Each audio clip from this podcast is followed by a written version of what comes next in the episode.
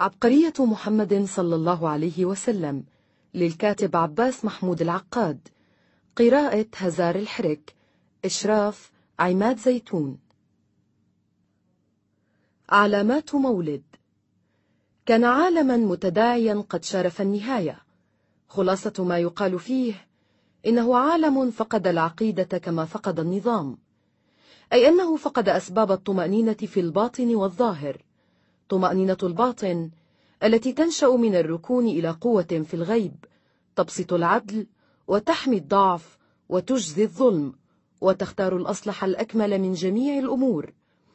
وطمأنينة الظاهر التي تنشأ من الركون إلى دولة تقضي بالشريعة وتفصل بين البغاة والأبرياء وتحرس الطريق وتخيف العائثين بالفساد بيزنطة قد خرجت من الدين إلى الجدل العقيم الذي أصبح بعد ذلك علما عليها وتضاءلت سطوتها في البر والبحر حتى طمع فيها من كان يحتمي بجوارها وفارس قد سخر فيها المجوس من دين المجوس وكمنت حول عرشها كوامن الغيلة وبواعث الفتن ونوازع الشهوات والحبش ضائعة بين الأوثان المستعارة من الحضارة تارة ومن الهمجية تارة وبين التوحيد الذي هو ضرب من عبادة الأوثان ثم هي بعد هذا التشويه في الدين ليست بذات رسالة في الدنيا ولا بذات طور من أطوار التاريخ فليس لها عمل باق في سجل الأعمال الباقيات عالم يتطلع إلى حال غير حاله عالم يتهيأ للتبديل أو للهدم ثم للبناء أمة وبين هذه الدول المتداعيات أمة ليست بذات دولة ولكنها تتأهب لإقامة دولة هي أمة العرب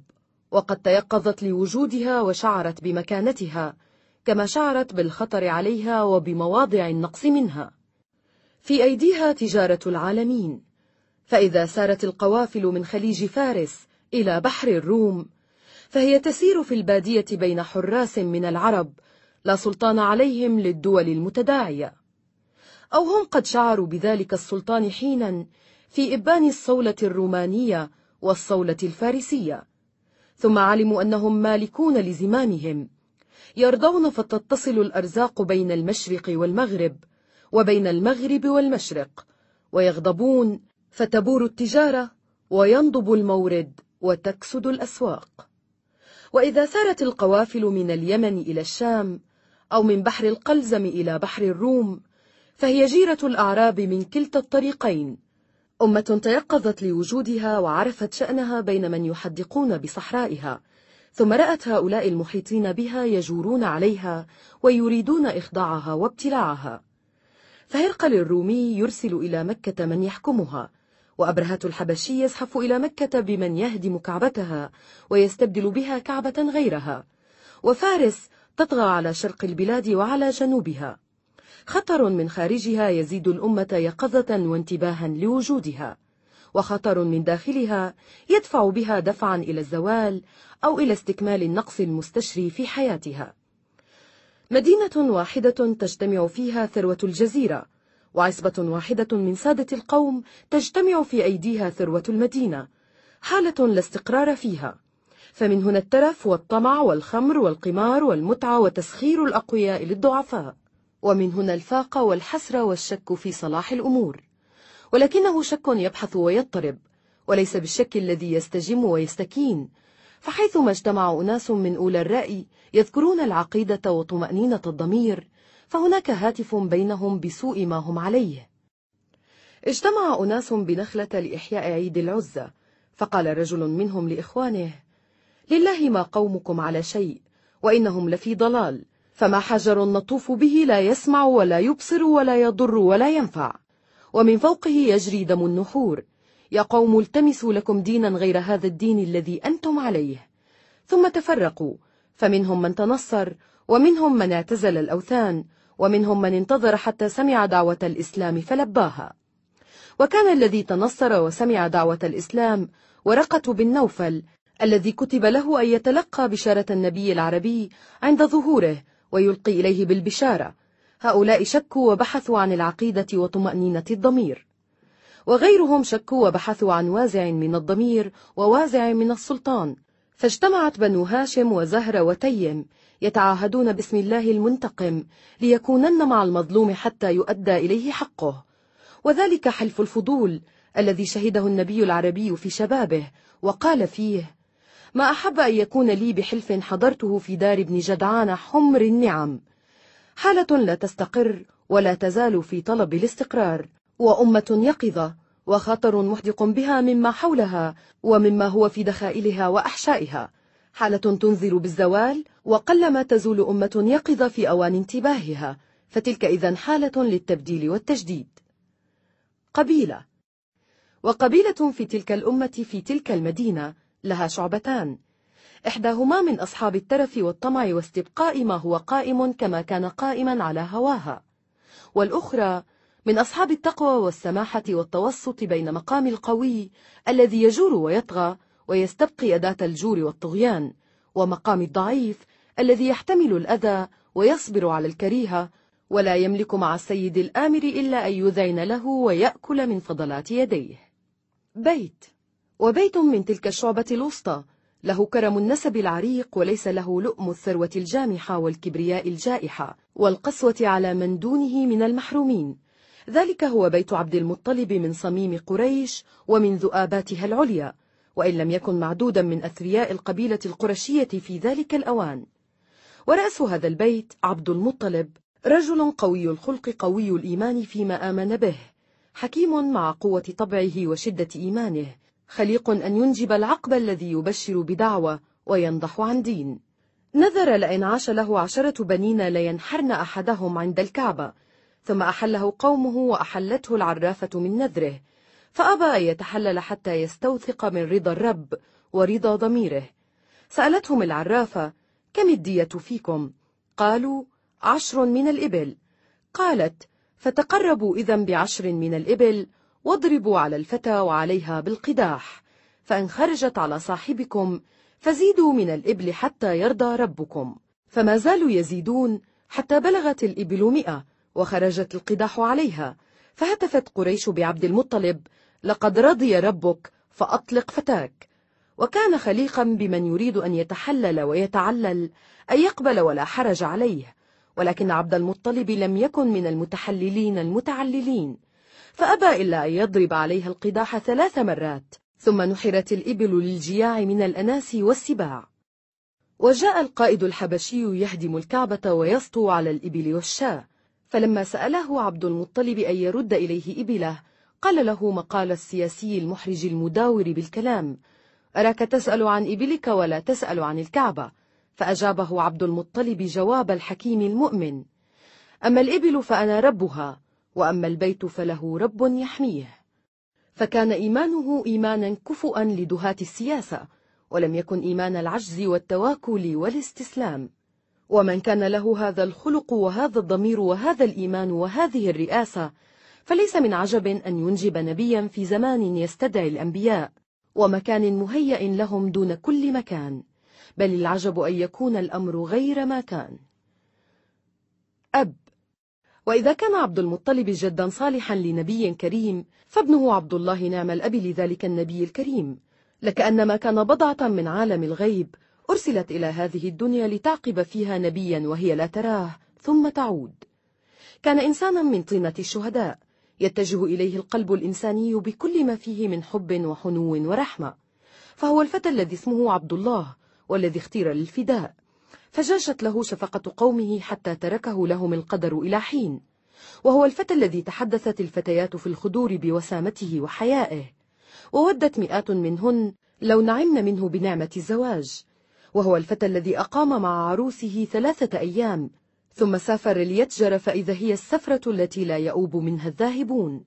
وهو الفتى الذي مات وهو غريب وولد له نسله الكريم وهو دفين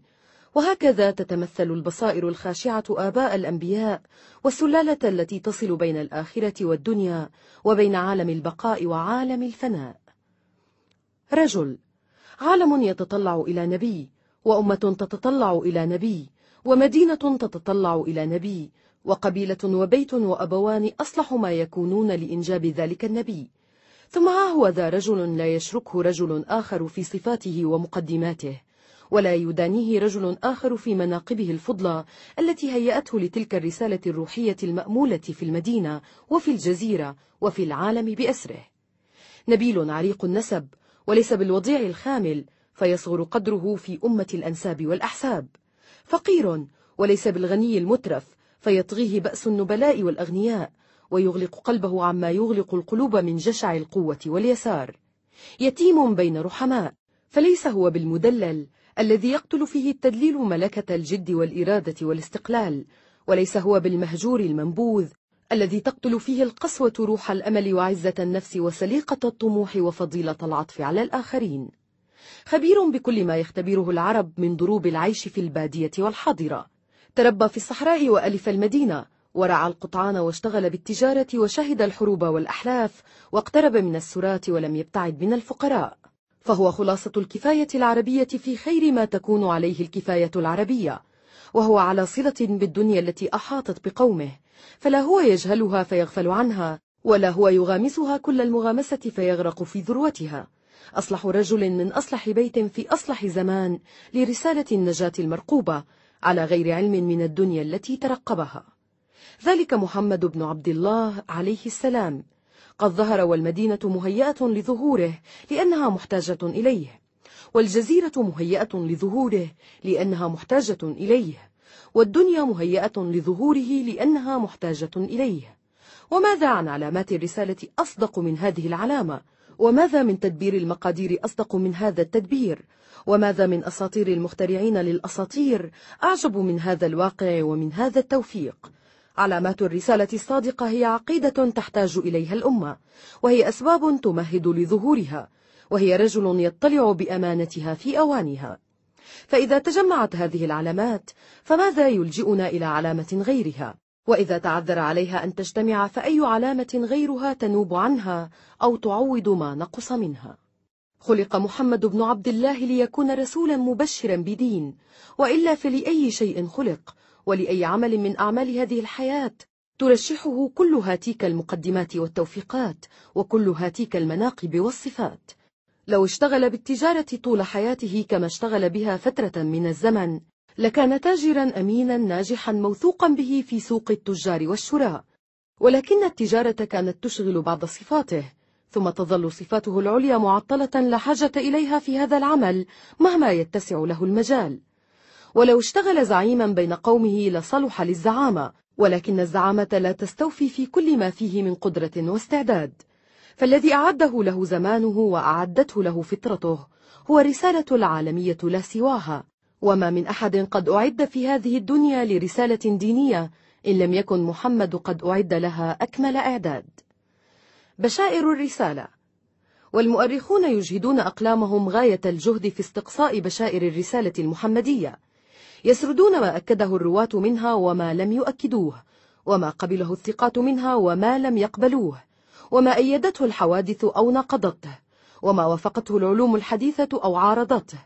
ويتفرقون في الرأي والهوى بين تفسير الإيمان وتفسير العيان وتفسير المعرفة وتفسير الجهالة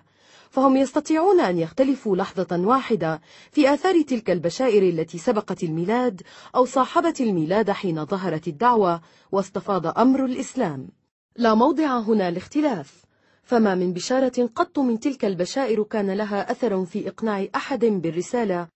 يوم صدع النبي صلى الله عليه وسلم بالرسالة أو كان ثبوت الإسلام متوقفا عليها لأن الذين شهدوا العلامات المزعومة يوم الميلاد لم يعرفوا يومئذ مغزاها ومؤداها ولا عرفوا أنها علامة على شيء أو على رسالة ستأتي بعد أربعين سنة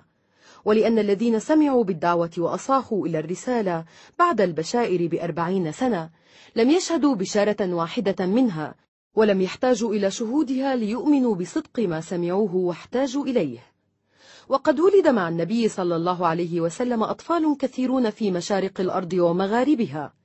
فإذا جاز للمصدق أن ينسبها إلى مولده جاز للمكابر أن ينسبها إلى مولد غيره ولم تفصل الحوادث بالحق بين المصدقين والمكابرين إلا بعد عشرات السنين يوم تأتي الدعوة بالآيات والبراهين غنية عن شهادة الشاهدين وإنكار المنكرين أما العلامة التي لا التباس فيها ولا سبيل إلى إنكارها فهي علامة الكون وعلامة التاريخ قالت حوادث الكون لقد كانت الدنيا في حاجة إلى رسالة وقالت حقائق التاريخ لقد كان محمد هو صاحب تلك الرسالة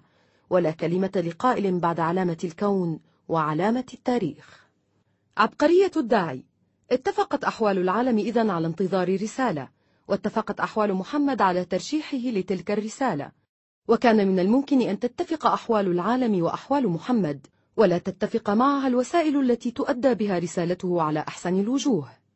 كان من الممكن أن ينتظر العالم الرسول ثم لا يظهر الرسول وكان من الممكن أن يظهر الرسول في البيت الصالح وفي البيئة الصالحة ثم لا تتهيأ له الصفات التي يتم بها أداء الرسالة ولكن الذي اتفق في رسالة محمد قد كان أعجب أعاجيب الاتفاق وكان المعجزة التي تفوق المعجزات لأنها مع ضخامتها وتعدد أجزائها وتوافق تلك الأجزاء جميعها مما يقبله العقل قبولا سائغا بغير عنة ولا استكراه فكان محمد مستكملا للصفات التي لا غنى عنها في إنجاح كل رسالة عظيمة من رسالات التاريخ كانت له فصاحة اللسان واللغة وكانت له القدرة على تأليف القلوب وجمع الثقة وكانت له قوة الإيمان بدعوته وغيرته البالغة على نجاحها وهذه صفات للرسول غير أحوال الرسول ولكنها هي التي عليها المدار في تبليغ الرسالة ولو اتفقت فيما عداها جميع الأحوال الفصاحة فالفصاحة صفة تجتمع للكلام ولهيئة النطق بالكلام ولموضوع الكلام فيكون الكلام فصيحا وهيئة النطق به غير فصيحة أو يكون الكلام والنطق به فصيحين ثم لا تجتمع لموضوعه صفة الفصاحة السارية في الأسماع والقلوب أما فصاحة محمد فقد تكاملت له في كلامه وفي هيئة نطقه بكلامه وفي موضوع كلامه فكان أعرب العرب كما قال عليه السلام أنا قرشي واسترضعت في بني سعد بن بكر فله من اللسان العربي أفصحه بهذه النشأة القرشية البدوية الخالصة وهذه هي فصاحة الكلام ولكن الرجل قد يكون عربيا قرشيا مسترضعا في بني سعد ويكون نطقه بعد ذلك غير سليم أو يكون صوته غير محبوب أو يكون ترتيبه لكلماته غير مأنوس فيتاح له الكلام الجميل ثم يعوزه النطق الجميل أما محمد فقد كان جمال فصاحته في نطقه كجمال فصاحته في كلامه وخير من وصفه بذلك عائشة رضي الله عنها حيث قالت ما كان رسول الله صلى الله عليه وسلم يسرد كسردكم هذا ولكن كان يتكلم بكلام بين فصل يحفظه من جلس إليه واتفقت الروايات على تنزيه نطقه من عيوب الحروف ومخارجها وقدرته على إيقاعها في أحسن مواقعها فهو صاحب كلام سليم في نطق سليم ولكن الرجل قد يكون عربيا قرشيا مسترضعا في بني سعد ويكون سليما في كلامه سليما في نطقه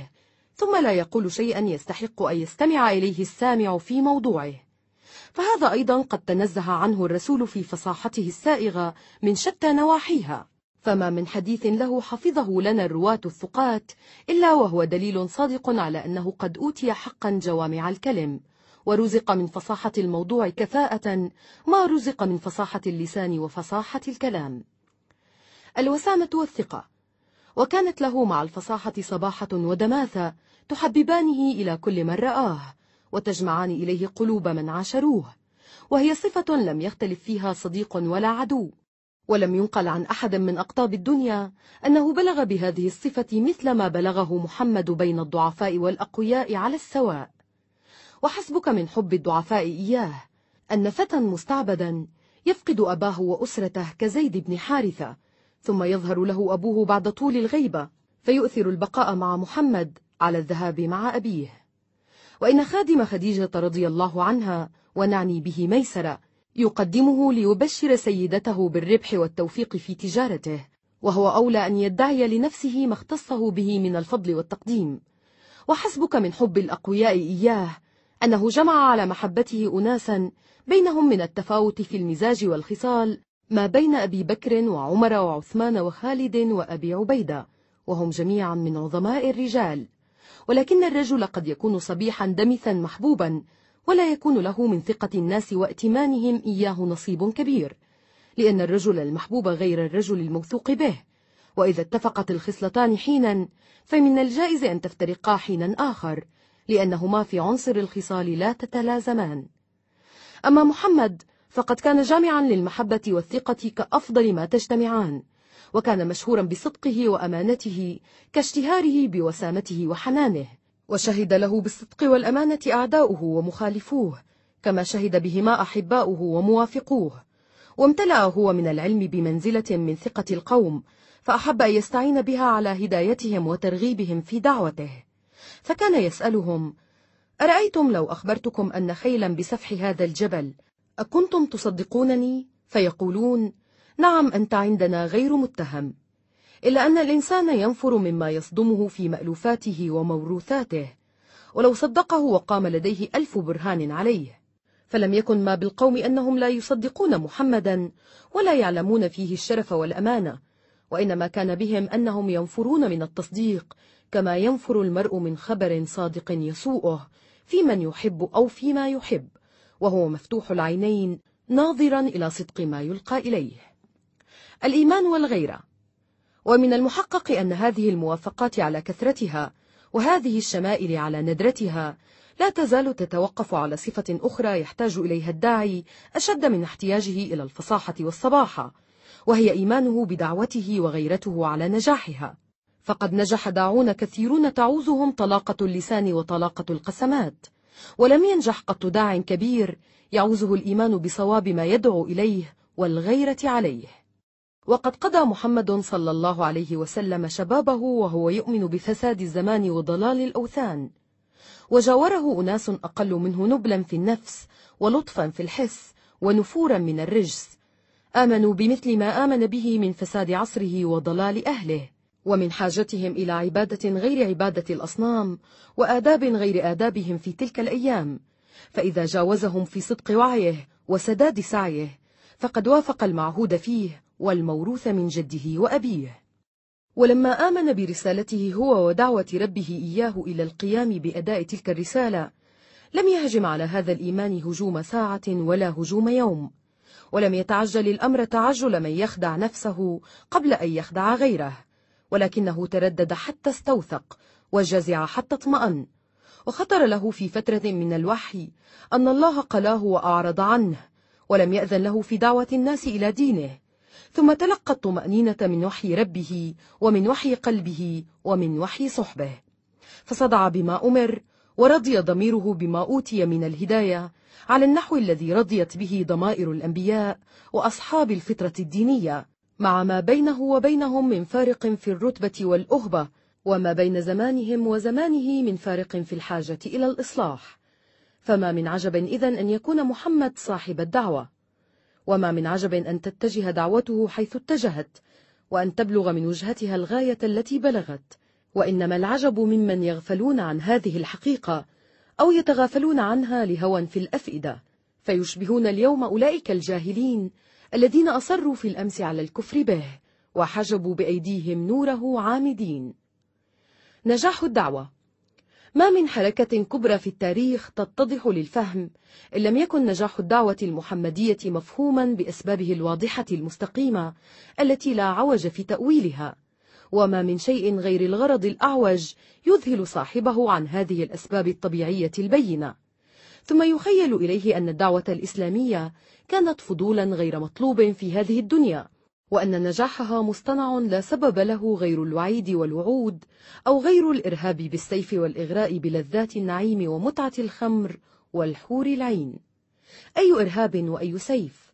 إن الرجل حين يقاتل من حوله إنما يقاتلهم بالمئات والألوف وقد كان المئات والألوف الذين دخلوا في الدين الجديد يتعرضون لسيوف المشركين ولا يعرضون أحدا لسيوفهم وكانوا يلقون عنتا ولا يصيبون أحدا بعنت وكانوا يخرجون من ديارهم لياذا بأنفسهم وأبنائهم من كيد الكائدين ونقمة الناقمين ولا يخرجون أحدا من داره فهم لم يسلموا على حد السيف خوفا من النبي الأعزل المفرد بين قومه الغاضبين عليه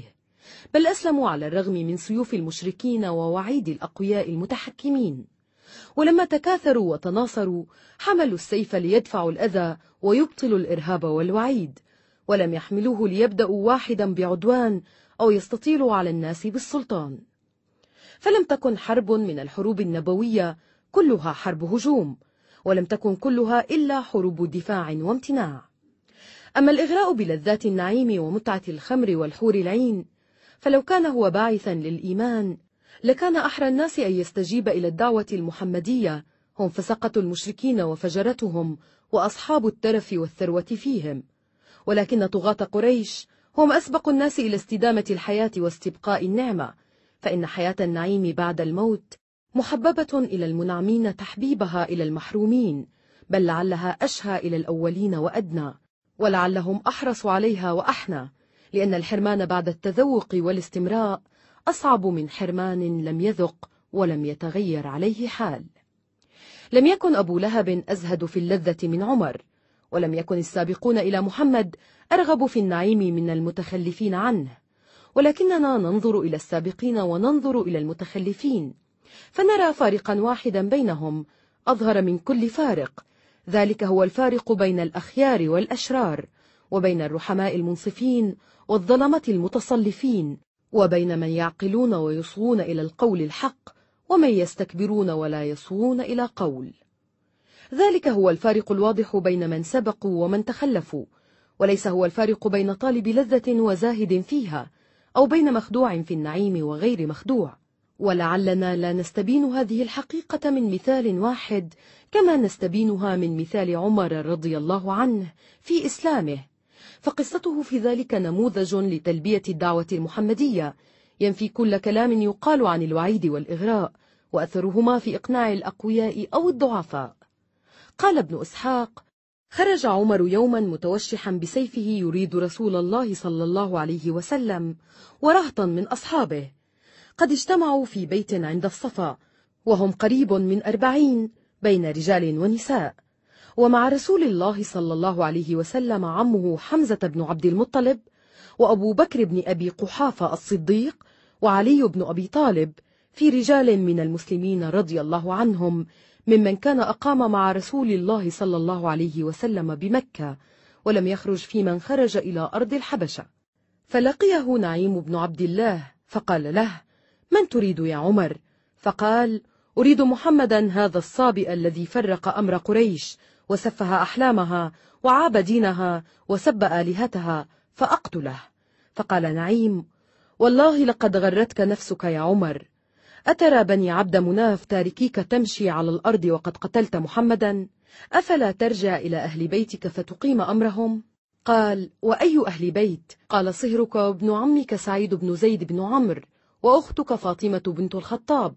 فقد والله أسلما وتابعا محمدا على دينه فعليك بهما قال فرجع عمر عامدا إلى أخته وصهره وعندهما خباب في مخدع لهم أو في بعض البيت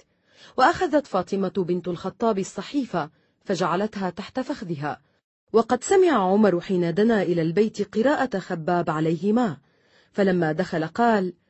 ما هذه الهينمة التي سمعت؟ قال له ما سمعت شيئا قال بلى والله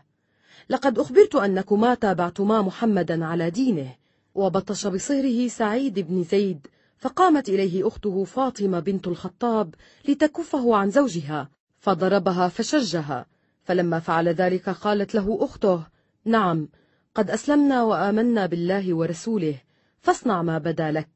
فلما رأى عمر ما بأخته من الدم ندم على ما صنع فكف وتراجع وقال لأخته أعطيني هذه الصحيفة التي سمعتكم تقرؤون آنفا أنظر ما هذا الذي جاء به محمد وكان عمر كاتبا فلما قال ذلك قالت له أخته إنا نخشاك عليها قال لا تخافي وحلف لها بآلهته ليردنها إذ قرأها إليها فلما قال ذلك طمعت في إسلامه فقالت له يا أخي إنك نجس على شركك وإنه لا يمسها إلا الطاهر فقام عمر فاغتسل فأعطته الصحيفة وفيها سورة طه فقرأها فلما قرأ منها صدرا قال ما أحسن هذا الكلام وأكرمه فلما سمع ذلك خباب خرج إليه فقال له يا عمر والله إني لأرجو أن يكون الله قد خصك بدعوة نبيه فإني سمعته وهو يقول اللهم أيد الإسلام بأبي الحكم بن هشام أو بعمر بن الخطاب فالله الله يا عمر فقال له عند ذلك عمر فدلني يا خباب على محمد حتى آتيه فأسلم فقال له خباب هو في بيت عند الصفا معه فيه نفر من أصحابه فأخذ عمر سيفه فتوشحه ثم عمد إلى رسول الله صلى الله عليه وسلم وأصحابه فضرب عليهم الباب فلما سمعوا صوته قام رجل من أصحاب رسول الله صلى الله عليه وسلم فنظر من خلل الباب فرآه متوشحا سيفه فرجع إلى رسول الله صلى الله عليه وسلم وهو فزع فقال يا رسول الله هذا عمر بن الخطاب متوشحا بالسيف فقال حمزة بن عبد المطلب نأذن له فإن كان جاء يريد خيرا بذلناه له وإن كان يريد شرا قتلناه بسيفه فقال رسول الله صلى الله عليه وسلم ائذن له فأذن له الرجل ونهض إليه رسول الله صلى الله عليه وسلم حتى لقيه بالحجرة فأخذه بحجزته أو بمجمع ردائه ثم جبذه جبذة شديدة وقال ما جاء بك يا ابن الخطاب فوالله ما أرى أن تنتهي حتى ينزل الله بك قارعة فقال عمر يا رسول الله جئتك لأؤمن بالله ورسوله وبما جاء من عند الله قال فكبر رسول الله صلى الله عليه وسلم تكبيرة عرف أهل البيت من أصحابه أن عمر قد أسلم فتفرق أصحاب رسول الله صلى الله عليه وسلم من مكانهم وقد عزوا أنفسهم حين أسلم عمر مع إسلام حمزة وعرفوا أنهما سيمنعان رسول الله وينتصفون بهما من عدوهم هذه قصة إسلام عمر بن الخطاب وهذا موضع ما فيها من الوعيد والإغراء خرج بالسيف ليقتل محمدا ولم يخرج عليه أحد من المسلمين بسيف وقرأ صدرا من سورة طه ليس فيها ذكر للخمر والنعيم وهو طه ما أنزلنا عليك القرآن لتشقى إلا تذكرة لمن يخشى تنزيلا ممن خلق الأرض والسماوات العلا الرحمن على العرش استوى له ما في السماوات وما في الأرض وما بينهما وما تحت الثرى وإن تجهر بالقول فإنه يعلم السر وأخفى فلا جبن إذا ولا طمع في إسلام عمر بن الخطاب بل رحمة وإنابة واعتذار ولم يكن في إسلام الفقراء الذين هم أقل من عمر ناصرا وأضعف منه بأسا جبن ولا طمع لأنهم تعرضوا بإسلامهم للسيف ولم يخضعوا للسيف حين أسلموا لله ورسوله وما كفر الذين كفروا لزهد ولا شجاعة فيقال إن الذين سبقوهم إلى الإسلام قد فعلوا ذلك لشغف بلذات الجنة وجبن عن مواجهة القوة ولكنهم اختلفوا حيث تطلب طهارة السيرة وصلاح الأمور فمن كان أقرب إلى هذه الطلبة من غني أو فقير ومن سيد أو مستعبد فقد أسلم ومن كان به زيغ عنها فقد أبى وهذا هو الفيصل القائم بين الفريقين قبل أن يتجرد للإسلام سيف يذود عنه وبعد أن تجرد له سيف تهابه السيوف وما يقسم الطائفتين أحد فيضع أبا بكر وعمر وعثمان في جانب اللذة والخوف ويضع الطغاة من قريش في جانب العصمة والشجاعة إلا أن يكون به هوى كهوى الكفار من قريش في الإصرار والإنكار إنما نجحت دعوة الإسلام لأنها دعوة طلبتها الدنيا ومهدت لها الحوادث وقام بها داع تهيأ لها بعناية ربه وموافقة أحواله وصفاته فلا حاجة بها إلى خارقة ينكرها العقل أو إلى علة عوجاء يلتوي بها ذو الأهواء فهي أوضح شيء فهما لمن أحب أن يفهم وهي أقوم شيء سبيلا لمن استقام عبقرية محمد العسكرية حروب دفاع قلنا في الفصل السابق إن الإسلام لم ينجح لأنه دين قتال كما يردد أعداؤه المغردون ولكنه نجح لأنه دعوة لازمة يقوم بها داع موفق وليس بين أسباب نجاحه سبب واحد يصعب فهمه على هذا الاعتبار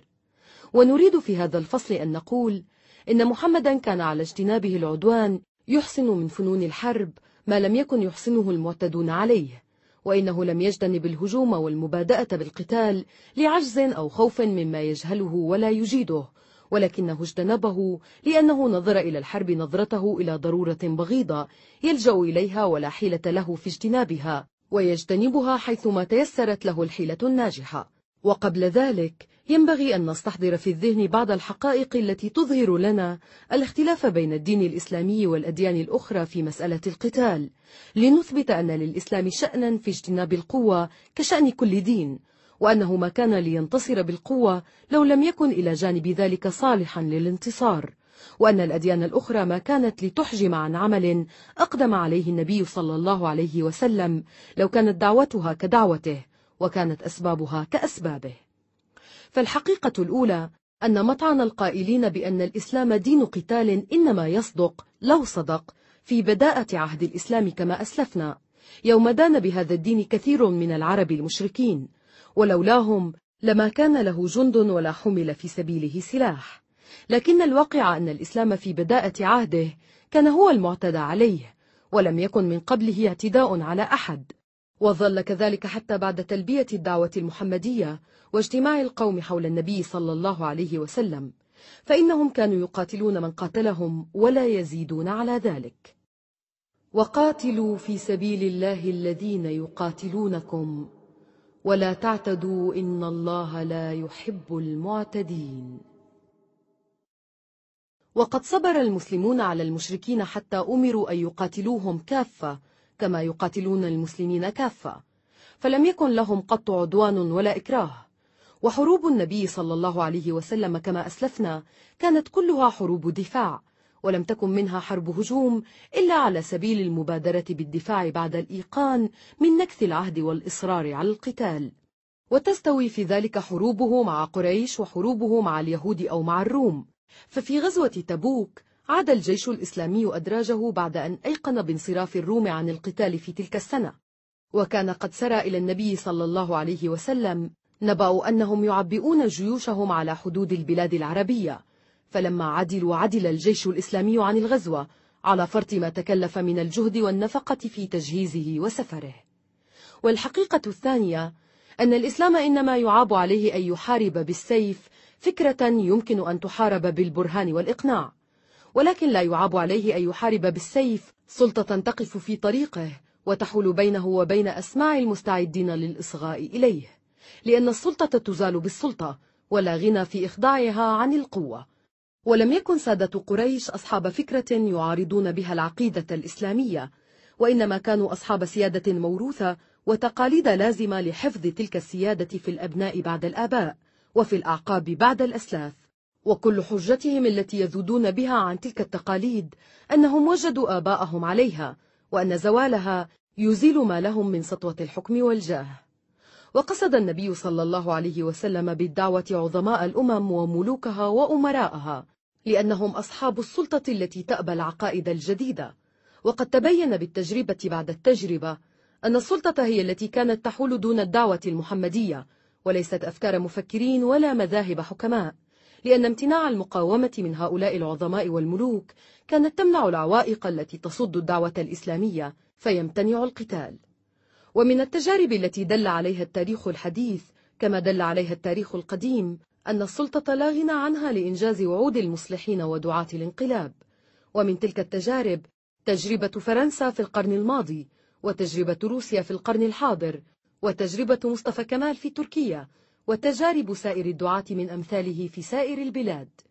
فمحاربة السلطة بالقوة غير محاربة الفكرة بالقوة ولا بد من التمييز بين العملين لأنهما جد مختلفين والحقيقة الثالثة أن الإسلام لم يحتكم إلى السيف قط إلا في الأحوال التي أجمعت شرائع الإنسان على تحكيم السيف فيها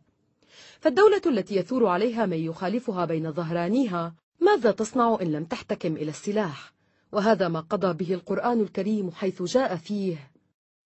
وقاتلوهم حتى لا تكون فتنة ويكون الدين لله فإن انتهوا فلا عدوان إلا على الظالمين والدولة التي يحمل أناس من أبنائها السلاح على أناس آخرين من أبنائها بماذا تفض الخلاف بينهم إن لم تفضه بقوة السلطان؟ وهذا ما قضى به القرآن الكريم أيضا حيث جاء فيه وإن طائفتان من المؤمنين اقتتلوا فأصلحوا بينهما فإن بغت إحداهما على الأخرى فقاتلوا التي تبغي حتى تفيء إلى أمر الله فإن فاءت فأصلحوا بينهما بالعدل وأقسطوا إن الله يحب المقسطين وفي كلتا الحالتين يكون السلاح آخر الحيل وتكون نهاية الظلم والاعتداء نهاية الاعتماد على السلاح ثم يأتي الصلح والتوفيق أو يأتي التفاهم بالرضا والاختيار والحقيقة الرابعة أن الأديان الكتابية بينها فروق موضعية لا بد من ملاحظتها عند البحث في هذا الموضوع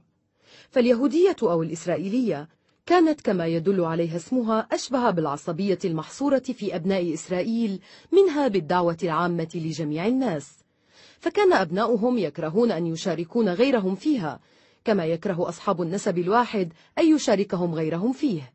وكانوا من أجل هذا لا يحركون ألسنتهم فضلا عن امتشاق الحسام لتعميم الدين اليهودي وإدخال الأمم الأجنبية فيه ولا وجه إذا للمقارنة بين اليهودية والإسلام في هذا الاعتبار أما المسيحية فهي قد عنيت أولا بالآداب والأخلاق ولم تعتني مثل هذه العناية بالمعاملات ونظام الحكومة وقد ظهرت ثانيا في بلاد المعاملات والنظم الحكومية فيها قوانين تحميها كما يحميها الكهان المعززون بالسلطان فهي قد عدلت عن فرض المعاملات والدساتير لهذه الضرورة لا لأن المعاملات والدساتير ليست من شأن الدين وقد ظهرت ثالثا في وطن تحكمه دولة أجنبية ذات حول وطول وليس للوطن الذي ظهرت فيه طاقة بمصادمة تلك الدولة في ميدان القتال أما الإسلام فقد ظهر في وطن لا سيطرة للأجنبي عليه وكان ظهوره لإصلاح المعيشة وتقويم المعاملات وتقرير الأمن والنظام وإلا فلا معنى لظهوره بين العرب ثم فيما وراء الحدود العربية فإذا اختلفت نشأته ونشأة المسيحية فذلك اختلاف موضعي طبيعي لا مناص منه ولا اختيار لأحد من الخلق فيه وآية ذلك أن المسيحية صنعت صنع الإسلام حين قامت بين أهلها الدول والجيوش وحين استقلت شعوبها عن الأجانب المتغلبين وزادت حروب المذاهب فيما بين أبنائها على حروب صدر الإسلام مجتمعات والحقيقة الخامسة أن الإسلام شرع الجهاد وأن النبي صلى الله عليه وسلم قال أمرت أن أقاتل الناس حتى يقولوا لا إله إلا الله فإذا قالوها عصموا مني دماءهم وأموالهم إلا بحقها وحسابهم على الله وجاء في القرآن الكريم فقاتل في سبيل الله لا تكلف إلا نفسك وحرض المؤمنين عسى الله أن يكف بأس الذين كفروا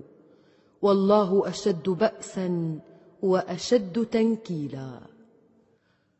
وحدث فعلا أن المسلمين فتحوا بلادا غير بلاد العرب ولم يفتحوها ولم يكن يتأتى لهم فتحها بغير السلاح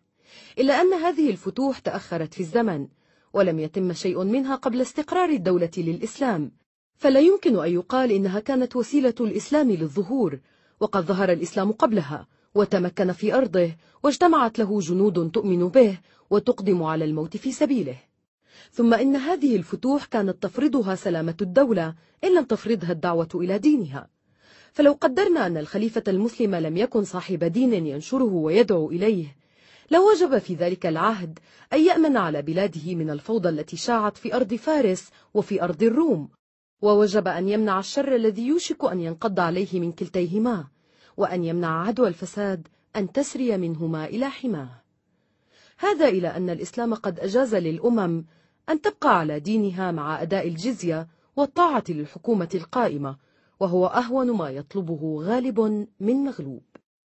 والحقيقة السادسة أن المقابلة بين ما كانت عليه شعوب العالم يومئذ قبل إسلامها وبعد إسلامها تدل على أن جانب الإسلام هو جانب الإقناع لمن أراد الإقناع فقد استقر السلام بين تلك الشعوب ولم يكن له قرار وانتظمت بينها العلاقات ولم يكن لها نظام واطمأن الناس على أرواحهم وأرزاقهم وأعراضهم وكانت جميعها مباحة لكل غاصب من ذوي الأمر والجاه فإذا قيل إن المدعوين إلى الإسلام لم يقتنعوا بفضله سابقين فلا ينفي هذا القول أنهم اقتنعوا به متأخرين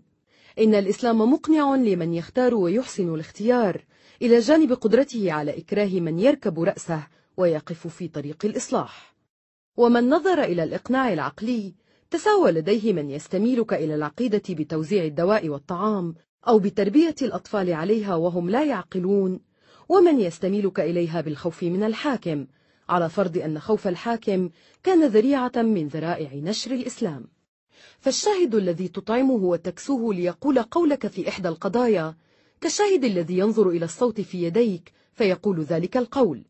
كلاهما لا يأخذ بإقناع الدليل ولا بنفاذ الحجة ولا يدفع عن عقيدة دفع العارف البصير وصفوة ما تقدم أن الإسلام لم يوجب القتال إلا حيث أوجبته جميع الشرائع وسوغته جميع الحقوق وأن الذين خاطبهم بالسيف قد خاطبتهم الأديان الأخرى بالسيف كذلك إلا أن يحال بينها وبين انتضائه أو تبطل عندها الحاجة إلى دعوة الغرباء إلى أديانها وأن الإسلام عقيدة ونظام وهو من حيث النظام شأنه كشأن كل نظام في أخذ الناس بالطاعة ومنعهم أن يخرجوا عليه القائد البصير لم يكن الإسلام إذا دين قتال ولم يكن النبي صلى الله عليه وسلم رجلا مقاتلا يطلب الحرب للحرب أو يطلبها وله سعة عنها ولكنه مع هذا كان نعم القائد البصير إذا وجبت الحرب ودعته إليها المصلحة اللازمة يعلم من فنونها بالإلهام ما لم يعلمه غيره بالدرس والممارسة ويصيب في اختيار وقته وتسيير جيشه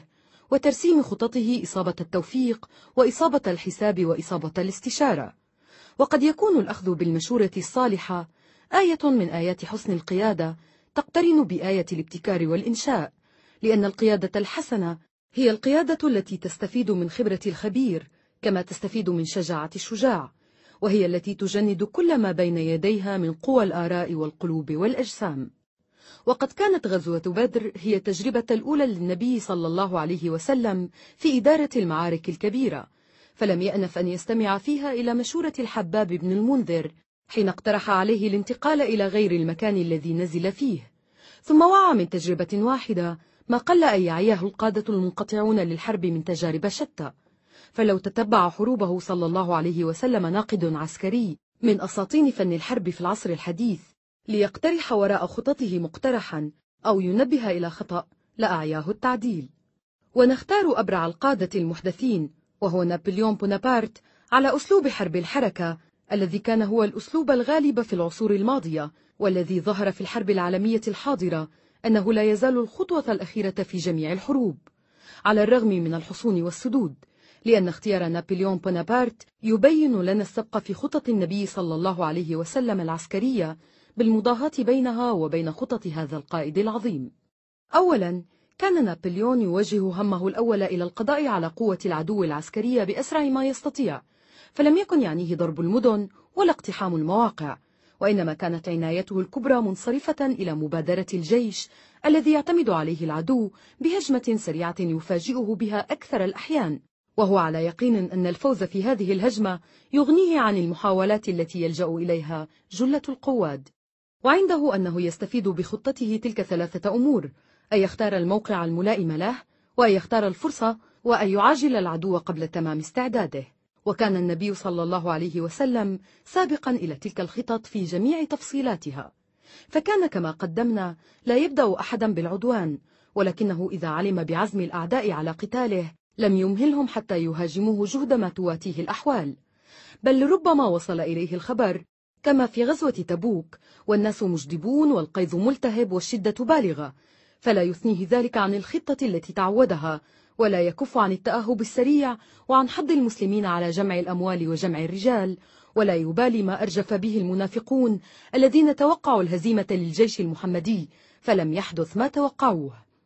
وكان صلى الله عليه وسلم يعمد إلى القوة العسكرية حيث أصابها فيقضي على عزائم أعدائه بالقضاء عليها ولا يضيع الوقت في انتظار ما يختاره أولئك الأعداء وإضعاف أنصاره بتركه زمام الحركة في أيدي الهاجمين إلا أن يكون الهجوم وبالا على المقدمين عليه كما حدث في غزوة الخندق ثانيا كان نابليون يقول إن نسبة القوة المعنوية إلى الكثرة العددية كنسبة ثلاثة إلى واحد والنبي صلى الله عليه وسلم كان عظيم الاعتماد على هذه القوة المعنوية التي هي في الحقيقة قوة الإيمان وربما بلغت نسبة هذه القوة إلى الكثرة العددية كنسبة خمسة إلى واحد في بعض المعارك مع رجحان الفئة الكثيرة في السلاح إلى جانب رجحانهم في عدد الجنود ومعجزة الإيمان هنا أعظم جدا من أكبر مزية بلغها نابليون بفضل ما أودع نفوس رجاله من صبر وعزيمة فالنبي صلى الله عليه وسلم كان يحارب عربا بعرب وقرشيين بقرشيين وقبائل من السلالة العربية بقبائل من صميم تلك السلالة فلا يقال هنا إن الفضل لقوم على قوم في المزايا الجسدية أو المزايا النفسية كما يمكن أن يقال هذا في جيش نابليون وكل فضل هنا هو فضل العقيدة والإيمان ثالثا كان نابليون مع اهتمامه بالقضاء على القوة العسكرية لا يغفل القضاء على القوة المالية أو التجارية التي يتناولها اقتداره فكان يحارب الإنجليز بمنع تجارتهم وسفنهم أن تصل إلى القارة الأوروبية وبتحويل المعاملات عن طريق إنجلترا إلى طريق فرنسا وهكذا كان النبي صلى الله عليه وسلم يحارب قريشا في تجارتها ويبعث السرايا في إثر القوافل كلما سمع بقافلة منها وأنكر بعض المتعصبين من كتاب أوروبا هذه السرايا وسموها قطعا للطريق وهي تعني المصادرة نفسها التي أقرها القانون الدولي وعمل بها قادة الجيوش في جميع العصور ورأينا تطبيقها في الحرب الحاضرة والحرب الماضية رشيدا تارة وغاليا في الحمق والشطط تارة أخرى رابعا أسلفنا أن نابليون كان يوجه همه إلى الجيش ولا يقتحم المدن أو يشغل باله بمحاصرتها لغير ضرورة عاجلة ونرجع إلى غزوات النبي صلى الله عليه وسلم فلا نرى أنه حاصر محله إلا أن يكون الحصار هو الوسيلة الوحيدة العاجلة لمبادرة القوة التي عسى أن تخرج منها قبل استعدادها أو قبل نجاحها في الغدر والوقيعة كما حدث في حصار بني قريظة وبني قينقاع فكان الحصار هنا كمبادرة الجيش بالهجوم في الميدان المختار بغير كبير اختلاف خامسا كان نابليون معتدا برأيه في الفنون العسكرية ولا سيما الخطط الحربية ولكنه كان مع هذا الاعتداد الشديد لا يستغني عن مشاورة صحبه في مجلس الحرب الأعلى قبل ابتداء الزحف أو قبل العزم على القتال ومحمد صلى الله عليه وسلم كان على رجاحة رأيه يستشير صحبه في خطط القتال وحيل الدفاع ويقبل مشورتهم أحسن قبول ومن ذلك ما صنعه ببدر وألمعنا إليه آنفا حيث أشار عليه الحباب بن المنذر بالانتقال إلى مكان غير الذي نزلوا فيه أول الأمر ثم بتعوير الآبار وبناء حوض للشرب لا يصل إليه الأعداء وقيل في روايات كثيرة إنه عمل بمشورة سلمان الفارسي في حفر الخندق عند المنفذ الذي خيف أن يهجم منه المشركون على المدينة فحفر الخندق وعمل النبي صلى الله عليه وسلم بيديه الكريمتين في حفره وقبول النبي صلى الله عليه وسلم مشورة سلمان عمل من أعمال القيادة الرشيدة وسنة من سنن القواد الكبار غير أننا نعتقد أنه عليه الصلاة والسلام كان خليقا أن يشير بحفر الخندق لو لم يكن سلمان الفارسي بين أهل المدينة في إبان الهجمة عليها لأنه عليه الصلاة والسلام كان شديد الالتفات إلى سد الثغور وحماية الظهور في جميع وقعاته وفي وقعة أحد جعل الجبل إلى ظهره وأقام على الشعب التي يخشى منها النفاذ والالتفاف خمسين راميا مشددا عليهم في التزام موقفهم قائلا لهم احموا ظهورنا فإن نخاف أن يجيء من ورائنا والزموا مكانكم لا تبرحوا منه وإن رأيتمونا نهزمهم حتى ندخل عسكرهم فلا تفارقوا مكانكم وإن رأيتمونا نقتل فلا تعينونا ولا تدافعوا عنا وإنما عليكم أن ترشقوا خيلهم بالنبل فإن الخيل لا تقدم على النبل والذي يفعل هذا في شعب جبل لا يفوته أن يفعل مثله في ثغرة مدينة ولكن المشاورة هنا هي المقصودة بالمضاهاة بين ما سبق إليه النبي صلى الله عليه وسلم وما نبغ فيه نابليون فهذه خصلة معهودة في كبار القواد لا تقدح فيما عرفوا به من قدرة على وضع الخطط وابتكار الأساليب سادسا لم يعرف عن قائد حديث أنه كان يعنى بالاستطلاع والاستدلال عناية نابليون وكانت فراسة النبي صلى الله عليه وسلم في ذلك مضرب الأمثال فلما رأى أصحابه يضربون العبدين المستقيين من ماء بدر لأنهما يذكران قريشا ولا يذكران أبا سفيان علم بفطنته الصادقة أنهما يقولان الحق ولا يقصدان المراء وسأل عن عدد القوم فلم يعرفا العدد فسأل عن عدد الجزور التي ينحرونها كل يوم فعرف قوة الجيش بمعرفته مقدار الطعام الذي يحتاج إليه وكان صلوات الله عليه إنما يعول في استطلاع أخبار كل مكان على أهله وأقرب الناس إلى العلم بفجاجه ودروبه ويعقد ما يسمى اليوم مجلس الحرب قبل أن يبدأ بالقتال فيسمع من كل ما فيما هو خبير به من فنون حرب أو دلائل استطلاع سابعا اشتهر عن نابليون أنه كان شديد الحذر من الألسنة والأقلام وكان يقول إنه يخشى من أربعة أقلام ما ليس يخشاه من عشرة آلاف حسام والنبي صلى الله عليه وسلم كان أعرف الناس بفعل الدعوة في كسب المعارك وتغليب المقاصد فكان يبلغه عن بعض أفراد أنهم يغفرون الذمة التي عاهدوا عليها ويشهرون به وبالإسلام أو يثيرون العشائر لقتاله ويفحشون في هجوه وهجو دينه فينفذ إليهم من يحاربهم في حصونهم أو يتكفل له بالخلاص منهم وعاب هذا بعض المغرضين من الكتاب الأوروبيين وشبهوه بما عيب على نابليون من اختطاف الدوق دانجان وما قيل عن محاولته أن يختطف الشاعر الإنجليزي كولريدج الذي كان يخوض في ذمه ويستهوي الأسماع بسحر حديثه إلا أن الفارق عظيم بين الحالتين لأن حروب الإسلام إنما هي حروب دعوة أو حروب عقيدة وإنما هي في مصدرها وغايتها كفاح بين التوحيد والشرك أو بين الإلهية والوثنية وليس وقوف الجيش أمام الجيش إلا سبيلا من سبل الصراع في هذا الميدان فليس في حالة سلم مع النبي صلى الله عليه وسلم إذن من يحاربه في صميم الدعوة الدينية ويقصده بالطعن في لباب رسالته الإسلامية وإن لم ينفر الناس لقتاله ولم يحرضهم على النكث بعهده وإنما هو مقاتل في الميدان الأصيل ينتظر من أعدائه ما ينتظره المقاتل من المقاتلين ولا سيما إذا كانت الحرب قائمة دائمة لا تنقطع فترة إلا ريثما تعود أما نابليون فالحرب بينه وبين أعدائه حرب جيوش وسلاح فلا يجوز له أن يقتل أحدا لا يحمل السلاح في وجهه أو لا يدينه القانون بما يستوجب إزهاق حياته وما نهض نابليون لنشر دين أو تفنيد دين ولا كان للرسول الإسلامي من غرض لو جاز له أن يقبل المسالمة ممن يحاربونه في دينه وإن لم يشهر السيف في وجهه فإن الضرب بالسيف لأهون من المقتل الذي يضربون فيه تلك مقابلة مجملة بين الخطط والعادات التي سبق إليها محمد وجرى عليها نابليون بعد مئات السنين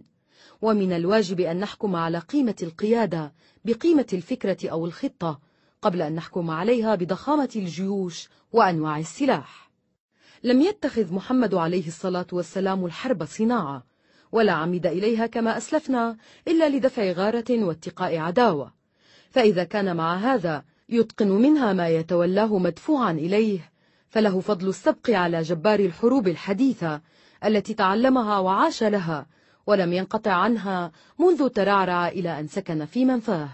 ولم يبلغ من نتائجه بعض ما بلغ القائد الأمي بين رمال الصحراء ولقد كانت خبرة النبي صلى الله عليه وسلم ببعوث الاستطلاع كخبرته ببعوث القتال فكانت طريقته في اختيار المكان والغرض أو في اختيار القائد وتزويده بالوصايا والأتباع مثلا يحتذى في جميع العصور ولا سيما العصر الحديث الذي كثرت فيه ذرائع التخبئة والمراوغة وذرائع الكشف والدعوة فكثرت فيه من ثم حاجة المقاتلين إلى استقصاء أحوال الأعداء ففي الحروب الحديثة يتردد ذكر الأوامر المختومة التي تصدر إلى قواد السرايا والسفن ليفتحوها عند مدينة معلومة أو بعد مسيرة ساعات أو في عرض البحر على درجة معينة من درجات الطول والعرض إلى أمثال ذلك من العلامات التي تعين بها الجهات ويتفق في أمثال هذه البعوث أن يكون القائد وحده مطلعا على سر البعثة ورجاله جميعا يجهلونه ولا يعرفون أهم خارجون في غزوة أم في مناورة استطلاع إلى ما قبل الحركة المقصودة بساعات معدودات وهنالك تصدر الأوامر التي لا بد من صدورها للتهيؤ والتنفيذ ولا خوف من كشفها في تلك الساعات لصعوبة الاستعداد الذي يقابلها به العدو إذا انكشف له قبل تنفيذها بفترة وجيزة ولا سيما إذا كانت الحركة من حركات البحار هذه الأوامر المختومة ليست بحديثة فقد عرفت في المأثورات النبوية على أتم أصولها التي تلاحظ في أمثالها ومن ذلك أنه عليه الصلاة والسلام بعث عبد الله بن جحش ومعه كتاب أمره ألا ينظر فيه حتى يسير يومين وفحواه سر حتى تأتي بطن نخلة على اسم الله وبركاته ولا تكرهن أحدا من أصحابك على المسير معك وامض في من تبعك حتى تأتي بطن نخلة فترصد بها عير قريش وتعلم لنا من أخبارهم وهذا نموذج من الأوامر المختومة جامع لكل ما يلاحظ فيها حديثا وقديما وعند بداءة الدعوات على التخصيص فأولهما كتمان الخبر عمن يحيطون بالنبي صلى الله عليه وسلم فلا يبعد أن يكون منهم من هو مدخول النية عينا عليه وعلى أصحابه من قبل قريش ولا يبعد أن يكون منهم من يبوح بالخبر ولا يريد به السوء أو يدرك ما في البوح به من الخطر المحذور ولا يبعد أن يكون منهم الضعفاء والمخالفون وأن الاستعانة على قضاء الحاجات بالكتمان لسنة حكيمة من سنن النبي صلى الله عليه وسلم في جميع المطالب وهي في حروب الدعوات على التخصيص أقمن باتباع ولهذا كان إذا أراد غزوة ورى بغيرها على النحو الذي يتبعه قادة الحروب إلى الآن ومما لوحظ في كتاب النبي صلى الله عليه وسلم لعبد الله بن جحش كتمان الخبر عن أصحابه ثم وصايته ألا يكره أحدا منهم على المسير معه بعد معرفته بوجهته وهذا هو أهم الملاحظات في هذا المقام فقد يحارب الرجل وهو مكره مهدد بالموت الذي يتقيه إذ يفر من القتال ولكنه لا يستطلع وهو مكره ثم يفيد استطلاعه من أرسلوه بل لعله ينقلب إلى النقيض فيحرف الأخبار عمدا أو يتلقاها على غير اكتراث أو يطلع الأعداء على أسرار أصحابه وهم غافلون عنه ولهذا تعاني الدول أكبر العناء في مراقبة الجواسيس بالجواسيس وفي امتحان كل خبر بالمراجعة بعد المراجعة والمناقضة بعد المناقضة حتى تطمئن إلى صحته قبل الاعتماد عليه وفي الحرب الحاضرة تجربة جديدة لهذا النوع من المستطلعين أو الرواد المتقدمين فقد عرف أن هتلر يعتمد على أفراد من جنده يهبطون من الطيارات وراء الصفوف فيتسللون إلى مراكز المواصلات ويعيثون بين القرى المعزولة فيشيعون فيها الرعب والحيرة ويوهمون من يراهم أن الجيش المغير كله على مقربة منهم فلا جدوى لهم من الاستغاثة أو المقاومة ويحمل معظم هؤلاء الرواد المتقدمين أجهزة للمخاطبة يستعينون بها على الاتصال برؤسائهم من بعيد قيل في الإعجاب بهذه الخطة الهتلرية كثير وقيل في انتقادها والتنبيه إلى خطرها كثير فمن دواعي الإعجاب بها أنها أفادت في قطع المواصلات وإشاعة الذعر وتضليل المدافعين وأنها شيء جديد في شكله وإن لم يكن جديدا في غايته ومرماه ومن أسباب انتقادها أن كل فائدة فيها تتوقف على العقيدة وحسن النية فهي تستلزم أن يكون الرائد غيورا على عمله متحمسا لإنجازه رقيبا على نفسه وهو بمعزل عن رقبائه فليس أيسر له إذا هو انفرد وأعوزته الرغبة في إنجاز عمله من أن يستأسر في أول مكان يصل إليه من بلاد الأعداء طلبا للسلامة ولا عقاب عليه إلى نهاية القتال ثم يتعلل بما شاء من المعاذير إن وجد بعد ذلك من يحاسبه ويعاقبه وهيهات أن تستجمع الأدلة عليه في أمثال هذه الفوضى بين معسكرين أو عدة معسكرات فالخطة الهتلرية فاشلة لا محالة إن لم ينفذها مريدون متعصبون غير مكرهين ولا متشككين فيما هو موكول إليهم وهي لهذا أحرى أن تحسب من وحي إخوان الطريق وإلهام العقائد لا من النظام الذي يدرب عليه كل جيش ويصلح لجميع الجنود فلولا أن النازيين قضوا قبل الحرب الحاضرة زهاء عشر سنين ينفخون في نفوس الناشئة جذوة البغضاء ويلهبونهم بحماسة العقيدة ويخلقون فيهم اللدد الذي يغني عن الرقابة ساعة التنفيذ لحبطت الخطة كل الحبوط وانقلبت على النازيين شر انقلاب وها هنا تتجلى حكمة النبي صلى الله عليه وسلم في اشتراط الرغبة والطواعية واجتناب القصر والإكراه فهذه أولا بعثة منفردة لا سبيل إلى الإكراه الفعال بين رجالها إذا أريد وهي ثانيا بعثة استطلاع لا يغني فيها عمل الكاره المقصور وألزم ما يلزم العامل فيها إيمانه وصدق نيته وحسن مودته لمن أرسلوه فإن أعوزته هذه الصفة فقد أعوزه كل شيء أما غرض البعثة كلها وهو الاستطلاع فقد كان النبي صلى الله عليه وسلم عليما بمزاياه معنيا به غاية العناية يحسب العدو المجهول كالعدو المستتر بأسوار الحصون في حمى من الجهل به قد يحول دون الاستعداد له بالعدة الضرورية في الوقت الضروري ويحول من ثم دون الانتصار عليه ونحن نكتب هذه الفصول والحرب الروسية تذكرنا كيف أصيب نابليون في هذا الميدان حين أصيب في وسائل الاستطلاع ثم تذكرنا كيف تكررت هذه الغلطة بعينها على نوع من المشابهة بين غزوة نابليون في روسيا أمس وغزوة هتلر لتلك البلاد اليوم فمن أسباب هزيمة نابليون إهماله النصائح التي سمعها في مجلس الحرب من بعض الثقات قبل التوغل في الحرب الروسية لاعتقاده خطأ أن القيصر سيطلب صلحه بعد أسابيع ومن أسباب الهزيمة تلك أن الروس كانوا يتراجعون أمامه تحت جنح الظلام ويخلون المدن والطرقات حتى لا يرى فيها أحدا يسأله عن مكان الجيش المتراجع أو يلتقط من خلال أجوبته ما يعينه على الاستطلاع الذي كان شديد التعويل عليه أما هتلر فقد أتي من قبل هذين النقصين كما أتي من قبله من هو أعظم منه وأولى بالتحرز والأناة فقد اشتهر أنه كان في مجلس الحرب على خلاف مع قواده الثقات الذين علموا من شأن الروس ما ليس له به علم واشتهر أنه أخطأ في استطلاع أخبار القوم إذ خيل إليه أن الشعب الروسي يتحفز للثورة ويترقب الإغارة عليه لنصرة المغير كائنا من كان ولو جاءت الغارة من عنصر معاد للعنصر السلافي وهو عنصر الجرمان ومحمد عليه الصلاة والسلام لم يتعلم ما تعلمه هتلر ونابليون ولكنه لم يخطئ قط مثل هذا الخطأ في جميع غزواته وكشوفه ولعلنا نفهم كلما درسنا زمانه الحافل بالعبر والأمثلة الباقية أن دراسته ضرب من دراسة العصر الحديث والقادة المحدثين وينبغي ألا تمر بنا سرية عبد الله بن جحش دون أن نستوفي كل ما فيها من الشؤون العسكرية لأنها تشتمل على أكثر من جانب واحد من جوانب السنة النبوية والتشريع الإسلامي في هذه الشؤون فهي سرية استطلاع كما علمنا لم تؤمر بقتال ولم يؤذن لها فيه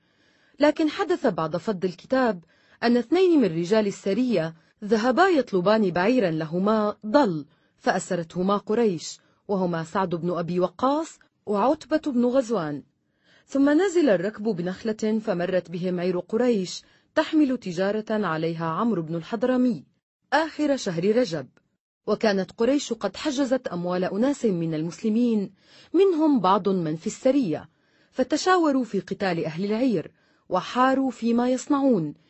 إن تركوا العير تمضي ليلتها امتنعت بالحرم وفاتهم تعويض ما حجزته قريش في هذه الفرصة السانحة وإن قتلوا أهلها قتلوهم في شهر حرام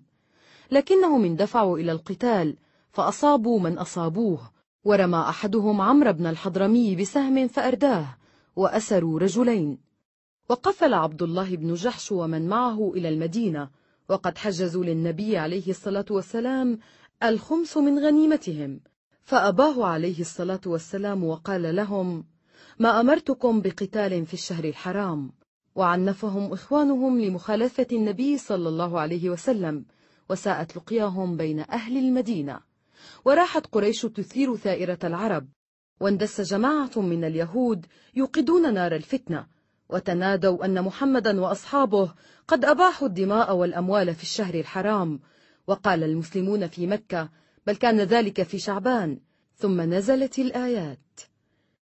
يسألونك عن الشهر الحرام قتال فيه قل قتال فيه كبير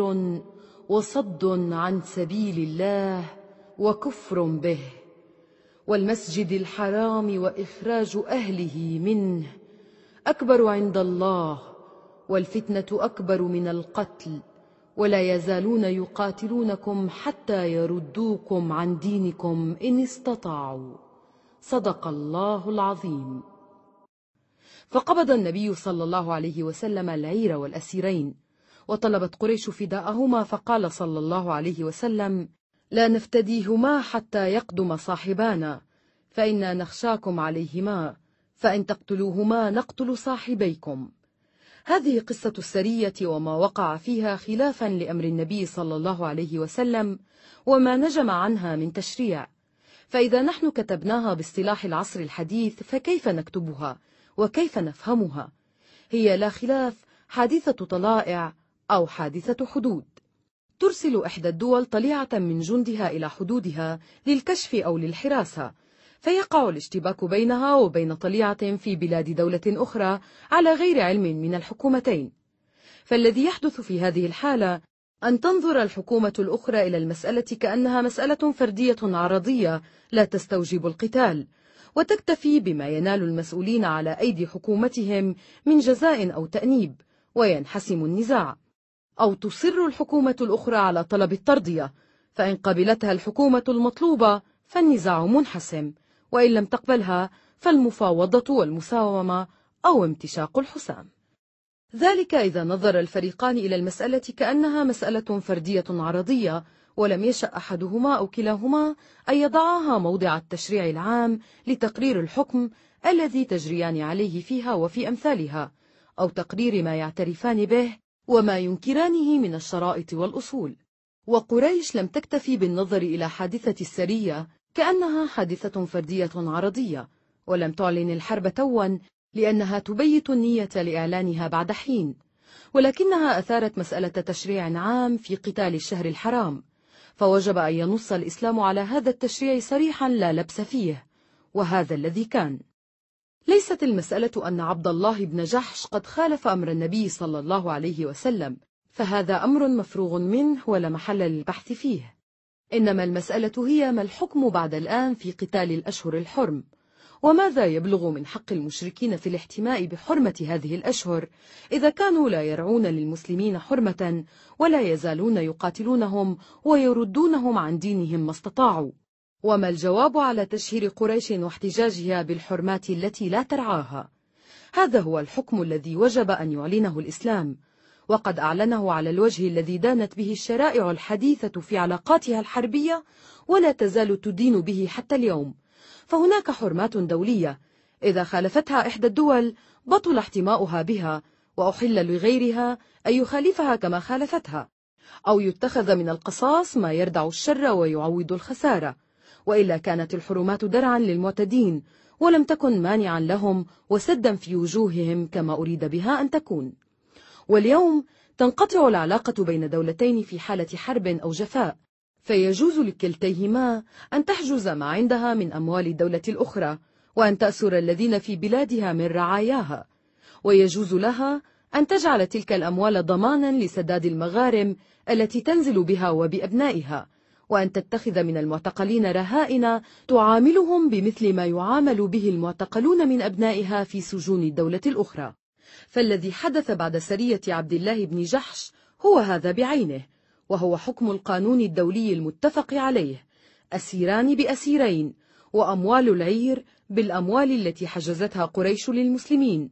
ولا محل لضجة الناقدين من المبشرين والمتعصبين في تعقيبهم على هذا الحادث المألوف أو على حكم النبي صلى الله عليه وسلم والإسلام فيه فإن أصحاب هذه الضجة يعمون عما حولهم وينسون أن المعاملات الدولية في زمانهم لم تفصل في أمثال هذه الحوادث بحكم أنفع ولا أعدل من الحكم الذي ارتضاه النبي عليه الصلاة والسلام ونزل به القرآن وهو حكم مساواة يدين به المسلمون كما يدانون ويحار المعتسف به لو شاء أن يستبدل به ما هو خير منه وأدنى إلى النفاذ والاتباع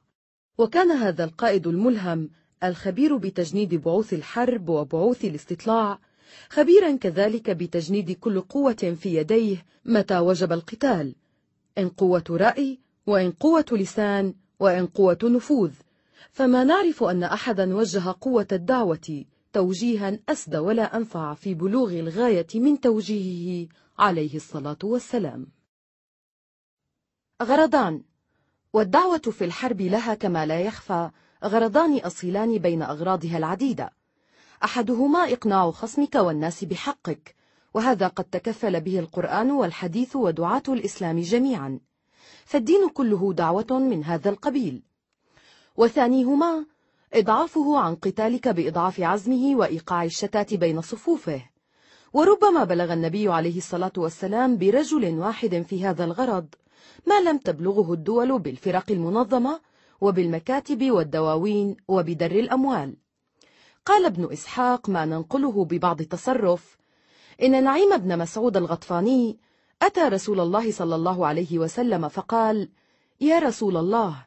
إني قد أسلمت وإن قومي لم يعلموا بإسلامي فمرني بما شئت فقال رسول الله إنما أنت فينا رجل واحد فاخذل عنا إن استطعت فإن الحرب خدعة أي بين القوم حتى يخذل بعضهم بعضا فلا يقوم لنا ولا يستمر على حربنا فخرج نعيم بن مسعود حتى أتى بني قريظة وكان لهم نديما في الجاهلية فقال يا بني قريظة قد عرفتم ودي إياكم وخاصة ما بيني وبينكم قالوا صدقت لست عندنا بمتهم فقال لهم إن قريشا وغطفان ليسوا كأنتم البلد بلدكم فيه أموالكم وأبناؤكم ونساؤكم لا تقدرون على أن تتحولوا منه إلى غيره وإن قريشا وغطفان قد جاءوا لحرب محمد وأصحابه وقد ظاهرتموهم عليه وبلدهم وأموالهم ونساؤهم بغيره فليسوا كأنتم فإن رأوا نهزة أصابوها وإن كان غير ذلك لحقوا ببلادهم وخلوا بينكم وبين الرجل ببلدكم ولا طاقة لكم به إن خلا بكم فلا تقاتلوه مع القوم حتى تأخذوا منهم رهنا من أشرافهم يكونون بأيديكم ثقة لكم على أن تقاتلوا محمدا حتى تناجزوه فقالوا له لقد أشرت بالرأي ثم خرج حتى أتى قريشا فقال لأبي سفيان بن حرب ومن معه من قريش قد عرفتم ودي لكم وفراقي محمدا وإنه قد بلغني أمر قد رأيت علي حقا أن أبلغكموه نصحا لكم فاكتموا عني قالوا نفعل قال تعلمون أن معشر يهود قد ندموا على ما صنعوا فيما بينهم وبين محمد وقد أرسلوا إليه إن قد ندمنا على ما فعلنا فهل يرضيك أن نأخذ لك من القبيلتين قريش وغطفان رجالا من أشرافهم فنعطيكم فتضرب أعناقهم ثم نكون معك على من بقي منهم حتى نستأصلهم فأرسل إليهم أن نعم فإن بعثت إليكم يهود يلتمسون رهنا من رجالكم فلا تدفعوا إليهم منكم رجلا واحدا ثم خرج حتى أتى غطفان فقال يا معشر غطفان إنكم أهلي وعشيرتي وأحب الناس إلي ولا أراكم تتهمونني قالوا صدقت ما أنت عندنا بمتهم قال فاكتموا عني قالوا نفعل فما أمرك فقال لهم مثل ما قال لقريش وحذرهم ما حذرهم فلما كانت ليلة السبت من شوال سنة خمس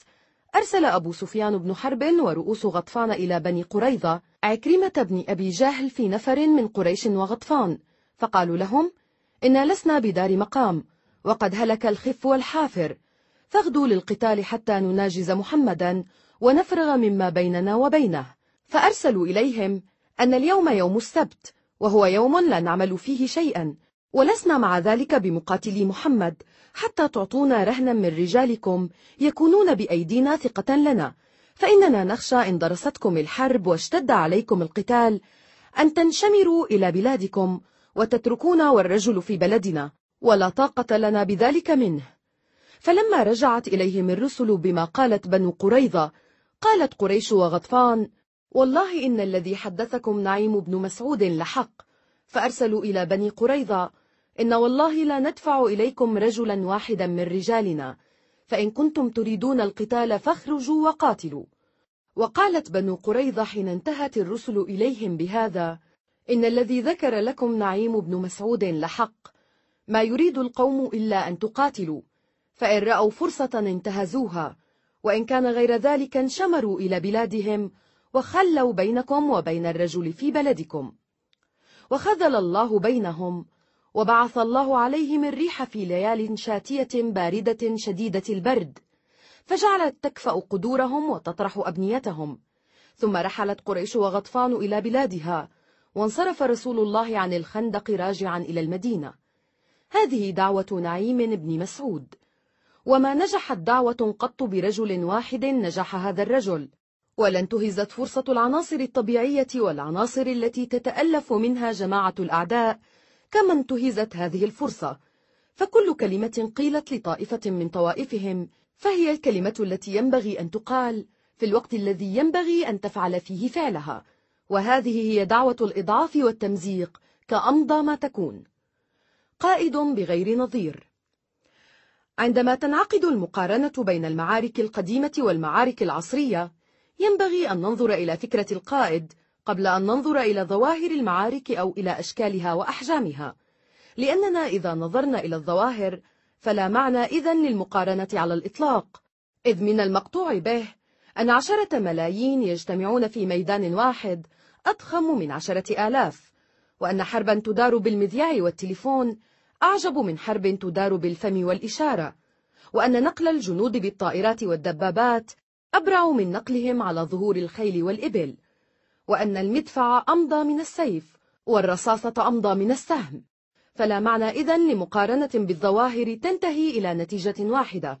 هي استضخام الحرب الحديثة والنظر إلى القيادة الغابرة كأنها شيء صغير إلى جانب القيادة التي توجه هذه الضخامة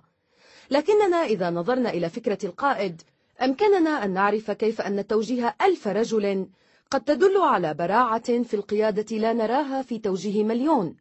بينهم الراجل والراكب ومنهم من يركبون كل ما يركب من مخلوقات حية وآلات مخترعة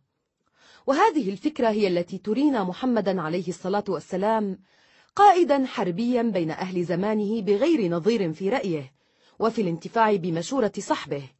وتبرز لنا قدرته النادرة بين قادة العصور المختلفة في توجيه كل ما يتوجه على يدي قائد من قوى الرأي والسلاح والكلام وهذه القدرة هي شهادة كبرى لرسول تأتي من طريق الشهادة للقائد الخبير بفنون القتال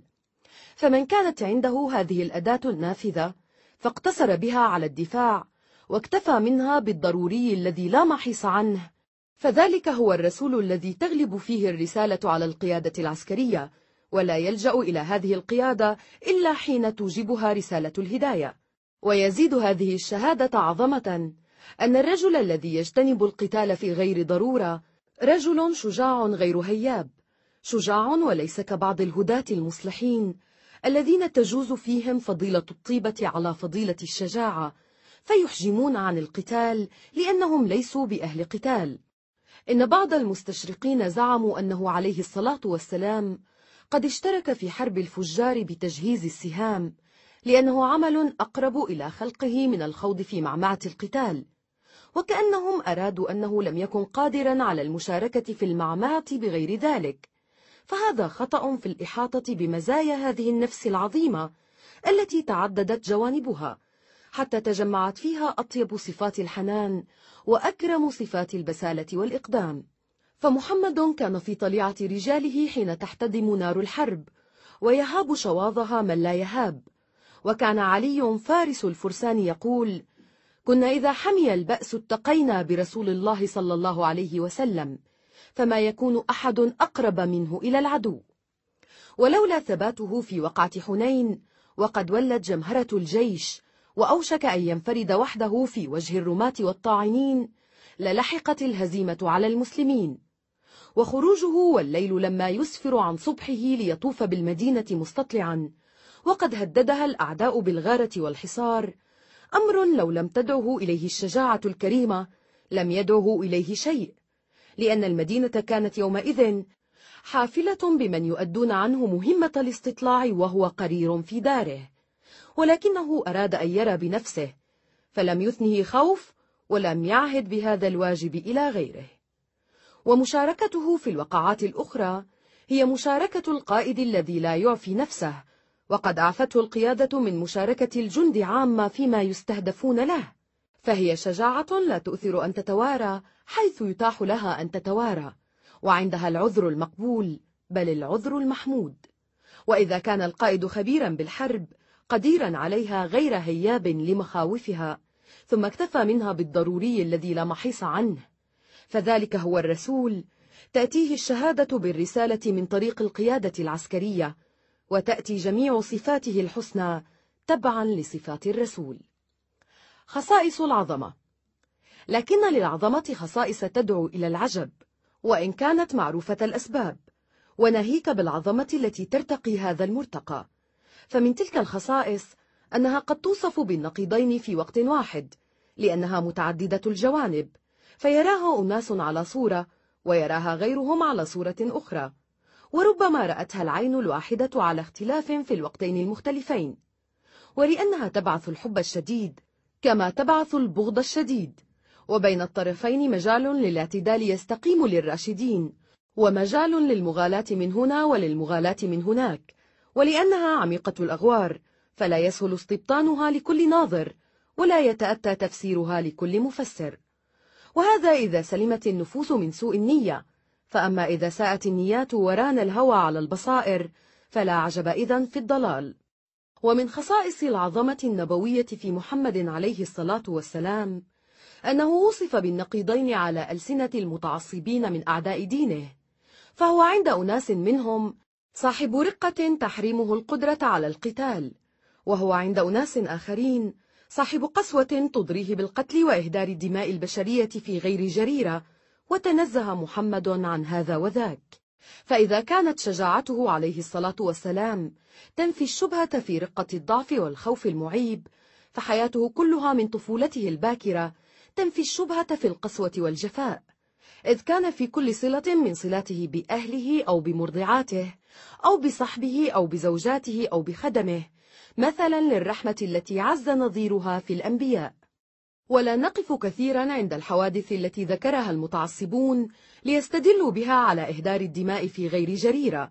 فأكثرها لم يثبت قط ثبوتا يقطع الشك فيه ولا سيما القول بتحريض النبي عليه الصلاة والسلام على قتل عصماء بنت مروان اليهودية لأنها كانت تهجو الإسلام والمسلمين فإن النبي صلى الله عليه وسلم قد نهى في قول صريح عن قتل النساء وكرر نهيه في غير موضع حتى قال بعض الفقهاء بمنع قتل المرأة وإن خرجت للقتال ما لم يكن ذلك لدفع خطر لا يدفع بغير قتلها والحادث الوحيد الذي يستحق الالتفات إليه هو مقتل كعب بن الأشرف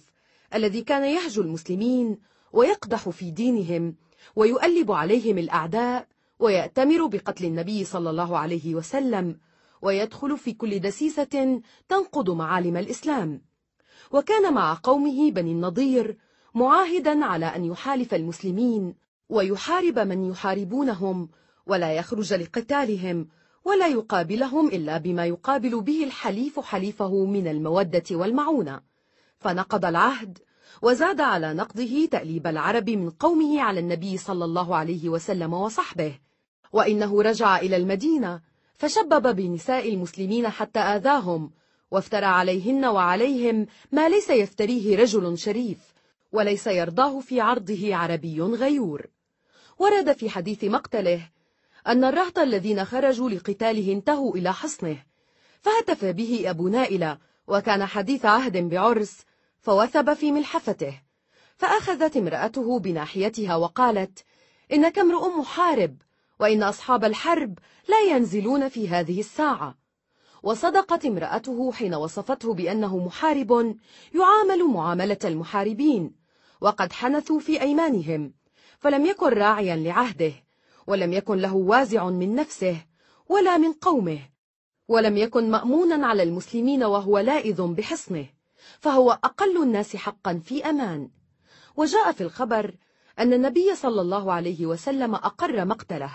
فعاب بعض المؤرخين الأوروبيين ذلك وحسبوه خروجا على شرائع القتال يشبه فعلة نابليون الكبير حين أمر باختطاف الدوق دينجان ومحاكمته بغير حق مع ما بين الحادثين من بون بعيد بيناه من قبل فلا نعود إليه إلا أننا نوجز هنا فلا نزيد على أن نشير إلى حكم القانون الدولي في أحدث العصور على من يؤخذون بصنيع معيب كصنيع ابن الأشرف وإن لم يبلغ مبلغه من الغدر والكيد والإساءة إلى الأعراض وذلك هو حكم الأسير الذي ينطق بعهد الشرف ألا يعود إلى القتال فإن القانون الدولي يوجب عليه أن يوفي بعهده ويوجب على حكومته ألا تندبه إلى عمل ينقض ما عاهد الأعداء عليه ويقضي بحرمانه حق المعاملة كما يعامل أسر الحرب إذا شهر السلاح على الذين أطلقوه أو على حلفائهم المحاربين في صفوفهم ويصح إذا أن يحاكم كما يحاكم المذنبون ويقضى عليه بالموت فقوانين العصر الحديث إذا تعاقب بالموت جريمة أهون من جريمة كعب بن الأشرف بكثير لأنه تجاوز الغدر إلى التأليب والائتمار وثلب الأعراض وليس في توقيع هذه الأحكام قسوة ولا رحمة لأن المرجع فيها إلى الضرورة التي أوجبت القصاص وفرضته على الناس في أحوال السلم بين أبناء الأمة الواحدة فضلا عن أحوال القتال بين الأعداء أسرى غزوة بدر ويلحق بقتل ابن الأشراف ما أخذه بعض المستشرقين من قتل بعض الأسرى بعد غزوة بدر وخروج النبي عليه الصلاة والسلام إلى ساحة الحرب لرؤية صرع المعركة وغنائمها بعد انتهائها فهو أمر لا يصح الحكم فيه إلا بالنظر إلى موضعه وموقعه وأشخاصه لأنه ليس بالحكم العام الذي اتبعه الإسلام في جميع الأسرى وجميع الحروب وإنما هي حالة أفراد كانوا معروفين بتعذيب المسلمين والتنكيل بهم في غير مبالاة ولا نخوة وليست هي كحالة الأسرى الذين يقعون في أيدي أعدائهم غير معروفين بماض ولا بحاضر سوى أنهم جند كسائر الجند الذين يحشدهم الأعداء فقتل الأسرى بعد بدر إن هو إلا قصاص كقصاص المتهمين بالتعذيب وقد وقعوا في أيدي من يتولى عقابهم من الغالبين جاز هذا في كل قانون وجاز أن يحاسب المغلوب على جرائمه التي ليست هي من فروض القتال أو من مباحاته في شيء وفرق بين معاملة هؤلاء ومعاملة أسير كل ما تعلمه في شأنه أنه جندي لا بغضاء بينك وبينه قبل حمل السلاح ولا بعد وضع السلاح وليس في عمله محل للثأر والمحاسبة بعد انقضاء واجبه وهو القتال الشريف أما رؤية القتلى في ساحة الحرب فقد نسي فيها أولئك الناقدون أن اغتباط المنتصر بفوزه طبيعة إنسانية لا غضاضة فيها ما لم تجاوز حدها إلى الفرح برؤية الدماء لمحض الفرح برؤية الدماء وهذا ما لم يزعمه أحد من شاهدي المعركة عن النبي صلى الله عليه وسلم ولا نم عليه كلام أحد من المشركين أو المسلمين ونسي أولئك الناقدون كذلك أن الرجل الذي يرى الدم في المدينة العصرية غير الرجل الذي يرى الدم في حروب البادية وفي حياة البادية على الإجمال ونعني بها حياة الرعاة التي تتكرر فيها إراقة الدم كل يوم وحياة القبائل التي كانت تغزو وتغزى في كثير من الأيام فإنك لا ترمي بالقسوة طبيبا قد ألف النظر إلى الجثث وأشلائها والأجسام الحية وجراحها لأن الطب لن يكون في الدنيا رحمة من الرحمات إن لم يألف الأطباء هذه المناظر ويملك جأشهم وهم يفتحون أعينهم عليها ولكنك قد ترمي بالقسوة إنسانا لم تقع عينه على منظر مثلها ثم هي تفاجئه فلا ينفر منها وما من رجل عاش في البادية وشهد غزوة من غزواتها يمكن أن يقال فيه إن ساحة الحرب تفاجئه بما لا يمكن أن يراه أو بما يستلزم النظر إليه قسوة في الطباع واستراحة إلى رؤية الدماء كان على أولئك الناقدين أن يشهدوا بدرا لينظروا بعين النبي عليه الصلاة والسلام إلى عواقب هذه الوقعة التي أوشكت أن تصبح الوقعة الحاسمة في تاريخ الإسلام كان عليهم أن ينظروا هنالك بعين النبي صلى الله عليه وسلم إلى جيشين أحدهما فيه السلاح والخيل والعدد والآخر في ثلث من يقاتلونه عددا ويكاد أن يتجرد من كل سلاح غير السيف ومن كل مطية غير الأقدام وكان عليهم أن يلمسوا إشفاق النبي عليه الصلاة والسلام من عاقبة هذه الوقعة ويستمع إليه وهو يناشد ربه اللهم هذه قريش قد أتت بخيلها وخيلائها تكذب رسولك اللهم فنصرك الذي وعدتني اللهم إن تهلك هذه العصابة اليوم لا تعبد وكان عليهم أن ينظروا إليه وقد مد يديه وشخص ببصره وجمع نفسه في صلاته حتى جعل رداءه يسقط عن منكبيه وأبو بكر يرده ويناديه بعد مناشدتك ربك فإن الله منجز لك ما وعدك وهو لا يلتفت إلى سقوط ردائه ولا إلى منادات صفيه لاستغراقه في الدعاء وكان عليهم أن يعلموا حرص قريش أن يستبقوا رجالا منهم يرجعون إلى مكة قبل المعركة أو بعدها ليثابروا على مناوئة النبي صلى الله عليه وسلم وإعادة الكرة عليه حتى لا يهدأ له بال بعد الصبر على هذا الجهد وليس الصبر عليه بيسير كان على الناقدين أن يعلموا هذا كله ليعلموا أن الشعور بالفرح في مثل هذا الموقف العصيب أمر لا غرابة فيه وأنه شعور مطبوع في نفس حية تجاوب كل ما يحيط بها من بواعث الحياة في مواقف السلم أو في مواقف القتال فأول ما يبادر النفس الحية من شعور مطبوع صادق في ذلك الموقف أن تغتبط بالنصر وتخرج من الضيق إلى الفرج وتنظر في ساحة الحرب إلى من قضى فيها من قريش ومن عاد منها إلى وكره ليعيد الكرة ويستأنف الإيذاء والمكيدة وأن ترى ما هي تلك الأسلاب والغنائم التي أوشكت أن تفتن بعض المقاتلين لأنها أول شيء شهدوه من نوعه ولما يتنزل حكم الدين في سلب أو غنيمة إن محمد رجل حي جياش النفس بدوافع الحياة وليس بناسك مهزول من نساك الصوامع الذين يكبون في جوانحهم كل دافعة وكل إحساس فامتناعه أن يشهد نتيجة المعركة التي سبقتها كل تلك المخاوف وستلحق بها كل تلك العواقب أمر لم يكن بالمنتظر من قائد في مثل موقفه ولم تكن توجبه الفطرة الإنسانية على المقاتل وهو في اللحظة الأولى بعد الظفر خليق أن يعلم مدى انتصاره ومدى ما يتوقعه بعده ومدى ما فعلته الفئة القليلة بالفئة الكثيرة ليقيس عليه ما تفعله مثلها فيما يليها من وقعات وهؤلاء مراسلو الصحف الحربيون الذين يدرسون اليوم أشباه هذه المواقف يجدون من واجبهم ألا يتخلفوا عن ساحات القتال بعد انجلاء الفريقين ليشرحوا دروس النصر والهزيمة بينهما ويسجلوا ما لا غنى عن تسجيله في جميع الحروب فانصراف محمد عن ساحة بدر على أثر النصر عمل غريب يخل بمكانة القائد وبواجب التحقيق والاستفادة من كل ما يفيد بعد معركة الأحزاب ونحن في صدد الحديث عن الرحمة والقسوة يحسن بنا أن نستقصي ما ذكره المؤرخون الأوروبيون من مآخذ في هذا الباب وأهمه عدم قدمناه قتل المقاتلين من بني قريضة بعد معركة الأحزاب فإن أولئك المؤرخين يستعظمون قتلهم ويحسبونه مخالفا للعرف المتبع في الحروب وينسون أمورا لا يصدق الحكم في هذه المسألة ما لم يذكروها ويستحضروها أتم استحضار وهي أن بني قريظة حنثوا في أيمانهم مرات فلا يجدي معهم أخذ المواثيق من جديد وأنهم قبلوا حكم سعد بن معاذ وهم الذين اختاروه وأن سعدا إنما دانهم بنص التوراة الذي يؤمنون به كما جاء في التثنية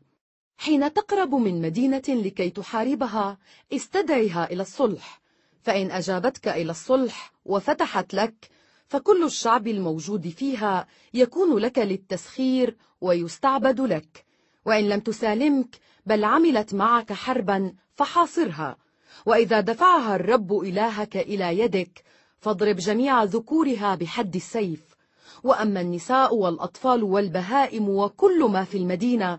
كل غنيمة فتغنمها لنفسك وتأكل غنيمة أعدائك التي أعطاك الرب إلهك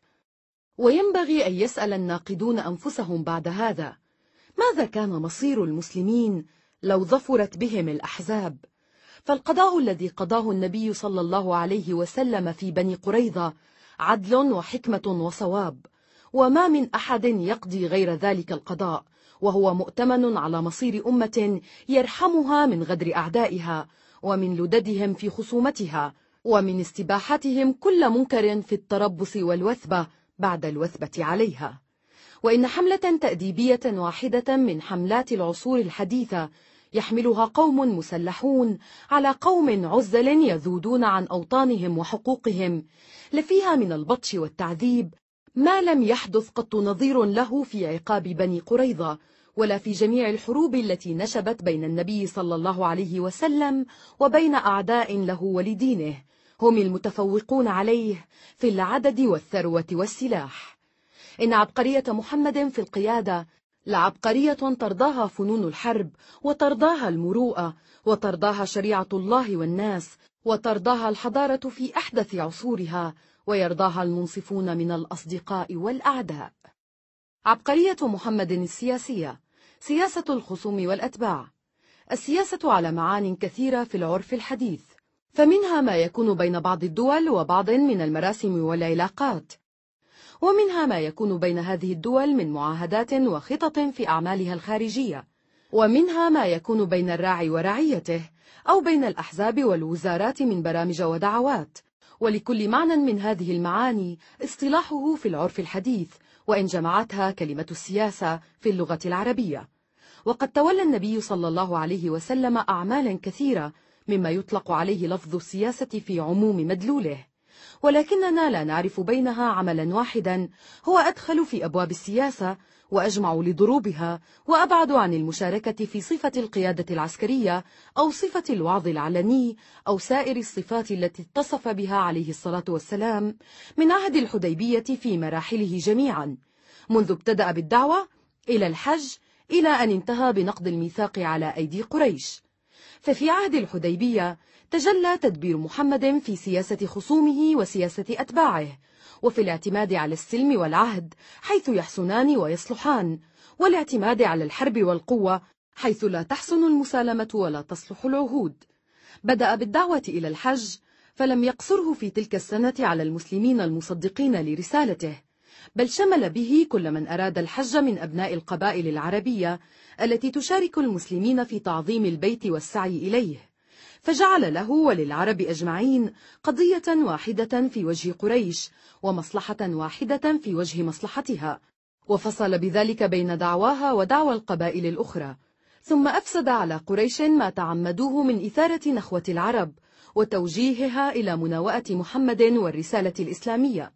فليس محمد وأصحابه أناسا معزولين عن النخوة العربية يضعون من شأنها ويبطلون مفاخرها ولكنهم إذا عرب ينتصر بهم العرب ولا يذلون بانتصارهم أو يقطعون ما بينهم وبين آبائهم وأجدادهم فإذا خالفوا قريشا في شيء فذلك شأن قريش وحدهم أو شأن المنتفعين من قريش بالسيطرة على مكة وليس هو بشأن القبائل أجمعين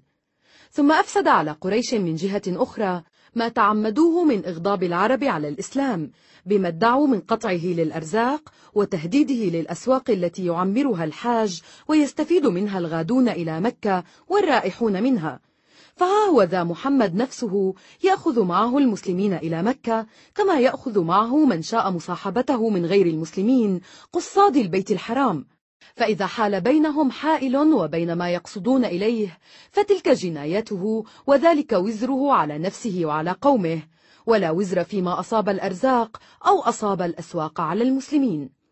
وقد سمعنا كثيرا في العصور الحديثة عن المقاومة السلبية أو المقاومة التي تجتنب العنف ولا تعتمد على غير وجه الحق والحجة سمعنا بها في الحركة الهندية التي قام على رأسها غاندي وتابعه فيها بعض مريديه حتى كان لها من الأثر في إزعاج الحكومة البريطانية ما لم يكن للقنابل ولا للمشاغبات الدامية وقيل يومئذ إن غاندي قد تتلمذ في هذه الحركة على المصلح الروسي الكبير ليون تولستوي وقيل بل هو أحرى أن يعرفها من آداب البرهميين والبوذيين التي تحرم إيذاء الحيوان فضلا عن الإنسان قبل أن يشرع ليون تولستوي مذهبه الجديد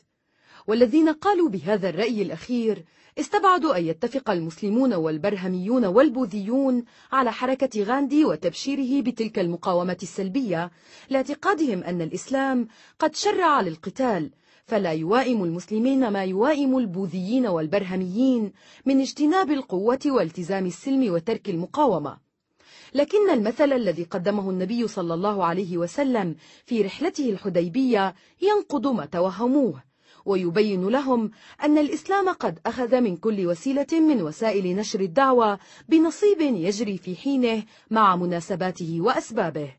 فلا هو يركن إلى السيف وحده ولا إلى السلم وحده بل يضع كليهما حيث يوضع ويدفع بكليهما حيث ينبغي أن يدفع وهو الحكم المتصرف حيث يختار ما يختار وليس الآلة التي يسوقها السلم أو الحرب مساق الاضطرار وقد خرج النبي عليه الصلاة والسلام إلى مكة في رحلة الحديبية حاجا لا غازيا يقول ذلك ويكرره ويقيم الشواهد عليه لمن سأله ويثبت نية السلم بالتجرد من السلاح إلا ما يؤذن به لغير المقاتلين فلم يفصل بهذه الخطة بين العرب وقريش وحسب بل فصل بين قريش ومن معهم من الأحابيش وجعل الزعماء وذوي الرأي يختلفون فيما بينهم على ما يسلكون من مسالك في دفعه أو قبوله أو مهادنته وهو عليه الصلاة والسلام يكرر الوصاة لأتباعه بالمسالمة والصبر منعا للاتفاق بين خصومه على قرار واحد وقل من أتباعه من أدرك قصده ومرماه حتى الصفو المختارين ولما اتفق الطرفان المسلمون وقريش على التعاهد والتهادن كانت سياسة النبي صلى الله عليه وسلم في قبول الشروط التي طلبتها قريش غاية في الحكمة والقدرة الدبلوماسية كما تسمى في اصطلاح الساسة المحدثين دعا بعلي بن أبي طالب فقال له بسم الله الرحمن الرحيم فقال سهيل بن عمرو مندوب قريش أمسك لا أعرف الرحمن الرحيم بل اكتب باسمك اللهم فقال النبي صلى الله عليه وسلم اكتب باسمك اللهم ثم قال اكتب هذا ما صالح عليه محمد رسول الله سهيل بن عمرو فقال سهيل أمسك لو شهدت أنك رسول الله لم أقاتلك ولكن اكتب اسمك واسم أبيك وروي أن عليا تردد فمسح النبي صلى الله عليه وسلم ما كتب بيده وأمره أن يكتب محمد بن عبد الله في موضع محمد رسول الله ثم تعاهدوا على أن من أتى محمدا من قريش بغير إذن وليه رده عليهم ومن جاء قريشا من رجال محمد لم يردوه عليه وأنه من أحب من العرب محالفة محمد فلا جناح عليه ومن أحب محالفة قريش فلا جناح عليه وأن يرجع محمد وأصحابه عن مكة عامهم هذا على أن يعودوا إليها في العام الذي يليه ويقيم بها ثلاثة أيام ومعهم من السلاح السيوف في قربها ولا سلاح غيرها ولو كان عهد الحديبية هذا قد كتب بعد قتال انهزم فيه المشركون وانتصر فيه المسلمون لوجب أن يكتب على غير هذا الأسلوب فيعترف المشركون كرها أو طوعا بصفة النبوة ولا يردون أحدا من مواليهم أو قاصريهم يذهب إلى النبي صلى الله عليه وسلم ويلحق بالمسلمين ولكنه عهد مهادنة أو عهد إيقاف أعمال العداء إلى حين كما يسمونه في اصطلاح العصر الحاضر فلا يعوزه شيء من الأصول المرعية في أمثال هذه العهود من إثبات صفة المندوبين التي لا إرغام فيها لأحد الطرفين ولا مخالفة لدعوى الفريقين ومن حفظ كل لحقه في تجديد دعواه واستئناف مسعاه فلو أن النبي عليه الصلاة والسلام شرط على قريش أن ترد إليه من يقصدها من رجاله لنقض بذلك دعوى الهداية الإسلامية ونقض الوصف الذي يصف به المسلمين فإن المسلم الذي يترك النبي صلى الله عليه وسلم باختياره ليلحق قريشا ليس بمسلم ولكنه مشرك يشبه قريشا في دينها وهي أولى به من نبي الإسلام أما المسلم الذي يرد إلى المشركين مكرما فإنما الصلة بينه وبين النبي صلى الله عليه وسلم الإسلام وهو شيء لا سلطان عليه للمشركين ولا تنقطع الصلة فيه بالبعد والقرب فإن كان الرجل ضعيف الدين ففتنوه عن دينه فلا خير فيه وإن كان وثيق الدين فبقي على دينه فلا خسارة على المسلمين وما انقضت فترة وجيزة حتى علمت قريش أنها هي الخاسرة بذلك الشرط الذي حسبته مغنما لها وخذلانا لمحمد صلوات الله عليه فإن المسلمين الذين نفروا من قريش ولم يقبلهم محمد في حوزته رعاية لعهده قد خرجوا إلى طريق القوافل يأخذونها على تجارة قريش وهي أمان في عهد الهدنة بين الطرفين فلا استطاع المشركون أن يشكوهم إلى النبي عليه الصلاة والسلام لأنهم خارجون من ولايته بحكم الهدنة ولا استطاعوا أن يحجزوهم في مكة كما أرادوا يوم أملوا شروطهم في عهد الحديبية ولو قضي العهد بولاية النبي عليه الصلاة والسلام على من ينفر من مسلمي مكة لجاز للمشركين أن ينقضوه أو يطالبوا النبي صلى الله عليه وسلم بالمحافظة عليه وتم العهد فعرف من لم يعرف ما أفاء على الإسلام بعد قليل فجهر بمحالفة النبي عليه الصلاة والسلام من لم يكن يجهر بولائه واستراح النبي صلى الله عليه وسلم من قريش ففرغ ليهود خيبر وللممالك الأجنبية يرسل الرسل إلى عظمائها بالدعوة إلى دينه وفتح الأبواب لمن يفدون إليه ممن أنكروا بغي قريش وأمنوا أن تكون نصرتهم للإسلام حربا يبتلون فيها بما لا يطيقون ويوم نزلت الآية الكريمة على أثر اتفاق الحديبية إنا فتحنا لك فتحا مبينا ليغفر لك الله ما تقدم من ذنبك وما تأخر ويتم نعمته عليك ويهديك صراطا مستقيما لم يفقه الكثيرون معناها في حينها ولم يتبينوا موضع الفتح من ذلك الاتفاق الذي حسبوه محض تسليم ولكنهم فهموا أي فتح هو بعد سنتين وعلموا أن من الفتوح ما يكون بغير السيف وما يشبه الهزيمة في ظاهرة عند من يتعجلون ولا يحسنون النظر إلى بعيد الفتح المبين كان في تلك السنة فتح يراه الناظر بعين الغيب ولا يراه الناظر بعينه ولكنها سنة واحدة ثم رأى الفتح المبين من لا يرون بغير العيون رأوه وامتلأت عيونهم بالنظر إليه فسر قوما وساء آخرين ففي السنة التالية نادى الرسول أصحابه أن يتجهزوا للحج ولا يتخلف أحد ممن شهد الحديبية فخرجوا في شوق المنطلق بعد منع والمنتظر بعد صبر إلا من استشهد في خيبر وأدركته الوفاة خلال العام وخرج معهم جمع كبير ممن لم يشهدوا الحديبية يتبعهم النساء والأطفال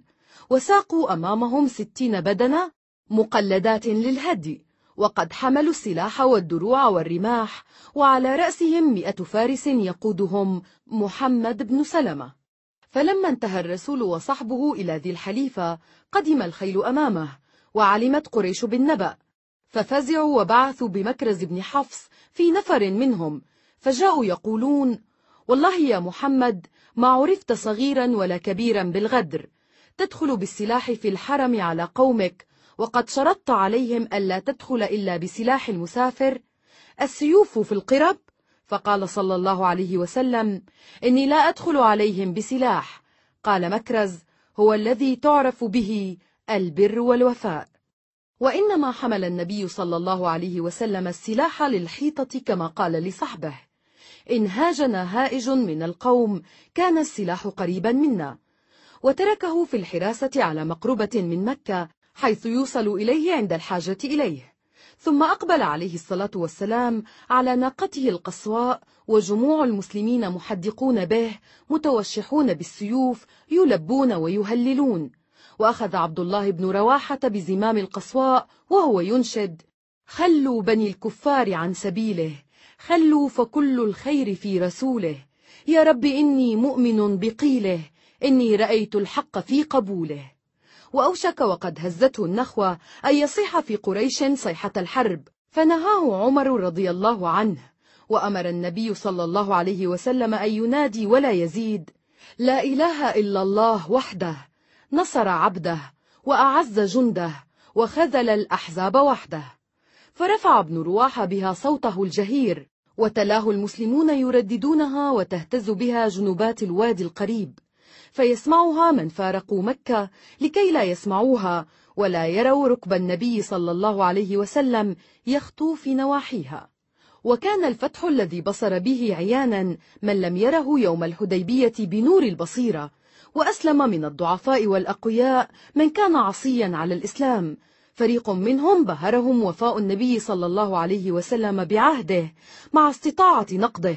وفريق منهم رعاهم سمت الدين ورحمة الإسلام فيما بين المسلمين وجمال ما بينهم وبين نبيهم من طاعة وتمكين وفريق منهم علموا أن العاقبة للإسلام فجنحوا إلى طريق السلامة والسلام وحسبك أن عمرة القضاء هذه قد جعلت في آثارها من أسباب الإقناع بالدعوة المحمدية ما أقنع خالد بن الوليد وعمر بن العاص وهما في رجاحة الخلق والعقل مثلان متكافئان وإن كانا لا يتشابهان وهكذا تجلت عبقرية محمد في سياسة الأمور كما تجلت في قيادة الجيوش فكان على أحسن النجاح في سياسته إذ نادى بعزيمة الحج وهو لم يفتح مكة بعدده وعدته وإذ دعا المسلمين وغير المسلمين إلى مصاحبته في رحلته وإذ توخى ما توخى من طريقة المسالمة وإقامة الحجة في إنفاذ عزيمته وإذ قبل العهد الذي كبر قبوله على أقرب المقربين من عترته وإذ نظر إلى عقباه ووصل به إلى القصد الذي توخاه عبقرية محمد الإدارية ملكات شخصية في الإسلام أحكام كثيرة مما يدخل في تصرف رجال الإدارة كما نسميهم اليوم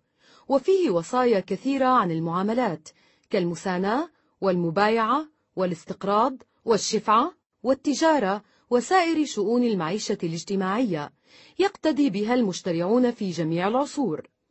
ولكننا لا نريد بما نكتب عن النبي صلى الله عليه وسلم أن نسرد أحكام الفقه ونبسط وصايا الدين فهي مشروحة في مواطنها لمن شاء الرجوع إليها وإنما نريد أن نعرض لأعماله ووصاياه من حيث هي ملكات شخصية وسلائق نفسية تلازمه حيث كان مؤديا لرسالة الدين أو مؤديا لغير الرسالة من سائر أعمال الإنسان كذلك لا يعنينا مثلا أن نتكلم عن الإدارة كأنها نصوص المنشورات واللوائح التي تدار بها الدواوين وتجري عليها تفصيلات الحركة في مكاتب الحكومة فإن هذه وما إليها هي أعمال منفذين مأمورين وليست أعمال مديرين آمرين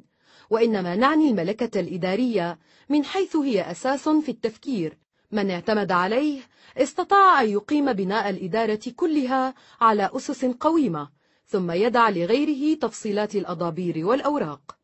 فليس في وسع رجل مطبوع على الفوضى مستخف بالمسؤولية أن يؤسس إدارة نافعة ولو كان فيما عدا ذلك كبير العقل كبير الهمة أما السليقة المطبوعة على إنشاء الإدارة النافعة فهي السليقة التي تعرف النظام وتعرف المسؤولية وتعرف الاختصاص بالعمل فلا تسنده إلى كثيرين متفرقين يتولاه كل منهم على هواه وقد كانت هذه السليقة في محمد صلى الله عليه وسلم على أتم ما تكون كان يوصي بالرياسة حيثما وجد العمل الاجتماعي أو العمل المجتمع الذي يحتاج إلى تدبير ومن حديثه المأثور إذا خرج ثلاثة في سفر فليؤمروا أحدهم ومن أعماله المأثورة أنه كان يرسل الجيش وعليه أمير وخليفة للأمير وخليفة للخليفة إذا أصيب من تقدمه بما يقعده عن القيادة وكان قوام الرئاسة والإمامة عنده شرطان هما جماع الشروط في كل رئاسة وهما الكفاءة والحب أيما رجل استعمل رجلا على عشرة أنفس علم أن في العشرة أفضل ممن استعمل فقد غش الله وغش رسوله وغش جماعة المسلمين وأيما رجل أم قوما وهم له كارهون لم تجز صلاته أذنيه وكان إلى عنايته بإسناد الأمر إلى المدير القادر عليه حريصا على تقرير التبعات في الشؤون ما كبر منها وما صغر على النهج الذي أوضحه صلوات الله عليه حيث قال كلكم راع وكلكم مسؤول عن رعيته فالأمير الذي على الناس راع وهو مسؤول عن رعيته والرجل راع على أهل بيته وهو مسؤول عنهم والمرأة راعية على بيت بعلها وهي مسؤولة عنه والعبد راع على مال سيده وهو مسؤول عنه ألا فكلكم راع وكلكم مسؤول عن رعيته وقد كانت أوامر الإسلام ونواهيه معروفة لطائفة كبيرة من المسلمين أنصارا كانوا أو مهاجرين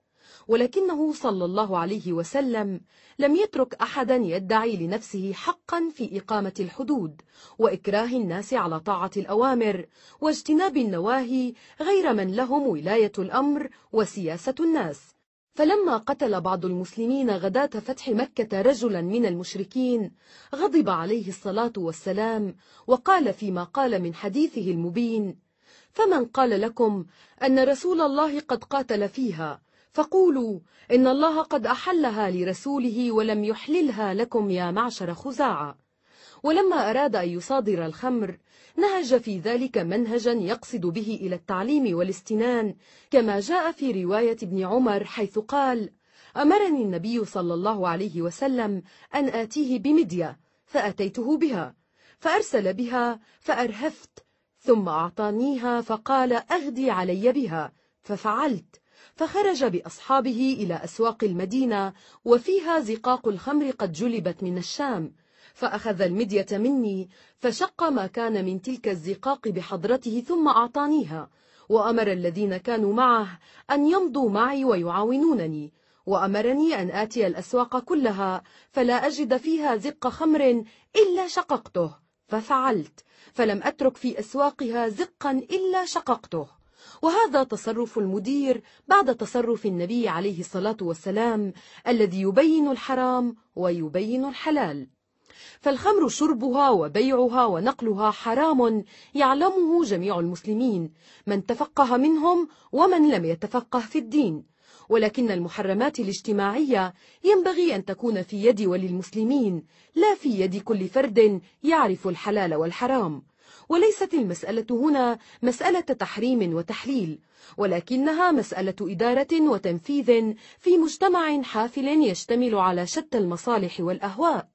ولا يصاب ببلاء هو أضر عليه من بلاء الفوضى والاضطراب واختلاف الدعاوى وانتزاع الطاعة وتجاهل السلطان فلم يكتف النبي عليه الصلاة والسلام بصريح التحريم في القرآن ولا اكتفى بإسناد الأمر إلى غير معروف الصفة في تنفيذ الأحكام بل خرج بنفسه ثم أمر رجلا بعينه وأناسا بأعينهم أن يمضوا في إتمام عمله ولم يجعل ذلك إذنا لمن شاء أن يفعل ما شاء وما أكثر ما سمعنا في أيامنا الأخيرة عن الأمن والنظام وتوطيد أركان الشريعة والقانون ولكننا لا نعرف في كل ما قيل كلاما هو أجمع لوجوه الصواب في هذه المسألة من قول النبي عليه الصلاة والسلام السمع والطاعة حق ما لم يؤمر بمعصية فلا سمع ولا طاعة ومن قوله فيما رواه عبادة بن الصامت ألا ننازع الأمر أهله إلا أن تروا كفرا بواحا عندكم من الله فيه برهان ومن قوله الإمام الجائر خير من الفتنة وكل لا خير فيه وفي بعض الشر خيار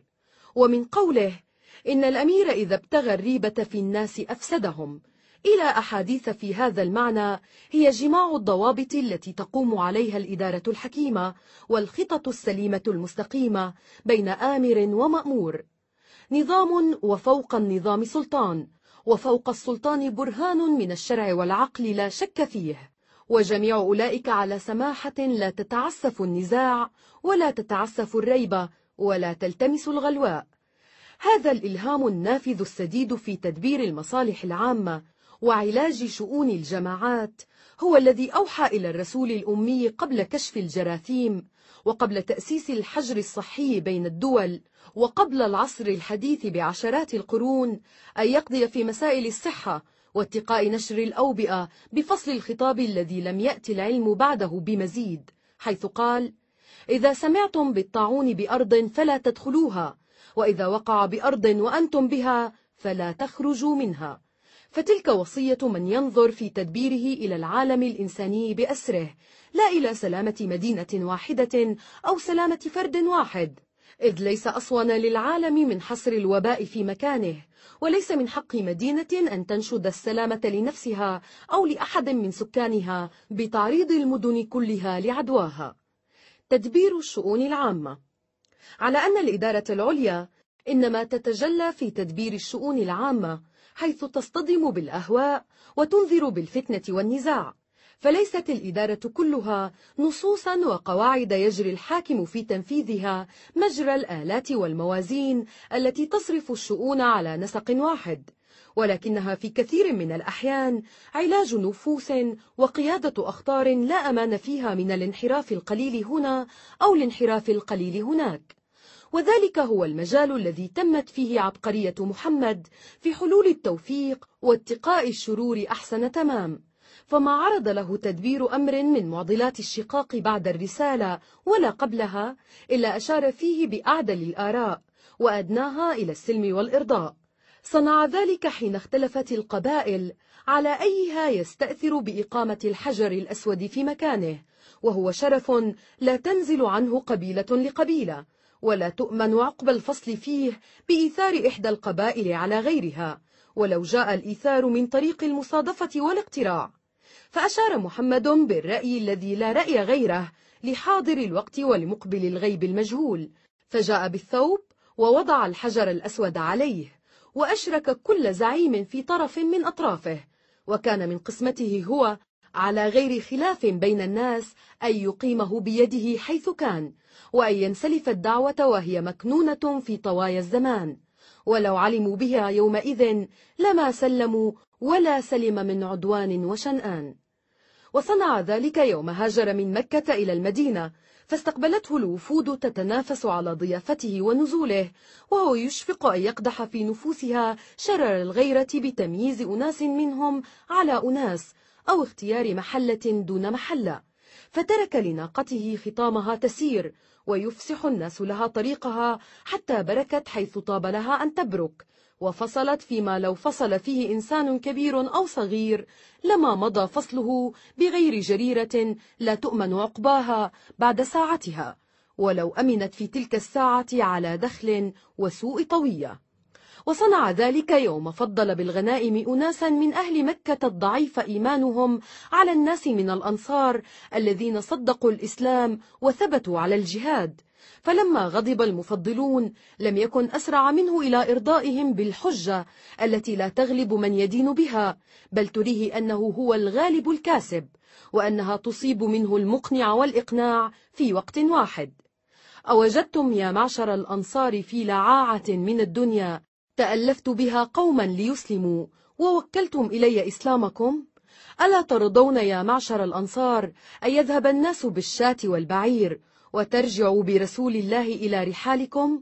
فوالذي نفس محمد بيده لولا الهجرة لكنت امرئا من الأنصار اللهم ارحم الأنصار وأبناء الأنصار وأبناء أبناء الأنصار كلام مدير فيه الإدارة والرياسة هبة من هبات الخلق والتكوين فهو مدير حين تكون الإدارة تدبير أمور ومدير حين تكون الإدارة تدبير شعور وهو كفيل ألا يلي مصلحة من المصالح تعتورها الفوضى ويتطرق إليها الاختلال لأنه يسوسها بالنظام والمسؤولية وبالاختصاص والسماحة وما من مجتمع يساس بهذه الخصال ويبقى فيه منفذ بعدها لاختلال أو انحلال أو لخطل في إدارة الأعمال البليغ اللهم هل بلغت هذه هي اللازمة التي رددها النبي عليه الصلاة والسلام في أطول خطبه الأخيرة وهي خطبة الوداع وهي لازمة عظيمة الدلالة في مقامها لأنها لخصت حياة كاملة في ألفاظ معدودات فما كانت حياة النبي صلى الله عليه وسلم كلها بعملها وقولها وحركتها وسكونها إلا حياة تبليغ وبلاغ وما كان لها من فاصلة خاتمة أبلغ من قوله عليه الصلاة والسلام وهو يجود بنفسه جلال ربي الرفيع فقد بلغت ولصدق هذه الدلالة ترى أن السمة الغالبة على أسلوب النبي صلى الله عليه وسلم في كلامه المحفوظ بين أيدينا هي سمة الإبلاغ قبل كل سمة أخرى بل هي السمة الجامعة التي لا سمة غيرها لأنها أصل شامل لما تفرق من سمات هي منها بمثابة الفروع وكلام النبي عليه الصلاة والسلام المحفوظ بين أيدينا إما معاهدات ورسائل كتبت في حينها وإما خطب وأدعية ووصايا وأجوبة عن أسئلة كتبت بعد حينها وروعيت الدقة في المضاهاة بين رواياتها جهد المستطاع والإبلاغ هو السمة المشتركة في أثانين هذا الكلام جميعا حتى ما جرى منه مجرى القصص أو مجرى الأوامر إلى المرؤوسين أو مجرى الدعاء الذي يلقنه المسلم ليدعو الله على مثاله انظر مثلا إلى قصة أصحاب الغار الثلاثة وتوسلهم بصالح الأعمال وهي كما جاء في مختار مسلم بينما ثلاثة نفر يتمشون أخذهم المطر فآووا إلى غار في جبل فانحطت على فم غارهم صخرة من الجبل فانطبقت عليهم فقال بعضهم لبعض انظروا أعمالا عملتموها صالحة لله فادعوا الله تعالى بها لعل الله يفرجها عنكم فقال أحدهم اللهم إنه كان لي والدان شيخان كبيران وامرأتي ولي صبية صغار أرعى عليهم فإذا أرحت عليهم حلبت فبدأت بوالدي فسقيتهما قبل بني وإنه نأى بي ذات يوم الشجر فلم آت حتى أمسيت فوجدتهما قد ناما فحلبت كما كنت أفعل فجئت بالوعاء فقمت عند رؤوسهما أكره أن أوقظهما من نومهما وأكره أن أسقي الصبية قبلهما والصبية يتضاغون عند قدمي فلم يزل ذلك دأبي ودأبهم حتى طلع الفجر فإن كنت تعلم أني فعلت ذلك ابتغاء وجهك فافرج لنا منها فرجة نرى منها السماء ففرج الله منها فرجة فرأوا منها السماء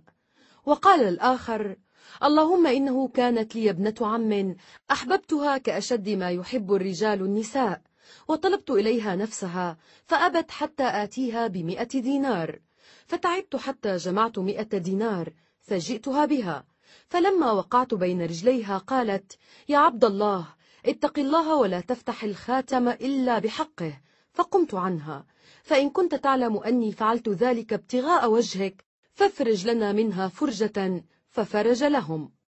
وقال الآخر اللهم إني كنت استأجرت أجيرا بوعاء أرز فلما قضى عمله قال أعطني حقي فعرضت عليه وعاء فرغب عنه فلم أزل أزرعه حتى جمعت منه بقرا ورعائها فقال اتق الله ولا تظلمني حقي قلت اذهب إلى تلك البقر ورعائها فخذها فقال اتق الله ولا تستهزئ بي فقلت إني لا أستهزئ بك خذ ذلك البقر ورعاءها فأخذه وذهب به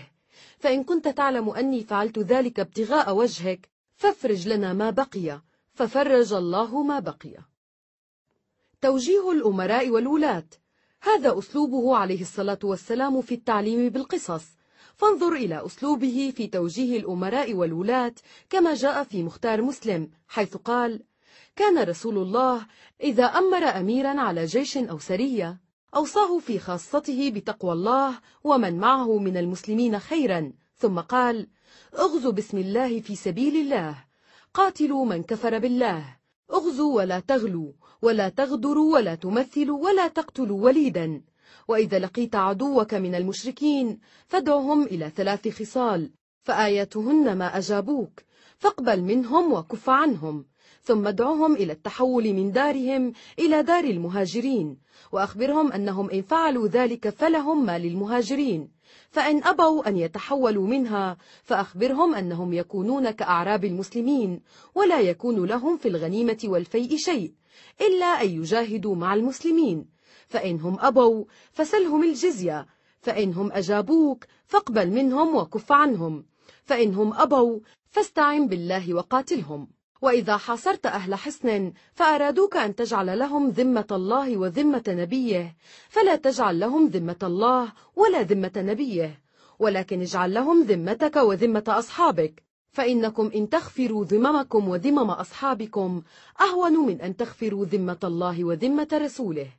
وإذا حاصرت أهل حصن فأرادوك أن تنزلهم على حكم الله فلا تنزلهم على حكم الله ولكن أنزلهم على حكمك فأنت لا تدري أتصيب حكم الله فيهم أم لا وهذا أسلوبه صلى الله عليه وسلم في تعليم الولاة بالأوامر والوصايا فانظر إلى أسلوبه في الرسائل من رسالته إلى النجاشي حيث قال سلم أنت فإني أحمد إليك الله الذي لا إله إلا هو الملك القدوس السلام المؤمن المهيمن وأشهد أن عيسى بن مريم روح الله وكلمته ألقاها إلى مريم البتول الطيبة الحصينة فحملت بعيسى فخلقه الله من روحه ونفخه كما خلق آدم بيده ونفخه وإني أدعوك إلى الله وحده لا شريك له والموالاة على طاعته وأن تتبعني وتؤمن بالذي جاءني فإني رسول الله وقد بعثت إليك ابن عمي جعفرا ونفرا معه من المسلمين فإذا جاءك فأقرهم ودع التجبر فإني أدعوك وجنودك إلى الله فقد بلغت ونصحت فاقبلوا نصحي والسلام على من اتبع الهدى المعاهدات والمواثيق أما أسلوبه في المعاهدات والمواثيق فهذا طرف مما جاء في كتابه عليه الصلاة والسلام بين المهاجرين والأنصار واليهود المهاجرون من قريش على ربعتهم يتعاقلون بينهم وهم يفدون عانيتهم بالمعروف والقسط بين المؤمنين وبنو عوف على ربعتهم يتعاقلون معاقلهم الأول وكل طائفة تفدي عانيها بالقسط بين المؤمنين وبنو جشم على ربعتهم يتعاقلون معاقلهم الأولى وكل طائفة تفدي عانيها بالمعروف والقسط بين المؤمنين وهكذا إلى آخر الكتاب تلك نماذج من كلام النبي صلى الله عليه وسلم في أربعة أبواب مختلفات تتفرق موضوعاتها كما تتفرق القصص والأوامر والرسائل والمواثيق ولكنها كلها موسومة بسمة واحدة لا اختلاف فيها وهي سمة الإبلاغ أو البلاغ المبين وأصدق ما يقال في تعريفها ما قيل في تعريف الخط المستقيم عند أهل الهندسة أقرب موصل بين نقطتين فليس أقرب من هذا الأسلوب في إبلاغ الغرض منه لا تكلف ولا غموض ولا إغراب وقلة الغريب بل ندرته في كلام النبي عليه الصلاة والسلام أجدر الأمور بالملاحظة في إقامة المثل والنماذج لأساليب البلاغة العربية فمحمد العربي القرشي الناشئ في بني سعد العالم بلهجات القبائل حتى ما تفوته لهجة قبيلة نائية في أطراف الجزيرة لم يكن في كلامه كله غريب يجهله السامع أو يحتاج تبيانه إلى مراجعة وسر ذلك أنه يريد أن يبلغ أو يريد أن يصل إلى سامعه ولا يريد أن يقيم بينه وبين السامع حاجزا من اللفظ الغريب أو المعنى الغريب ومن ذلك ما روي عنه عليه الصلاة والسلام أنه كان يعيد الكلمة ثلاثا لتعقل عنه وأنه كان يبغض التكلف والاغترار بالبلاغة كما قال إن الله تعالى يبغض البليغ من الرجال الذي يتخلل بلسانه تخلل الباقرة بلسانها وقد عرف عن النبي صلى الله عليه وسلم في حياته الخاصة والعامة أنه كان قليل الكلام معرضا عن اللغو لا يقول إلا الحق وإن قاله في مزاح ولذلك لا عجب أن يخلو كلامه من الحشو والتكرار والزيادة فإذا كرر اللفظ بعينه كما جاء في بعض المعاهدات فذلك أسلوب المعاهدات الذي لا محيص عنه لأن تكرار النص يمنع التأويل عند اختلافه فهو أيضا سمة من سمات الإبلاغ على سبيل التوكيد والتحقيق أو على سبيل الإعادة التي روي أنه كان يتوخاها عليه الصلاة والسلام أحيانا ليعقل عنه كلامه وفي كتابه إلى النجاشي زيادة من أسماء الله الحسنى ومن الإشارة إلى المسيح وأمه لم تؤثر في الكتب الأخرى ولكنها ألزم ما يلزم في خطاب ملك مسيحي يراد منه أن يفهم كيف تتفق صفات الله والمسيح في دينه وفي دين المسلمين الذي يدعى إليه وكيف يبتغى طريق المقابلة بين العقيدتين إذا شاء ما على الرسول إلا البلاغ وهذا هو البلاغ في التعبير كل كلمة تصل إلى سامعها وكل كلمة مقصودة بمقدار ولا زخرف ولا حيلة ولا مشقة متعمل في ابتغاء التأثير إلا الإبلاغ الذي يليق بالرجولة والكرامة وعلى المعرض بعد ذلك وزر الإعراض سجع كحلية الذهب وكان صلى الله عليه وسلم يكره سجع الكهان الذي يخدعون به السامع ليوهموه أنه يستمع إلى طلاسم السحرة والشياطين ولكنه لم يكن يأبى السجع بتة ولا يخلو كلامه من سجع يأتي على السجية ويغلب أن يكون ذلك فيما يرتل علانية كالآذان وما هو في حكمه أو فيما يحفظ من الوصايا الجامعة كقوله ما بال أقوام يشترطون شروطا ليست في كتاب الله ما كان من شرط ليس في كتاب الله فهو باطل وإن كان مئة شرط قضاء الله حق وشرط الله أوثق وإنما الولاء لمن أعتق أو قوله إن الله حرم عليكم عقوق الأمهات ووأد البنات ومنعا وهات وكره لكم قيل وقال وكثرة السؤال وإضاعة المال ومذهبه في هذه الحلية اللطيفة مذهبه في كل حلية تليق بالرجل فحولة في القول وفحولة في الزينة فسجعه صلى الله عليه وسلم كحلية الذهب التي يليق بالرجل أن يتحلى بها ولا مزيد كتب إليه أبو سفيان كتابا يقول في آخره نريد منك نصف نخل المدينة فإن أجبتنا إلى ذلك وإلا أبشر بخراب الديار وقلع الآثار تجاوبت القبائل من نزار لنصر اللات في البيت الحرام وأقبلت الضراغم من قريش على خيل مسومة ضرام فأجابه بكتاب جاء فيه وصل كتاب أهل الشرك والنفاق والكفر والشقاق وفهمت مقالتكم فوالله ما لكم عندي جواب إلا أطراف الرماح وأشفار الصفاح فارجعوا ويلكم عن عبادة الأصنام وأبشروا بضرب الحسام وبفلق الهام وخراب الديار وقلع الآثار فهذا السجع في هذا المقام أصلح لخطاب الجاهليين لأنهم يعرفون منه معنى التوثيق والتمكين كما يعرفون منه معنى المناجزة والتخويف ومن هنا أقر النبي صلى الله عليه وسلم نص الحلف الذي كان بين جده وخزاعة على ما كان به من سجع وتفخيم يجعلونهما موثقا تعقد به المواثيق وتؤكد به الحرمات وهذا نصه باسمك اللهم هذا حلف عبد المطلب بن هاشم لخزاعة حلفا جامعا غير مفرق الأشياخ على الأشياخ والأصاغر على الأصاغر والشاهد على الغائب قد تعاهدوا وتعاقدوا أوكد عهد وأوثق عقد لا ينقض ولا ينكث ما أشرقت شمس على ثبير وحن بفلات بعير وما أقام الأخشبان واعتمر بمكة إنسان حلف أبد لطول أمد يؤيده طلوع الشمس شدا وظلام الليل مدا وأن عبد المطلب وولده ومن معهم ورجال خزاعة متكافئون متضافرون متعاونون على عبد المطلب النصرة لهم بمن تابعه على طالب وعلى خزاعة النصرة لعبد المطلب وولده ومن معه على جميع العرب في شرق أو غرب أو حزن أو سهل وجعلوا الله على ذلك كفيلا وكفى به جميلا هذه أمثلة السجع الذي فاه به الرسول أو أقره من كلام غيره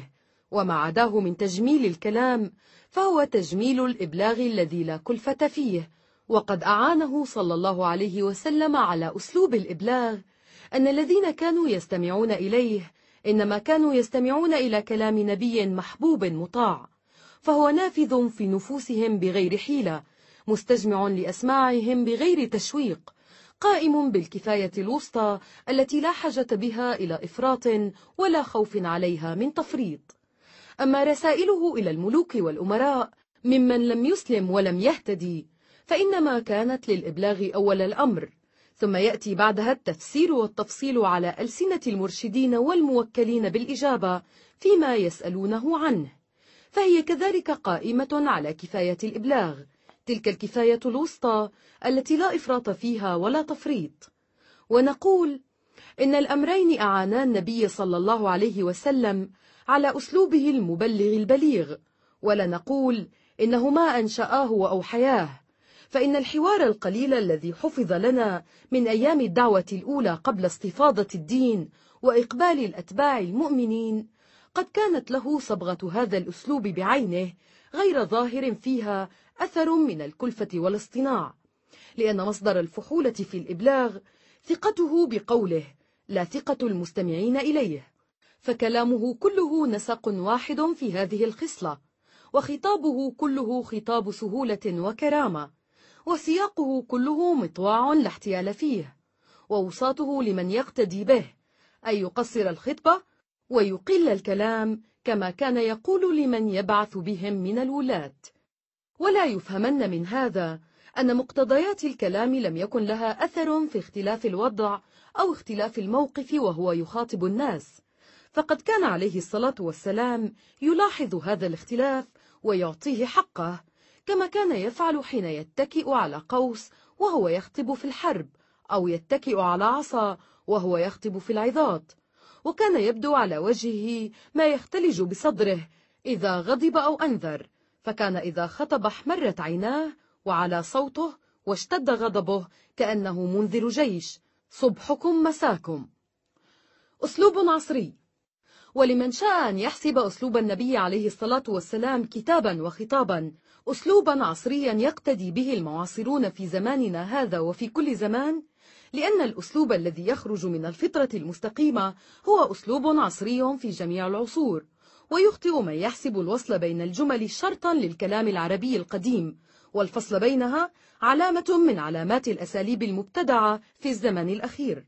ويخطئ كذلك من يحسب قبول الكلام لإشارات الترقيم علامة أخرى من علامات هذه الأساليب فإليك الحديث الذي نقلناه آنفا وهو مثل من أمثلة كثار حيث يقول عليه الصلاة والسلام ما بال أقوام يشترطون شروطا ليست في كتاب الله ما كان من شرط ليس في كتاب الله فهو باطل وإن كان مئة شرط قضاء الله حق وشرط الله أوثق وإنما الولاء لمن أعتق هذا الحديث رضي البلاغة العربية في وصله وفصله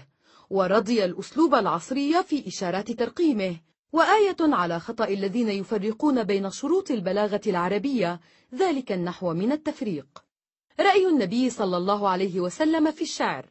وقد نقلت إلينا تعقيبات معدودة عن رأي النبي صلى الله عليه وسلم في الشعر والشعراء لا تدخل في النقد الفني وتدخل في كلام الأنبياء الذين يقيسون الكلام بقياس الخير والصلاح والمطابقة لشعائر الدين وسنن الصدق والفضيلة ومنها قوله أصدق كلمة قالها الشاعر كلمة لبيد ألا كل شيء ما خلا الله باطل وقوله عن امرئ القيس أنه صاحب لواء الشعراء إلى النار وأنه كان يتمثل بشطرات من أبيات يبدل وزنها كلما أمكن تبديله مع بقاء المعنى المقصود فكان يقول مثلا ويأتيك بالأخبار من لم تزودي لأنها لا تقبل التبديل مع بقاء المعنى ولكنه إذا نطق بقول سحيم عبد بن الحسحاس كفى الشيب والإسلام للمرء ناهية قدم كلمة الإسلام فقال كفى الإسلام والشيب للمرء ناهية لينفي ما استطاع أنه شاعر ينظم القصيد وأن سور القرآن قصائد مرتلات كما زعم المشركون وقد استحسن ما قيل من الشعر في النضح عن الإسلام والذود عنه وعن إلهه فكانت آراؤه هذه وشبيهاتها آراء الأنبياء فيما يحمدون من الكلام لأنهم قد بعثوا لتعليم الناس دروس الخير والصلاح ولم يبعثوا ليلقنوهم دروسهم في قواعد النقد والإنشاء جوامع الكلم ألا إن الإبلاغ أقوى الإبلاغ في كلام النبي عليه الصلاة والسلام هو اجتماع المعاني الكبار في الكلمات القصار بل اجتماع العلوم الوافية في بضع كلمات وقد يبسطها الشارحون في مجلدات ومن أمثلة ذلك علم السلوك في الدنيا والدين وقد جمعه كله في أقل من سطرين قصيرين من قوله احرث لدنياك كأنك تعيش أبدا واعمل لآخرتك كأنك تموت غدا ومن أمثلته علم السياسة الذي اجتمع كله في قوله كيفما تكونوا يولى عليكم فأي قاعدة من القواعد الأصيلة في سياسة الأمم لا تنطوي بين هذه الكلمات ينطوي فيها أن الأمم مسؤولة عن حكوماتها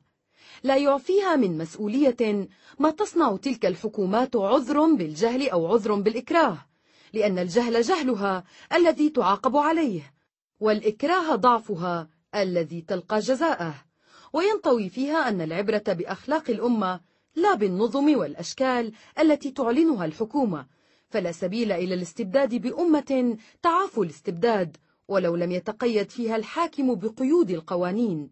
ولا سبيل إلى حرية أمة تجهل الحرية ولو تقيد فيها الحاكم بألف قيد من النظم والأشكال وينطوي فيها أن الولاية تتبع تابع وليست بأصل أصيل فلا يغير الله ما بقوم حتى يغيروا ما بأنفسهم وأحرى ألا يغير الوالي قوما حتى يغيروا هم قبل ذلك وينطوي فيها أن الأمة مصدر السلطات على حد تعبير الحديث وينطوي فيها أن الأمة تستحق الحكم الذي تصبر عليه ولو لم يكن حكم صلاح واستقلال وذلك هو الإبلاغ الذي ينفذ في وجهاته كل نفاذ ويلحق بهذا في العلم بالتبعات قوله عليه الصلاة والسلام أشد الناس بلاء الأنبياء ثم الصالحون ثم الأمثل فالأمثل فالمزايا الإنسانية واجبات وأعباء وليست بالمتع والأزياء وعلم الإنسان بالخير والشر يفرض عليه الفرائض التي يبتلى بها ولا يهنئه بالراحة التي يصبو إليها وهو محسوب عليه وكذلك ذكاؤه محسوب عليه وأمثال هذه الأحاديث في أصول السياسة والأخلاق والاجتماع مما لا يتناوله الإحصاء في هذا المقام كان محمد فصيح اللغة فصيح اللسان فصيح الأداء وكان بليغا مبلغا على أسلس ما تكون بلاغة الكرامة والكفاية وكان بلسانه وفؤاده من المرسلين بل كان قدوة المرسلين محمد الصديق عطوف ودود إذا كان الرجل محبا للناس أهلا لحبهم إياه فقد تمت له أداة الصداقة من طرفيها وإنما تتم له أداة الصداقة بمقدار ما رزق من سعة العاطفة الإنسانية ومن سلامة الذوق ومتانة الخلق وطبيعة الوفاء فلا يكفي أن يحب الناس ليحبوه لأنه قد يحبهم وفي ذوقه نقص ينفرهم منه ويزهدهم في حبه ولا يكفي أن يكون محبا سليم الذوق ليبلغ من الصداقة مبلغها فقد يكون محبا محبوبا حسن الذوق ثم يكون نصيبه من الخلق المتين والطبع الوفي نزرا ضعيفا لا تدوم عليه صداقة ولا تستقر عليه علاقة إنما تتم أداة الصداقة بالعاطفة الحية والذوق السليم والخلق المتين وقد كان محمد في هذه الخصال جميعا مثلا عاليا بين صفوة خلق الله كان عطوفا يرأم من حوله ويودهم ويدوم لهم على المودة طوال حياته وإن تفاوتت ما بينه وبينهم من سن وعرق ومقام كان صبيا في الثانية عشر يوم سافر عمه فتعلق به حتى أشفق العم أن يتركه وحده فاصطحبه في سفره وكان شيخا قارب الستين يوم بكى على قبر أمه بكاء من لا ينسى وليس في سجل المودة الإنسانية أجمل ولا أكرم من حنانه على مرضعته حليمة ومن حفاوته بها وقد جاوز الأربعين فيلقاها هاتفا بها أمي أمي ويفرش لها رداءه ويمس ثديها بيده كأنه يذكر ما لذلك الثدي عليه من جميل ويعطيها من الإبل والشاة ما يغنيها في السنة الجدباء وقد وفدت عليه هوازن وهي مهزومة في وقعة حنين وفيها عم له من الرضاعة لأجل هذا العم من الرضاعة تشفع النبي صلى الله عليه وسلم إلى المسلمين أن يردوا السبي من نساء وأبناء واشترى السبي ممن أبوا رده إلا بمال وحضنته في طفولته جارية عجماء فلم ينس لها مودتها بقية حياته وشغله أن تنعم بالحياة الزوجية ما يشغل الأب من أمر بناته ورحمه فقال لأصحابه من سره أن يتزوج امرأة من أهل الجنة فليتزوج أم أيمن وما زال يناديها يا أمة كلما رآها وتحدث إليها وربما رآها في وقعة قتال تدعو الله وهي لا تدري كيف تدعو بلكنتها الأعجمية فلا تنسيه الوقعة الحازبة أن يصغي إليها ويعطف عليها وكان هذا عطفه على كل ضعيف ولو لم يذكره بحنان الطفولة ورحم الرضاع فما نهر خادما ولا ضرب أحدا وقال أنس خدمت النبي صلى الله عليه وسلم عشر سنين فما قال لي أفا قط ولا قال لشيء صنعته لما صنعته ولا لشيء تركته لما تركته وكان من أضحك الناس وأطيبهم نفسا صافي القلب إذا كره شيئا رؤي ذلك في وجهه وإذا رضي عرف من حوله رضاه وقد اتسع عطفه حتى بسطه للأحياء كافة ولم يقصره على ذوي الرحم من الناس ولا على الناس من غير ذوي الرحم فكان يميل الإناء للهرة لتشرب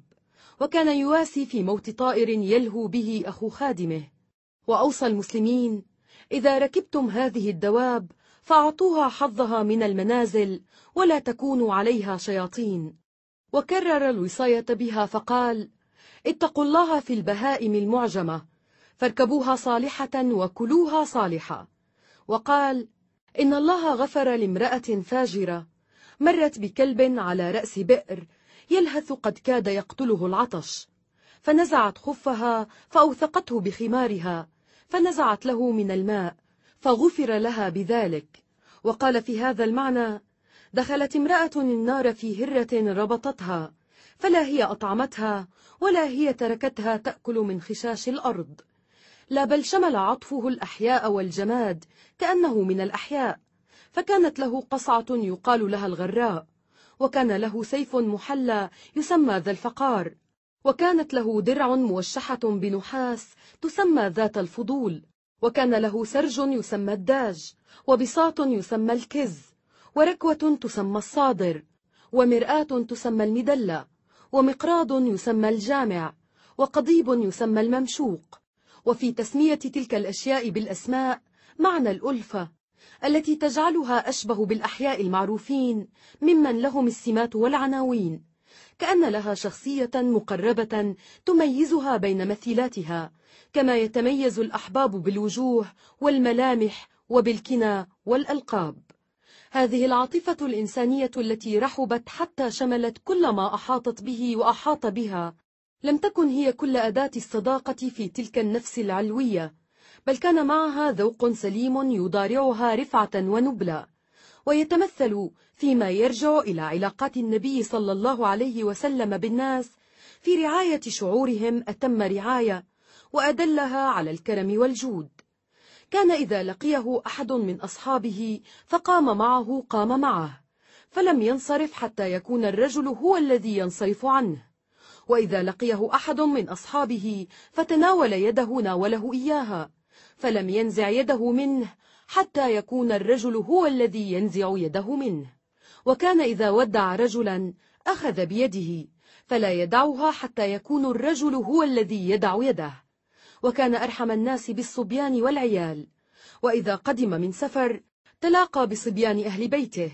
وكان أشد حياء من العذراء في خدرها وأصبر الناس على أقدار الناس يحفظ مغيبهم كما يحفظ محضرهم ويقول لصحبه من اطلع في كتاب أخيه بغير أمره فكأنما اطلع في النار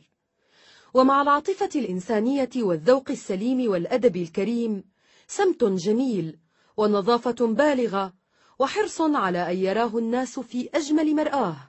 ومع هذا كله أمانة يثق بها العدو فما بال الصديق وحسبك من ثقة الناس به ما أودعوه من أمانات وهم يناصبونه العداء فلم يخرج للهجرة وهو مهدد في سربه حتى رد الأمانات إلى أصحابها وقد يكون في ردها ما ينبههم إلى خروجه ويأخذ عليه سبيل النجاة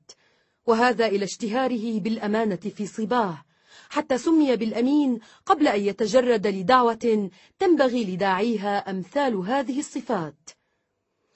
كل هذه المزايا النفسية بل بعض هذه المزايا النفسية خليق أن يتم لصاحبه أداة الصداقة أوفى تمام وأن يجعله محببا لمن حوله جديرا منهم بأحسن حب وولاء فلم يعرف في تاريخ العظمة لا بين الأنبياء ولا غير الأنبياء إنسان ظفر بنخبة من الصداقات على اختلاف الأقدار والبيئات والأمزجة والأجناس كالتي ظفر بها محمد ولم يعرف عن إنسان أنه أحيط من قلوب الضعفاء والأقوياء بما يشبه الحب الذي أحيط به هذا القلب الكبير تقدم في بعض فصول هذا الكتاب حديث زيد بن حارثة الذي خطف من أهله وهو صغير ثم اهتدى إليه أبوه واهتدى هو إلى أبيه على لهفة الشوق بعد يأس طويل فلما وجب أن يختار بين الرجعة إلى آله وبين البقاء مع سيده محمد اختار البقاء مع السيد على الرجعة مع الوالد وشق عليه أن يحتجب عن ذلك القلب الذي غمره بحبه ومواساته وهو ضعيف شريد لا يرى ذويه ولا يدري من هم ذووه وكان لا يغني من لازموه أي يلزموه في الحياة حتى يثقوا من ملازمتهم إياه بعد الممات فضعف مولاه ثوبان ونحل جسمه وألح عليه الحزن في ليله ونهاره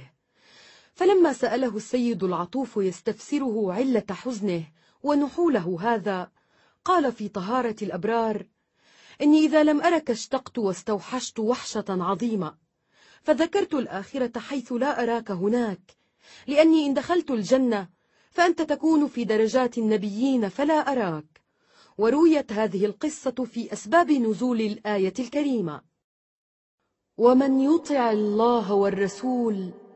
فأولئك مع الذين أنعم الله عليهم من النبيين والصديقين والشهداء والصالحين وحسن أولئك رفيقاً وأدرك الموت بلالا فأحاط به أهله يصيحون وأكرباه وهو يجيبهم وأطرباه غدا ألقى الأحبة محمدا وصحبه وقد عانينا مما تقدم بحب الصداقة بين الإنسان والإنسان لأننا لم نقصد حب المؤمن لنبيه في هذا الباب فقد بلغ من امتلاء قلوب المسلمين والمسلمات بهذا الحب أن المرأة كانت تسمع أنباء المعركة فينعى إليها خاصة أهلها وهي تسترجع وتعرض عن هذا لتسأل عن النبي عليه الصلاة والسلام وتهتم بسلامته قبل اهتمامها بسلامة الأخوة وبني الأعمام إلا أننا عانينا محبة الصداقة في هذا الباب لأنها هي المحبة التي جعلت كثيرا من الناس يؤمنون بمحمد واطمئنانهم إليه فكانت سابقة في قلوبهم وأرواحهم لحب العقيدة والإيمان عظمة العظمات إذا عطف العظيم على الصغير حتى يستحق منه هذا الحب لفضيلة يشرف بها مقام العظيم في نظر بني الإنسان ولكن قد يقال إن استحقاق العظيم أن يحبه العظماء لأشرف من ذلك رتبة وأدل على حظه الجليل من فضائل التفوق والرجحان وهذا صحيح لا ريب فيه وهنا أيضا قد تمت لمحمد معجزته التي لم يضارعه فيها أحد من ذوي الصداقات النادرة فأحدقت به نخبة من ذوي الأقدار تجمع بين عظمة الحسب وعظمة الثروة وعظمة الرأي وعظمة الهمة وكل منهم ذو شأن في عظمته تقوم عليها دولة وتنهض به أمة كما أثبت التاريخ من سير أبي بكر وعمر وخالد وأسامة وابن العاص والزبير وطلحة وسائر الصحابة الأولين وربما عظم الرجل في مزية من المزايا فأحاط به الأصدقاء والمريدون من النابغين في تلك المزية كما أحاط الحكماء بسقراط كما أحاط القادة بنابليون بل ربما أحاط الصالحون بالنبي عليه الصلاة والسلام العظيم كما أحاط الحواريون بالمسيح عليه السلام وكلهم من معدن واحد وبيئة متقاربة أما عظمة العظمات فهي تلك التي تجذب إليها الأصحاب النابغين من كل معدن وكل طراز وهي التي يتقابل في حبها رجال بينهم من التفاوت مثل ما بين أبي بكر وعلي وبين عمر وعثمان وبين خالد ومعاذ وبين أسامة وابن العاص كلهم عظيم وكلهم مع ذلك مخالف في وصف العظمة لسواه تلك هي العظمة التي اتسعت آفاقها وتعددت نواحيها حتى أصبحت فيها ناحية مقابلة لكل خلق وأصبح فيها قطب جاذب لكل معدن وأصبحت تجمع إليها البأس والحلم والحيلة والصراحة والألمعية والاجتهاد وحنكة السن وحمية الشباب تلك هي بلا ريب عظمة العظمات ومعجزة الإعجاز في باب الصداقات وما استحقها محمد إلا بنفس غنيت بالحب وخلصت له حتى أعطت كل محب لها كفاء ما يعطيها مودة بمودة وصفاء بصفاء وعليها المزيد من فضل التفاوت في الأقدار ولقد كان صاحب الفضل على أصفيائه جميعا بما هداهم إليه من نور العقل ونور البصيرة وهما أشرف من نور البصر لأنه نعمة يشترك فيها الإنسان والعجماوات ونور العقل ونور البصيرة نعمتان يختص بهما الإنسان ومع هذا كان يذكر فضلهم ويشيد بذكرهم كما قال عن أبي بكر ما أحد أعظم عندي يدا من أبي بكر وساني بنفسه ومالي وأنكحني ابنته وكما قال عن أبي بكر وعمر أبو بكر وعمر مني بمنزلة السمع والبصر وكما قال عن علي علي أخي في الدنيا والآخرة وكما قال عن بعض أصحابه إن الله تعالى أمرني بحب أربعة وأخبرني أن يحبهم علي منهم وأبو ذر والمقداد وسلمان وكما قال عن الأنصار جميعا وهو في مرض الموت استوصوا بالأنصار خيرا إنهم سر الذي آويت إليهم فأحسنوا إلى محسنهم وتجاوزوا عن مسيئهم وغير ذلك كثير عن الصحابة كافة وعن بعضهم مذكورين بأسمائهم على أننا نلمس دلائل هذا الفؤاد الرحب وهذا العطف الإنساني الشامل في معاملته لأعدائه وشانئيه فضلا عن معاملته للأصفياء ومن ليس بينهم وبينه عداء ولا صفاء فما ثأر من أحد أساء إليه في شخصه وقد عفى عن رجل هم بقتله وهو نائم ورفع السيف ليهوي به فسقط من يده على كره منه وما حارب قط أحدا كان في وسعه أن يسالمه ويحاسنه ويتقي شره ومعاملته لعبد الله بن أبي الذي كان المسلمون يسمونه رأس النفاق مثل من أمثلة الإغضاء والصفح الجميل فقد عاهد وغدر ثم عاهد وغدر وعاش ما عاش يكيد للنبي في سره ويمالئ عليه أعداءه وشاع أن النبي عليه الصلاة والسلام قضى بقتله فتقدم ابنه وقال له يا رسول الله إنه بلغني أنك تريد قتل عبد الله بن أبي فما بلغك عنه فإن كنت فاعلا فمرني به فأنا أحمل إليك رأسه فوالله لقد علمت الخزرج ما كان بها من رجل أبر بوالده مني وإني لأخشى أن تأمر به غيري فيقتله فلا تدعني نفسي أنظر إلى قاتل أبي يمشي في الناس فأقتله فأقتل رجلا مؤمنا بكافر فأدخل النار فأبى النبي صلى الله عليه وسلم أن يقتله وآثر الرفق به وزاد في إفضاله وإجماله فكافأ الولد خير مكافأة على خلوص نيته وإيثاره البر بدينه على البر بأبيه فأعطاه قميصه الطاهر يكفن به أباه وصلى عليه ميتا ووقف على قبره حتى فرغ من دفنه وقد حاول عمر أن يثنيه عن الصلاة على ذلك العدو الذي آذاه جهد الإيذاء فذكر الآية استغفر لهم أو لا تستغفر لهم إن تستغفر لهم سبعين مرة فلن يغفر الله لهم فقال لو أعلم أني إن زدت على السبعين غفر له زدت هذه النفس المطبوعة على الصداقة والرحمة والسماحة ما أعجب اتهامها بالقسوة على ألسنة بعض المؤرخين الأوروبيين وما أعجب اتهامها بالقسوة لأنها دانت أناسا بالموت كما يدين القاضي مجرما بذنبه وهو من أرحم الرحماء ما أعجبهم إذ يذكرون العقوبة وينسون الذنب الذي استوجب العقوبة كما يستوجب السبب النتيجة وأي ذنب ذنب لو قوبل به غير محمد لأراق فيها أنهارا من الدماء وله حجة من سلطان الدنيا والآخرة فلا نذكر استهزاء المشركين به وأعناتهم إياه وإلقاءهم عليه القذارة والحجارة وأتمارهم بحياته وحياة أصحابه وإخراجهم المسلمين من ديارهم إلى أقصى الديار ولا نذكر العناد والإغاظة والاستثارة لغير جريرة إلا أنهم دعوا إلى عبادة الله والتحلي بمكارم الأخلاق وترك عبادة الأصنام وترك الرذيلة لا نذكر شيئا من هذا فهو أطول من أن يحصيه هذا الكتاب ولأننا نذكر حادثا واحدا تجمع فيه من اللؤم ما تفرق في كثير غيره وذلك حادث الرسل الأربعين وقيل السبعين الذين قتلوا في بئر معونة ولا ذنب لهم إلا أنهم ذهبوا تلبية لدعوة الداعين ليعلموا من ينشد علم القرآن والدين غير مغصوب عليه فماذا كانت دول الحضارة صانعة بالقاتلين الغادرين لو كان هؤلاء الأربعون أو السبعون مبشرين بالدين المسيحي قتلوا في قبيلة من الهمج الذين يأكلون الآدميين ومن حقهم أن يعذروا كما تعذر الوحوش إن بقي من أبناء القبيلة من يروي أنباء المقتلة فقد يقال إن القوم لرحماء في العقاب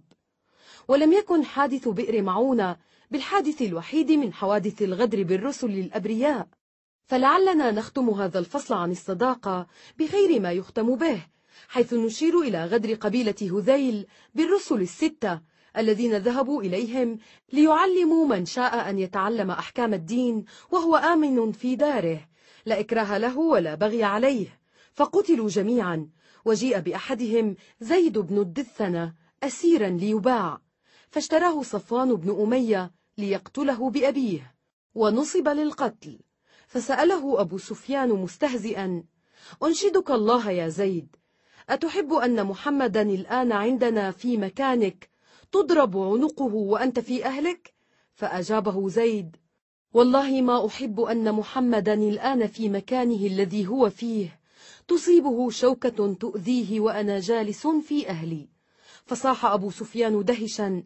ما رأيت من الناس أحدا يحبه أصحابه ما يحب أصحاب محمد محمدا من فعلة كهذه نعلم مدى ما استحقه محمد من حب الأصدقاء ومدى ما استحقه أعداؤه من جزاء فقد أحب أصدقاءه وأحبوه لأنه طبع على الصداقة أما أعداؤه فقد لقوا جزاءهم لأنهم هم من طبعوا على العداء والاعتداء محمد الرئيس الرئيس الصديق من الحسن أن نكتب عن محمد الرئيس بعد كتابتنا عن محمد الصديق لأنه هو قد جعل للرئاسة معنى الصداقة المختارة فمحمد الرئيس هو الصديق الأكبر لمرؤوسيه مع استطاعته أن يعتز بكل ذريعة من ذرائع السلطان فهناك الحكم بسلطان الدنيا وهناك الحكم بسلطان الآخرة وهناك الحكم بسلطان الكفاءة والمهابة وكل أولئك كان لمحمد الحق الأول فيه كان له من سلطان الدنيا كل ما للأمير المطلق اليدين في رعاياه وكان له من سلطان الآخرة كل ما للنبي الذي يعلم من الغيب ما ليس يعلم المحكومون وكان له من سلطان الكفاءة والمهابة ما يعترف به بين أتباعه أكفأ كفء وأوقر مهيب ولكنه لم يشأ إلا أن يكون الرئيس الأكبر بسلطان الصديق الأكبر بسلطان الحب والرضا والاختيار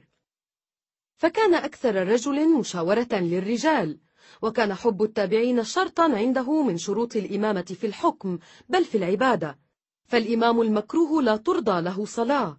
وكان يدين نفسه بما يدين به أصغر أتباعه فروي أنه كان في سفر وأمر أصحابه بإصلاح شاة فقال رجل يا رسول الله علي ذبحها وقال آخر علي سلخها وقال آخر علي طبخها فقال عليه الصلاة والسلام وعلي جمع الحطب فقالوا يا رسول الله نكفيك العمل قال علمت أنكم تكفونني ولكنني أكره أن أتميز عليكم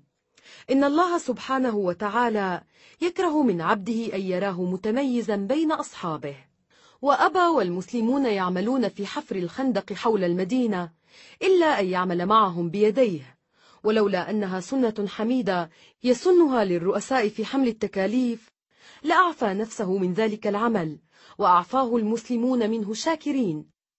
وجعل قضاء حوائج الناس أمانا من عذاب الله أو كما قال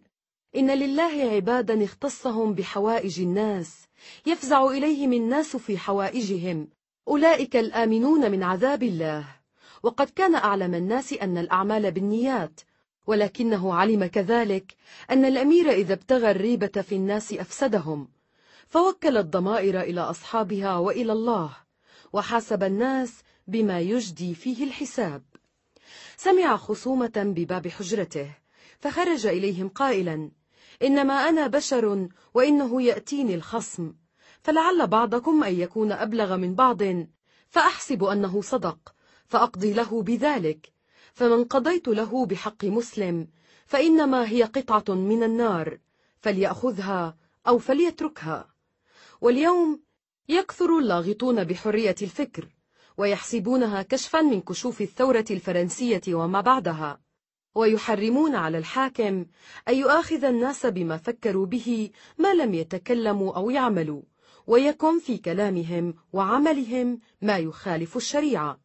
فهذا الذي يحسبونه كشفا من كشوف العصر الأخير قد جرى عليه حكم النبي عليه الصلاة والسلام قبل أربعة عشر قرنا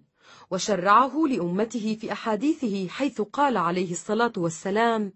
إن الله تجاوز لأمتي عما حدثت به نفسها ما لم تتكلم به أو تعمل به وزعموا كذلك أن تقديم الرحمة على العدل في تطبيق الشريعة دعوة من دعوات المصلحين المحدثين لم يسبقوا إليها وهي دعوة النبي العربي صلى الله عليه وسلم التي كررها ولم يدع قط إلى غيرها فقال إن الله تعالى لما خلق الخلق كتب بيده على نفسه أن رحمتي تغلب غضبي وقال إن الله تعالى رفيق يحب الرفق ويعطي عليه ما لا يعطي على العنف وقال إن الله تعالى لم يبعثني معنتا ولا متعنتا ولكن بعثني معلما ميسرا وروى عنه صاحب من أصحابه أنه ما خير بين حكمين إلا اختار أيسرهما ما لم يكن فيه خرق للدين وكان يوصي بالضعفاء ويقول لصحبه أبغوني الضعفاء فإنما ترزقون وتنصرون بضعفائكم ويذم الترفع على الخدم والفقراء فما استكبر من أكل مع خادمه وركب الحمار بالأسواق واعتقل الشاة فحلبها لكنه مع الرحمة بالصغير لا ينسى حق الكبير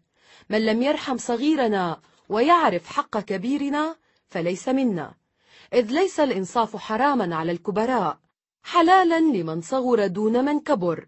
فلكل حق ولكل إنصاف وإنزال الناس منازلهم كما أمر قومه وهو خير شعار تستقيم عليه الحكومة وتنعكس أمور الأمم بانعكاسه وكان النبي صلى الله عليه وسلم الرئيس يعلم أن الرئاسة لجميع المرؤوسين وليست للموافقين منهم دون المخالفين فيأمر قومه أن اتقوا دعوة المظلوم وإن كان كافرا فإنها ليس دونها حجاب وإذا قال هذا رئيس ونبي فإنها لأولى السنن أن يتبعها الرؤساء كافة لأنهم لم يبعثوا لنشر الدين ومحو الكفر كما بعث الأنبياء لقد كانت سنة الرئاسة عند محمد هي سنة الصداقة فلو استغنى حكم عن الشريعة لاستغنى عنها حكم هذا الرئيس الذي جاء بالشريعة لجميع متبعيه الزوج حق المرأة الكلام عن زوج يستدعي الكلام عن مكانة امرأة عند رجل وعن مكانة النساء عامة عند الرجال عامة وإنما تعرف مكانة المرأة التي وصلت إليها بفضل محمد ودينه متى عرفت مكانة المرأة التي استقرت عليها في الجاهلية ومكانة المرأة التي استقرت عليها في عصره وبعد عصره وبين أمم أخرى غير الأمة العربية وقياسان اثنان كافيان لبيان الفارق البعيد بين ما كانت عليه المرأة في الجاهلية وما صارت إليه بعد رسالة محمد كانت متاعا يورث ويقسم تقسيم السوائم بين الوارثين فأصبحت بفضل الإسلام ونبيه صاحبة حق مشروع ترث وتورث ولا يمنعها الزواج أن تتصرف بمالها وهي في عصمته كما تشاء وكانت وصمة تدفن في مهدها فرارا من عار وجودها أو عبئا تدفن في مهدها فرارا من نفقة طعامها فأصبحت إنسانا مرعي الحياة ينال العقاب من ينالها بمكروه ولم تكن في البلاد الأخرى بأسعد حظا منها في البلاد العربية فلا نذكر شرائع الرومان واستعبادها النساء ولا نذكر المتنطسين في صدر المسيحية وتسجيلهم عليها النجاسة وتجريدهم إياها من الروح وكفى أن نذكر عصر الفروسية الذي قيل فيه إنه عصر المرأة الذهبي بين الأمم الأوروبية وإن الفرسان كانوا يفدون النساء بالدم والمال فهذا العصر كان كما قال الدارسون له عصر الحصان قبل أن يكون عصر المرأة أو عصر السيدة المفداة وقد أجمله جون لانجدون دافيز صاحب التاريخ الموجز للنساء فقال إن عصر الفروسية كان معروفا بما لوحظ فيه من فقدان الشبان على الجملة الاهتمام بالجنس الآخر ولعلنا نقلل من الدهشة لذلك لو أننا وعينا كلمة الفروسية وذكرنا أنها لم تكن ذات شأن بالسيدات كما كانت ذات شأن بالخيل على خلاف ما يروق الكثيرين أن يذكروه فقلما بلغ الاهتمام بالمرأة مبلغ الاهتمام بالحصان في عصر الفروسية إلا على اعتبار أنها عنوان ضيعة إلى القارئ محادثة من كتاب أغاني الآداب والتحيات يروى فيها أن ابنة أوسيس جلست في نافذتها ذات يوم فعبر بها فتيان هم جاران وجيربرت وقال أحدهما انظر انظر يا جيربرت وحق العذراء ما أجملها من فتاة دون أن يلتفت بوجهه وعاد صاحبه يقول مرة أخرى ما أحسبني رأيت قط فتاة بهذه الملاحة ما أجمل هاتين العينين السوداوين وانطلقا وجيربرت يقول ما أحسب أن جوادا قط يماثل هذا الجواد وهي حادثة صغيرة ولكنها واضحة الدلالة إذ قلة الاهتمام تورث الازدراء والحق أن عصر الفروسية يرينا بعض الشواهد الواضحة على هذا الازدراء وإليك مثلا حادثة في الكتاب المتقدم يروى فيها أن الملكة بلانش فلاور ذهبت إلى قرينها الملك بيبن تسأله معونة أهل اللورين فأصغى إليها الملك ثم استشاط غضبا ولطمها على أنفها بجمع يده فسقطت منه أربع قطرات من الدم وصاحت تقول شكرا لك إن أرضاك هذا فاعطني من يدك لطمة أخرى حين تشاء ولم تكن هذه حادثة مفردة لأن الكلمات على هذا النحو كثيرا ما تتكرر كأنها صيغة محفوظة وكأنما كانت اللطمة بقبضة اليد جزاء كل امرأة جسرت في عهد الفروسية على أن تواجه زوجها بمشورة ومتى كانت المرأة تزف إلى زوجها عفو الساعة وكثيرا ما تزف إلى رجل لم تره قبل ذاك إما لتسهيل المحالفات الحربية والمدد العسكرية أو لتسهيل صفقة من صفقات الضياع ومتى كانت بعد زفافها إلى فارس مجنون بالحرب معطل الذكاء قد يكون في معظم الأحوال من الأميين عرضة للضرب كلما واجهته بمخالفة أترى سيدة القصر إذا واجدة لها رحمة أو ملاذا من حياة الشقاء أو من صحبة قرين ليس لها بأهل ولقد تقدم الزمن في الغرب من العصور المظلمة إلى عصور الفروسية إلى ما بعدها من طلائع العصر الحديث ولما تبرح المرأة في منزلة وضيعة لا تفضل ما كانت عليه في الجاهلية العربية وقد تفضلها منزلة المرأة في تلك الجاهلية ففي سنة 1790 بيعت امرأة في أسواق إنجلترا بشلنين لأنها أثقلت بتكاليف معيشتها على الكنيسة التي كانت تؤويها وبقيت المرأة إلى سنة 1882 محرومة حقها الكامل في ملك العقار وحرية المقاضاة وكان تعلم المرأة سبة تشمئز منها النساء قبل الرجال فلما كانت إليسابات بلاكويل تتعلم في جامعة جنيف سنة 1849 وهي أول طبيبة في العالم كان النسوة المقيمات معها يقاطعنها ويأبين أن يكلمنها ويزوين ذيولهن من طريقها احتقارا لها كأنهن متحرزات من نجاسة يتقين مساسها ولما اجتهد بعضهم في إقامة معهد يعلم النساء الطب بمدينة فيلادلفيا الأمريكية أعلنت الجماعة الطبية بالمدينة أنها تصادر كل طبيب يقبل التعليم بذلك المعهد وتصادر كل من يستشير أولئك الأطباء وهكذا تقدم الغرب إلى أوائل عصرنا الحديث ولم تتقدم المرأة فيه تقدما يرفعها من مراغات الاستعباد التي استقرت فيها من قبل الجاهلية العربية فماذا صنع محمد وماذا صنعت رسالة محمد حكم واحد من أحكام القرآن الكريم أعطى المرأة من الحقوق كفاء ما فرض عليها ولهن مثل الذي عليهن بالمعروف وحكم آخر من أحكامه العالية أمر المسلم بإحسان معاشرتها ولو مكروهة غير ذات حظوة عند زوجها وعاشروهن بالمعروف فإن كرهتموهن فعسى أن تكرهوا شيئا ويجعل الله فيه خيرا كثيرا وأباح لها الدين في الجهاد أن تكسب كما يكسب الرجال للرجال نصيب مما اكتسبوا وللنساء نصيب مما اكتسبن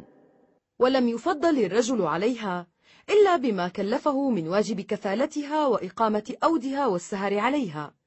أما محمد فقد جعل خيار المسلمين خيارهم لنسائهم أكمل المؤمنين إيمانا أحسنهم خلقا وخياركم خياركم لنسائهم وأمر بمداراة ضعفها ونقصها لأن المرأة خلقت من ضلع لن تستقيم لك على طريقه فإن استمتعت بها استمتعت بها وبها عوج وإن ذهبت تقيمها كسرتها وكسرها طلاقها وأوجب على الرجل أن يتجمل لامرأته ويبدو لها في المنظر الذي يروقها فقال عليه الصلاة والسلام مما قال في هذا المعنى وهو كثير اغسلوا ثيابكم وخذوا من شعوركم واستاكوا وتزينوا وتنظفوا فإن بني إسرائيل لم يكونوا يفعلون ذلك فزنت نساؤهم وأوجب على الرجل إذا خطب امرأة أن يظهرها على عيبه إن كان به عيب مستور إذا خطب أحدكم المرأة وهو يخضب بالسواد فليعلمها أنه يخضب وبلغ من رعايته شعورها ومداراة خجلها الذي فطرت عليه أنه أوجب الرجل أن يمتعها كما تمتعه لأنها تطلب لنفسها ما يطلبه الرجل منها فإذا جامع أحدكم أهله فليصدقها فإذا قضى حاجته قبل أن تقضي حاجتها فلا يعجلها حتى تقضي حاجتها وكان تأديبه المسلمين في هذه الصلة غاية في الكياسة والترفق فقال مما قال في هذا المعنى إذا دخلت ليلا فلا تدخل على أهلك حتى تستحد المغيبة وتمشط الشعثة الكيس الكيس معاملته لزوجاته وإنما نلخص ما أوجبه النبي عليه الصلاة والسلام على المسلمين عامة في معاملاتهم لزوجاتهم وهو دون ما أوجبه على نفسه في معاملة زوجاته بكثير فكان يشفق أن يرينه غير باسم في وجوههم ويزورهن جميعا في الصباح والمساء وإذا خلا بهن كان ألين الناس ضحاكا بساما كما قالت عائشة رضي الله عنها ولم يجعل من هيبة النبوة سدا رادعا بينه وبين نسائه بل أنساهن برفقه وإناسه أنهن يخاطبن رسول الله في بعض الأحايين فكانت منهن من تقول له أمام أبيها تكلم ولا تقل إلا حقا ومن تراجعه أو تغاضبه سحابة نهارها ومن تبلغ في الاجتراء عليه ما يسمع به رجل كعمر بن الخطاب في شدته فيعجب لهم ويهم بأن يبطش بابنته حفصة لأنها تجترئ كما يجترئ الزوجات الأخريات وإذا رأى النبي صلى الله عليه وسلم غضبا كهذا من جرأة كتلك كف من غضب الأب وقال له ما لهذا دعوناك وقد كان يتولى خدمة البيت معهن أو كما قال خدمتك لزوجتك صدقة وكان يستغفر الله فيما لا يملك من التسوية بين إحداهن وسائرهن وهو ميل قلبه اللهم هذا قسمي فيما أملك فلا تلمني فيما لا أملك ولما أقعده مرض الوفاة أن يزورهن كل يوم كما عودهن بعث إليهن فتلطف في سؤالهن أين أنا غدا؟ أين أنا غدا؟ ليقلن عند عائشة ويأذن له في الإقامة ببيتها ولو أنه أحل لنفسه أن يقيم حيث أقام وهو مريض لما كان في ذلك من حرج والمعاملة الطيبة في الزمن الطويل خلق نادر بين الناس ولكنه في حالة الرضا خلق لا يشق فهمه على كثيرين إلا أن الخلق الذي يشق فهمه على الأكثرين هو طيب المعاملة عندما تتعرض الحياة الزوجية لأخطر ما يمسها من خطر وهو المساس بالوفاء في هذه الخصلة تتسامى الحضارة الحديثة ما تتسامى فلا نخالها تحلم بمعاملة أطيب ولا أكرم من المعاملة التي عرفت عن النبي صلى الله عليه وسلم في قصة عائشة بنت الصديق وهي أحظى نسائه لديه ونلخصها مما روته بلسانها إذ تقول رضي الله عنها كان رسول الله إذا أراد أن يخرج لسفر أقرع بين نسائه فأيها خرج سهمها خرج بها رسول الله معه وأقرع بيننا في غزوة غزاها فخرج فيها سهمي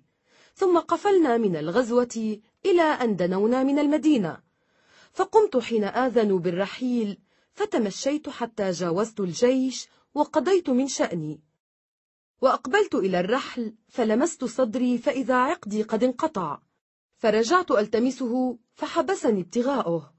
وأقبل إلي الرهط الذين كانوا يرحلون لي فحملوا هودجي وهم يحسبون أني فيه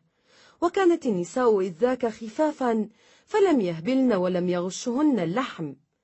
إنما يأكلن العلقة من الطعام فلم يستنكر القوم ثقل الهودج حين رحلوه ورفعوه إذ كنت مع ذاك جارية حديثة السن ووجدت عقدي فجئت منازل الجيش وليس بها داع ولا مجيب فتيممت منزلي الذي كنت فيه وظننت أن القوم يستفقدونني فيرجعون إلي فبينما أنا جالسة في منزلي غلبتني عيني فنمت وكان صفوان بن المعطل السلمي قد نزل من وراء الجيش فأدلج فأصبح عند منزلي فرأى سواد إنسان نائم فعرفني حين رآني واسترجع فاستيقظت وغطيت وجهي بجلبابي ووالله ما يكلمني كلمة ولا سمعت منه كلمة غير استرجاعه حتى أناخ راحلته وركبتها وانطلق يقودها حتى أتينا الجيش بعدما نزلوا في نحر الظهيرة فهلك من هلك في شأني وكان الذي تولى كبره عبد الله بن أبي بن سلول واشتكيت حين قدمنا المدينة شهرا والناس يفيضون في قول أهل الإفك ولا أشعر بشيء من ذلك ويريبني في وجعي أني لا أعرف من رسول الله اللطف الذي كنت أرى منه حين أشتكي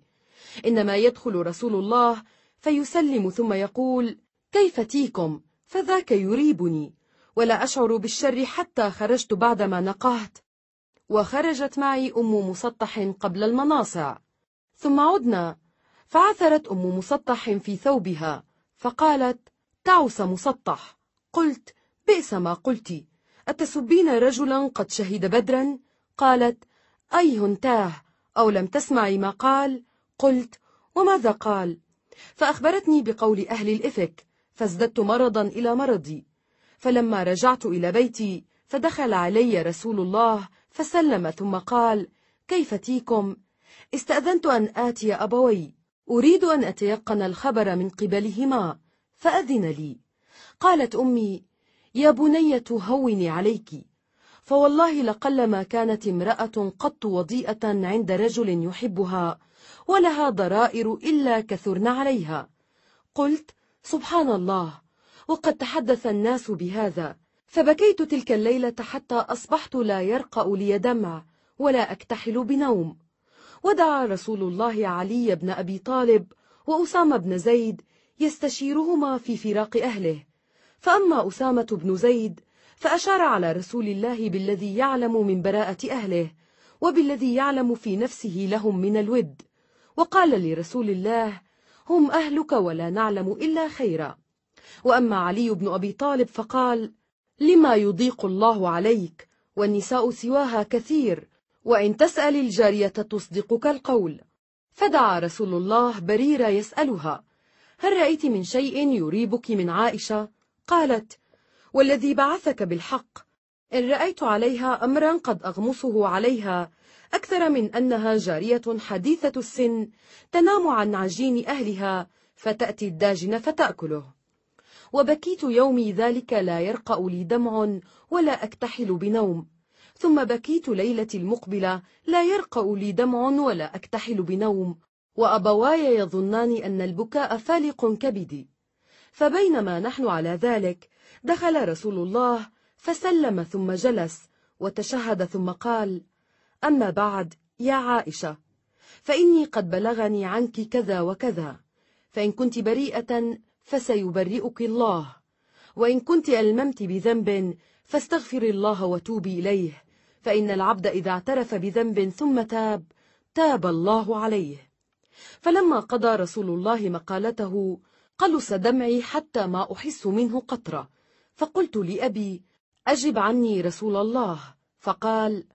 والله ما أدري ماذا أقول لرسول الله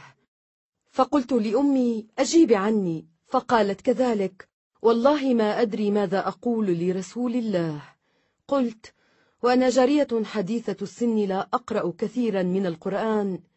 إني والله قد عرفت أنكم سمعتم بهذا حتى استقر في نفوسكم وصدقتم به فإن قلت لكم إني بريئة والله يعلم إني بريئة لا تصدقوني ولئن اعترفت لكم بأمر والله يعلم إني بريئة لتصدقونني وأني والله ما أجد لي ولكم مثلا إلا كما قال أبو يوسف فصبر جميل والله المستعان على ما تصفون ثم تحولت فاضطجعت على فراشي فوالله ما رام رسول الله مجلسه ولا خرج من أهل البيت أحد حتى أنزل الله عز وجل على نبيه فأخذه ما كان يأخذه من البرحاء عند الوحي حتى إنه ليتحدر منه مثل الجمان في اليوم الشاتي فلما سرى عن رسول الله وهو يضحك كان أول كلمة تكلم بها أن قال أبشري يا عائشة أما الله فقد برأك قالت لي أمي قومي إليه قلت والله لا أقوم إليه ولا أحمد إلا الله هو الذي أنزل براءتي وكان أبو بكر ينفق على مسطح لقرابته منه وفقره فأقسم أن لا ينفق عليه شيئا أبدا فأنزل الله عز وجل ولا يأت لأولو الفضل منكم والسعة أن يؤتوا أولى القربى إلى قوله ألا تحبون أن يغفر الله لكم؟ فقال أبو بكر والله إني لأحب أن يغفر الله لي وأعاد إلى مسطح النفقة التي كان ينفقها عليه تلك هي القصة التي عرفت بقصة الإفك كما روتها لنا السيدة عائشة رضي الله عنها وهي مسبار صادق يسبر لنا أغوار المروءة والرفق في معاملة النبي عليه الصلاة والسلام لزوجاته حيث لا رفق ولا مروءة عند الأكثرين فليس النبي صلى الله عليه وسلم هنا في حالة من حالات الرضا التي تسلس الطباع ولا تستغرب معها المودة وطول الأناة ولكنه في حالة من تلك الحالات التي تثير الحمية وتثير الحب وتثير النقمة وتثير في النفس البشرية كل ساكنة تدعو إلى طيب المعاملة فلم يكن في هذه الحالة إلا كرما خالصا بما سلك في أمر نفسه وفي أمر أهله وفي أمر دينه ولم يدعو لحالم من حالمي الحضارة الحديثة مرتقا يتطلع إليه في جميع هذه الغايات سمع النبي صلى الله عليه وسلم حديثا يلاك بين المنافقين ويسري إلى المسلمين بل إلى خاصة ذويه الأقربين حديثا يسمعه رجل كعلي بن أبي طالب في بره وكرم نحيزته فلا يرى بعده حرجا من الطلاق والنساء كثيرات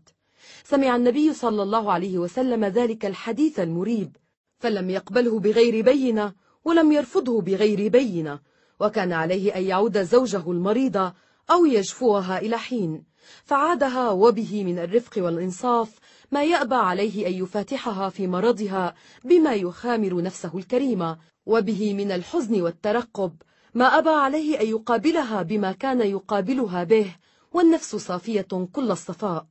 وظل يسأل عنها سؤال متعتب ينتظر أن تشفى وأن تأتيه البينة فيشتد كل الشدة أو يرحم كل الرحمة ولا يعجله لغط الناس أن يأخذ في هذا الموقف الأليم بما توجبه الحمية وما توجبه المروءة في آن وسأل من ينبغي أن يسأل عليا وأسامة وهما بمقام ولديه وبريرة الجارية التي تعرف عائشة وتخلص لسيدها كما تخلص لسيدتها وضرة لعائشة تنافسها وتكاد أن تضارعها في حظوتها لديه زينب بنت جحش التي كانت أسرع من يقول لو علمت شيئا يقال فاستعاذت بالله وقالت أحمي سمعي وبصري والله ما علمت إلا خيرا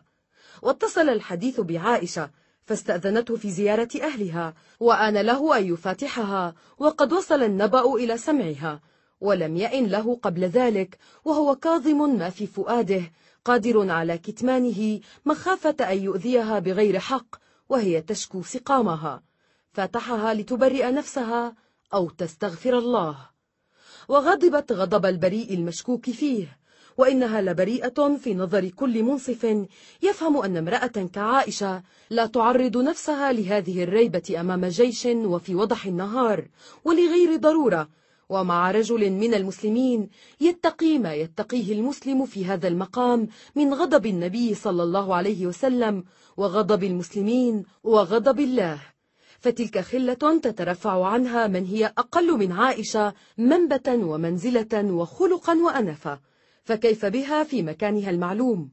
إلا أن النبي صلى الله عليه وسلم أراد لها البراءة أمام الخلق عامة وأمام نفسه المحبة حذرا أن تكون تبرئته إياها عن محبة وضعف لا عن تبين واستيثاق فلما قضى كل حق وانتهى به الاستيثاق إلى الثقة كان قد وفى الكرم والحمية والإنصاف والرحمة أجمعين نعم وفي الرحمة حتى بالأغلطين المتعجلين الذين أبدأوا وأعادوا في ذلك الحديث المريب وما أحد أرحم ممن يرحم المفترين على سمعة أهله وهناءة بيته وأمان سربه ولا يعذر الناس أحدا كما يعذرون نبيا مطاعا ينال في عرضه فينال بالعقاب العدل من استحقوه سماحة الكريم وقد علمنا من رواية السيدة عائشة كما علمنا من روايات شتى أن عبد الله بن أبي بن سلول كان أكبر اللاغطين بحديث الإفك عن سوء نية وكيد مبيت للنبي ودينه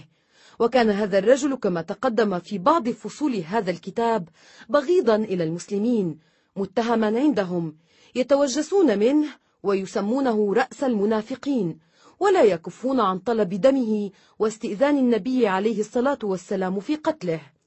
فما ضر النبي عليه الصلاة والسلام لو خلى بين المسلمين وبينه يحاسبونه على فريته ويحاسبونه على كيده وينقمون لعرض النبي عليه الصلاة والسلام منه ليأمنوا شره ويجعلوه عبرة لغيره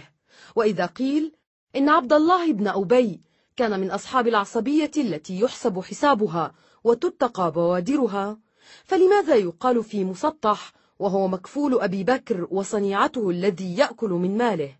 ما الذي أنجاه من السخط والعقاب وكفل له دوام البر والمعونة لولا سماحة النبي عليه الصلاة والسلام وسماحة أبي بكر وسماحة القرآن على أن العصبية التي كان عبد الله بن أبي يلوذ بها لم تكن لتحميه عقاب النبي صلى الله عليه وسلم لو أراد بعقاب ولو كان أصرم عقاب فما من عصبية هي أقرب إلى رحم الرجل وأولى بالذود عنه من ولده المشهور ببره وقد أسلفنا أن ولد عبد الله قد تطوع لقتله يوم قيل له إن النبي عليه الصلاة والسلام يهدر دمه ويقضي بموته إنما هي سماحة الكريم إنما هي السماحة التي شملت مصطحا كما شملت كبير المنافقين وخرجت من حديث الإفك كله بالعفو عن جميع المسيئين مخلصين في الرأي وغير مخلصين وهي التي سبرت غورا في قصة هذا الحديث فتكشفت عن أطيب معاملة للزوجات في أحرج الحالات وتلك هي المعاملة الطيبة في مثلها الأعلى معاملة لا تتبدل بعد أيام وشهور بل تطول مدى السنين وتطول مدى السنين مع نساء مختلفات لا مع امرأة واحدة وتطول في جميع الحالات ومنها حالة الألم البالغ ولا تنحصر في حالة الرضا والطمأنينة وأقل من ذلك أمنية يتمناها الحالمون بالوئام بين الأزواج في العصر الذي وصفوه بعصر المرأة لفرط ما أطنب فيه المطنبون من إكبار شأنها والدعوة إلى إنصافها تعدد الزوجات هنا يعرض لنا الكلام عن تعدد زوجات النبي عليه الصلاة والسلام وهو الهدف الثاني الذي يرميه المشهرون بالإسلام فيكثرون من رميه كلما تكلموا عن أخلاق محمد صلى الله عليه وسلم وذكروا منها ما يزعمونه منافيا لشمائل النبوة مخالفا لما ينبغي أن يتصف به هداة الأرواح السيف والمرأة كأنهم يريدون أن يجمعوا على النبي صلى الله عليه وسلم بين الاستسلام للغضب والاستسلام للهوى وكلاهما بعيد من صفات الأنبياء أما السيف فقد أسلفنا الكلام فيه أما المرأة فالظنة فيها أضعف من الظنة في السيف على ما نراه لأن الاستسلام للشهوة آخر شيء يخطر على بال الرجل المحقق مسلما كان أو غير مسلم حين يبحث في تعدد زوجات النبي عليه الصلاة والسلام وفيما يدل على ذلك التعدد وفيما اقتضاه قال لنا بعض المستشرقين إن تسع زوجات لدليل على فرط الميول الجنسية قلنا إنك لا تصف السيد المسيح بأنه قاصر الجنسية لأنه لم يتزوج قط فلا ينبغي أن تصف محمدا بأنه مفرط الجنسية لأنه جمع بين تسع نساء ونحن قبل كل شيء لا نرى ضيرا على الرجل العظيم أن يحب المرأة ويشعر بمتعتها هذا سواء الفطرة لا عيب فيه وما من فطرة هي أعمق في طبائع الأحياء عامة من فترة الجنسين والتقاء الذكر والأنثى فهي الغريزة التي تلهم الحي في كل طبقة من طبقات الحياة ما لا تلهمه غريزة أخرى رأيت إلى السمك وهو يعبر الماء الملح في موسمه المعلوم فيطوي ألوفا من الفراسخ ليصل إلى فرجة نهر عذب يجدد فيها نسله ثم يعود أدراجه أرأيت إلى العصفور وهو يبني عشه ويعود من هجرته إلى وطنه رأيت إلى الزهر وهو يتفتح ليغري الطير والنحل بنقل لقاحه رأيت إلى سنة الحياة في كل طبقة من طبقات الأحياء ما هي سنتها إن لم تكن هي سنة الألفة بين الجنسين وأين يكون سواء الفطرة إن لم يكن على هذا السواء فحب المرأة لا معابة فيه هذا هو سواء الفطرة لا مراء وإنما المعابة أيطغى هذا الحب حتى يخرج عن سوائه وحتى يشغل المرء عن غرضه وحتى يكلفه شططا في طلابه فهو عند ذلك مسخ للفطرة المستقيمة يعاب كما يعاب الجور في جميع الطباع فمن الذي يعلم ما صنع النبي صلى الله عليه وسلم في حياته ثم يقع في روعه أن المرأة شغلته عن عمل كبير أو عن عمل صغير من من بناة التاريخ قد بنى في حياته وبعد مماته تاريخا أعظم من تاريخ الدعوة المحمدية والدول الإسلامية ومن ذا الذي يقول إن هذا عمل رجل مشغول عما شغلته المرأة ومن ذا تفرغ لعظيم من المسعى فبلغ فيه شأو محمد في مسعاه فإن كانت عظمة الرجل قد أتاحت له أن يعطي الدعوة حقها ويعطي المرأة حقها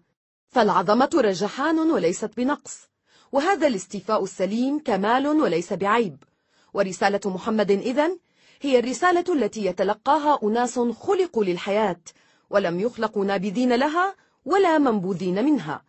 فليست شريعة هؤلاء بالشريعة المطلوبة فيما يخاطب به عامة الناس في عامة العصور وأعجب شيء أن يقال عن النبي صلى الله عليه وسلم إنه استسلم للذات الحس وقد أوشك أن يطلق نساءه أو يخيرهن في الطلاق لأنهن طلبن إليه المزيد من النفقة وهو لا يستطيعها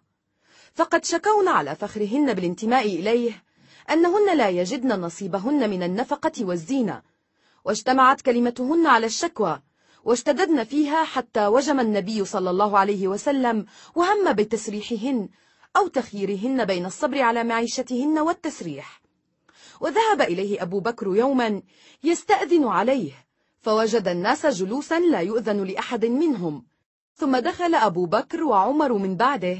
فوجد النبي صلى الله عليه وسلم جالسا وحوله نساؤه واجما ساكتا فأراد أبو بكر أن يقول شيئا يسر عنه فقال يا رسول الله لو رأيت بنت خارجة سألتني النفقة فقمت إليها فوجأت عنقها فضحك رسول الله صلى الله عليه وسلم وقال هن حولي كما ترى يسألنني النفقة فقام أبو بكر إلى عائشة ليجأ عنقها وقام عمر إلى حفصة ليجأ عنقها ويقولان تسألنا رسول الله ما ليس عنده فقلن والله لا نسأل رسول الله شيئا أبدا ليس عنده ثم اعتزلهن الرسول شهرا أو تسعة وعشرين يوما فنزلت بعدها الآية التي فيها التخير وهي يا أيها النبي قل لأزواجك إن كنتن تردن الحياة الدنيا وزينتها فتعالين أمتعكن وأسرحكن سراحا جميلا وإن كنتن تردن الله ورسوله والدار الآخرة فإن الله أعد للمحسنات منكن أجرا عظيما فبدأ الرسول بعائشة فقال لها يا عائشة إني أريد أن أعرض عليك أمرا أحب ألا تتعجلي فيه حتى تستشيري أبويك قالت وما هو يا رسول الله فتلا عليها الآية قالت أفيك يا رسول الله أستشير أبوي بل أختار الله ورسوله والدار الآخرة ثم خير نساءه كلهن فأجبن كما أجابت عائشة وقنعن بما هن فيه من معيشة كان كثير من زوجات المسلمين يظفرن بما هو أنعم منها على ما يدل هذا نساء محمد يشكون قلة النفقة والزينة ولو شاء لأغدق عليهن النعمة وأغرقهن في الحرير والذهب وأطايب الملذات أهذا فعل رجل يستسلم للذات حسه؟ أما كان يسيرا عليه أن يفرض لنفسه ولأهله من الأنفال والغنائم ما يرضيهن ولا يغضب المسلمين وهم موقنون أن إرادة الرسول من إرادة الله وماذا كلفه الاحتفاظ بالنساء حتى يقال إنه كان يفرط في ميله إلى النساء هل كلفه أن يخالف ما يحمد من سننه أو يخالف ما يحمد من سيرته أو يترخص فيما يرضاه أتباعه ولا ينكرونه عليه لم يكلفه شيئا من ذلك ولم يشغله عن جليل أعماله وصغيرها ولم نرى هنا رجلا تغلبه لذات الحس كما يزعم المشاهرون بل رأينا رجلا يغلب تلك الملذات في طعامه ومعيشته وفي ميله إلى نسائه فيحفظها بما يملك منها ولا يأذن لها أن تسومه ضريبة مفروضة عليه ولو كانت هذه الضريبة بسطة في العيش قد ينالها أصغر المسلمين ولا شك في قدرة النبي صلى الله عليه وسلم عليها لو أراد رجل الجد والرصانة وهكذا نبحث عن الرجل الذي توهمه المشهرون من مؤرخي أوروبا فلا نرى إلا صورة من أعجب الصور التي تقع في وهم واهم نرى رجلا كان يستطيع أن يعيش كما يعيش الملوك ويقنع مع هذا بمعيشة الفقراء ثم يقال إنه رجل غلبته لذات حسه ونرى رجلا تألبت عليه نساؤه لأنه لا يعطيهن الزينة التي يتحلين بها لعينيه ثم يقال إنه رجل غلبته لذات حسه ونرى رجلا آثر معيشة الكفاف والقناعة على إرضاء نسائه بالتوسعة التي كانت في وسعه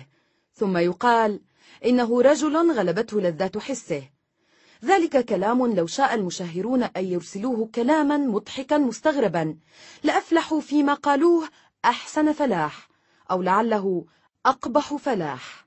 ويزيد في غرابته أن الرجل الذي توهموه ذلك التوهم لم يكن مجهولا قبل زواجه ولا بعد زواجه فتخبط فيه الظنون ذلك الخبط الذريع فمحمد كان معروف الشباب قبل قيامه بالدعوة الدينية كأشهر ما يعرف فتى من قريش وأهل مكة كان معروفا من صباه إلى كهولته فلم يعرف عنه أنه استسلم للذات الحس في ريعان صباه ولم يسمع عنه أنه لها كما يلهو الفتيان حين كانت الجاهلية تبيح ما لا يباح بل عرف بالطهر والأمانة واشتهر بالجد والرصانة وقام بالدعوة بعدها فلم يقل أحد من شانئيه والناعين عليه والمنقبين وراءه عن أهون الهنات تعالوا يا قوم فانظروا هذا الفتى الذي كان من شأنه مع النساء كيت وكيت يدعوكم اليوم إلى الطهارة والعفة ونبذ الشهوات كلا لم يقل أحد هذا قط من شانئيه وهم عديد لا يحصى ولو كان لقوله موضع لجرى على لسان ألف قائل ولما بنى بأولى زوجاته خديجة لم تكن لذات الحس هي التي سيطرت على هذا الزواج لأنه بنى بها وهي في نحو الأربعين وهو في نحو الخامسة والعشرين ونيف على الخمسين وأوتي الفتح المبين وليس له من زوجة غيرها ولا من رغبة في الزواج بأخرى ولم يكن وفاؤه لها بقية حياته وفاء المرء للذات حس أو ذكرى شهوة جميلة لأنه فضلها على عائشة في صباها وهي أحب نسائه إليه وكانت عائشة تغار منها في قبرها فلم يكتمها قط أنه يفضلها عليها قالت له مرة هل كانت إلا عجوزا بدلك الله خيرا منها فقال لها مغضبا لا والله ما أبدلني الله خيرا منها آمنت بي إذ كفر الناس وصدقتني إذ كذبني الناس وواستني بمالها إذ حرمني الناس ورزقني الله منها الولد دون غيرها من النساء فلهذا أحب خديجة ووفى لها وفضلها ولم يمح ذكراها من نفسه قط من أعقبتها من الزوجات الفتيات وفاء قلب وليست لذات حس ولا ذكرى شهوة جميلة أسباب تعدد زوجاته ولو كانت لذات الحس هي التي سيطرت على زواج النبي صلى الله عليه وسلم بعد وفاة خديجة لكان الأحجى بإرضاء هذه الملذات أن يجمع النبي صلى الله عليه وسلم أن يجمع إليه تسعا من الفتيات الأبكار اللا اشتهرن بفتنة الجمال في مكة والمدينة والجزيرة العربية فيسرعن إليه راضيات فخورات وأولياء أمورهن أرضى منهن وأفخر بهذه المصاهرة التي لا تعلوها مصاهرة لكنه لم يتزوج بكرا قط غير عائشة رضي الله عنها ولم يكن زواجه بها مقصودا في بداية الأمر حتى رغبته فيه خولة بنت حكيم التي عرضت عليه الزواج بعد وفاة خديجة قالت عائشة رضي الله عنها لما توفيت خديجة قالت خولة بنت حكيم امرأة عثمان بن مضعون للنبي أي رسول الله ألا تتزوج؟ قال من؟ قالت إن شئت بكرا وإن شئت ثيبا قال فمن البكر؟ قالت بنت أحب الناس إليك عائشة بنت أبي بكر قال فمن الثيب قالت سودة بنت زمعة آمنت بك واتبعتك ثم كانت سودة هي أولى النساء اللاتي بنى بهن بعد وفاة خديجة وكان زوجها الأول ابن عمها قد توفي بعد رجوعه من الهجرة إلى الحبشة وكانت هي من أسبق النساء إلى الإسلام فآمنت وهجرت أهلها ونجا بها زوجها إلى الحبشة فرارا من اضطهاد المشركين له ولها فلما مات لم يبقى لها إلا أن تعود إلى أهلها فتصبأ وتؤذى أو تتزوج بغير كفء أو بكفء لا يريدها فضمها النبي صلى الله عليه وسلم إليه حماية لها وتأليفا لأعدائه من آلها وكان غير هذا الزواج أولى به لو نظر إلى لذات حسه ومال إلى الشهوة وكانت للنبي زوجة أخرى وسمت بالجمال والشباب وهي زينب بنت جحش ابنة عمته صلى الله عليه وسلم التي زوجها زيدا بن حارثة بأمره وعلى غير رضا منها لأنها أنفت وهي ما هي في الحسب والقرابة من رسول الله أن يتزوجها غلام عتيق هذه أيضا لم يكن للذات الحس المزعومة سلطان في بناء النبي صلى الله عليه وسلم بها بعد تطليق زيد إياها وتعذر التوفيق بينهما ولو كان للذات الحس سلطان في هذا الزواج لكان أيسر شيء على النبي صلى الله عليه وسلم أن يتزوجها ابتداء ولا يروضها على قبول زيد وهي تأباه فقد كانت ابنة عمته يراها من طفولتها ولا يفاجئه من حسنها شيء كان يجهله يوم عرض عليها زيدا وشدد عليها في قبوله فلما تجافى الزوجان وتكررت شكوى زيد من إعراضها عنه وترفعها عليه وإغلاظها القول له كان زواج النبي صلى الله عليه وسلم بها حلا لمشكلة بيتية بين ربيب في منزلة الابن وابنة عمة أطاعته في زواج لم يقرم بالتوفيق أما سائر زوجاته عليه الصلاة والسلام فما من واحدة منهن رضي الله عنهن إلا كان لزواجه بها سبب من المصلحة العامة أو من المروءة والنخوة دون ما يهذر به المرجفون من لذات الحس المزعومة فأم سلمة كانت كهلة مسنة يوم خطبها كما قالت له معتذرة إليه لإعفائه من تكليف نفسه أن يتزوجها جبرا لخاطرها بعد موت زوجها عبد الله المخزومي من جرح أصابه في غزوة أحد ولما برح بها الحزن لوفاته وساها رسول الله قائلا سل الله أن يؤجرك في مصيبتك وأن يخلفك خيرا فقالت ومن يكون خيرا من أبي سلمة فأوجب على نفسه خطبتها لأنها تعلم أنه خير من أبي سلمة ولأنه يعلم أن أبا بكر وعمر خطباها فترفقت في الاعتذار وهما أعظم المسلمين قدرا بعد النبي صلى الله عليه وسلم وجويرية بنت الحارث سيد قومه كانت إحدى السبايا في غزوة بني المصطلق فتزوجها النبي صلى الله عليه وسلم ليعتقها ويحض المسلمين على عتق أسراهم وسباياهم تفريجا عنهم وتآلفا لقلوبهم فأسلموا جميعا وحسن إسلامهم وخيرها أبوها بين العودة إليه والبقاء في حرم رسول الله فاختارت البقاء في حرم رسول الله وحفصة بنت عمر بن الخطاب مات زوجها فعرضها أبوها على أبي بكر فسكت وعلى عثمان فسكت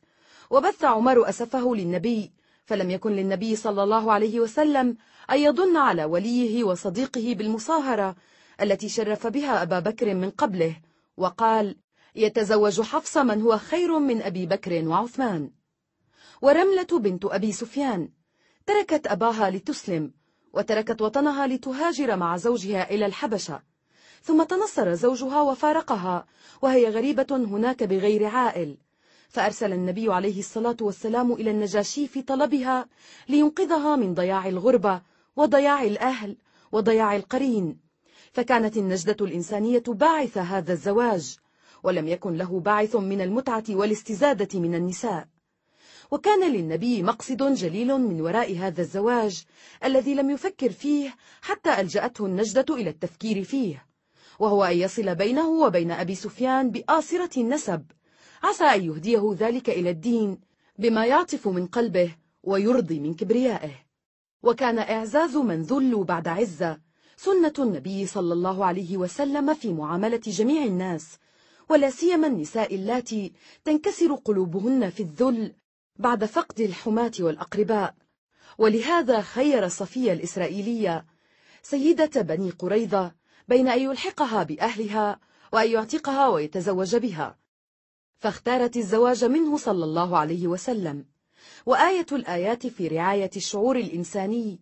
أنه عليه الصلاة والسلام أنب صفيه بلالا لأنه مر بها وبابنة عمها على قتل اليهود فقال له مغضبا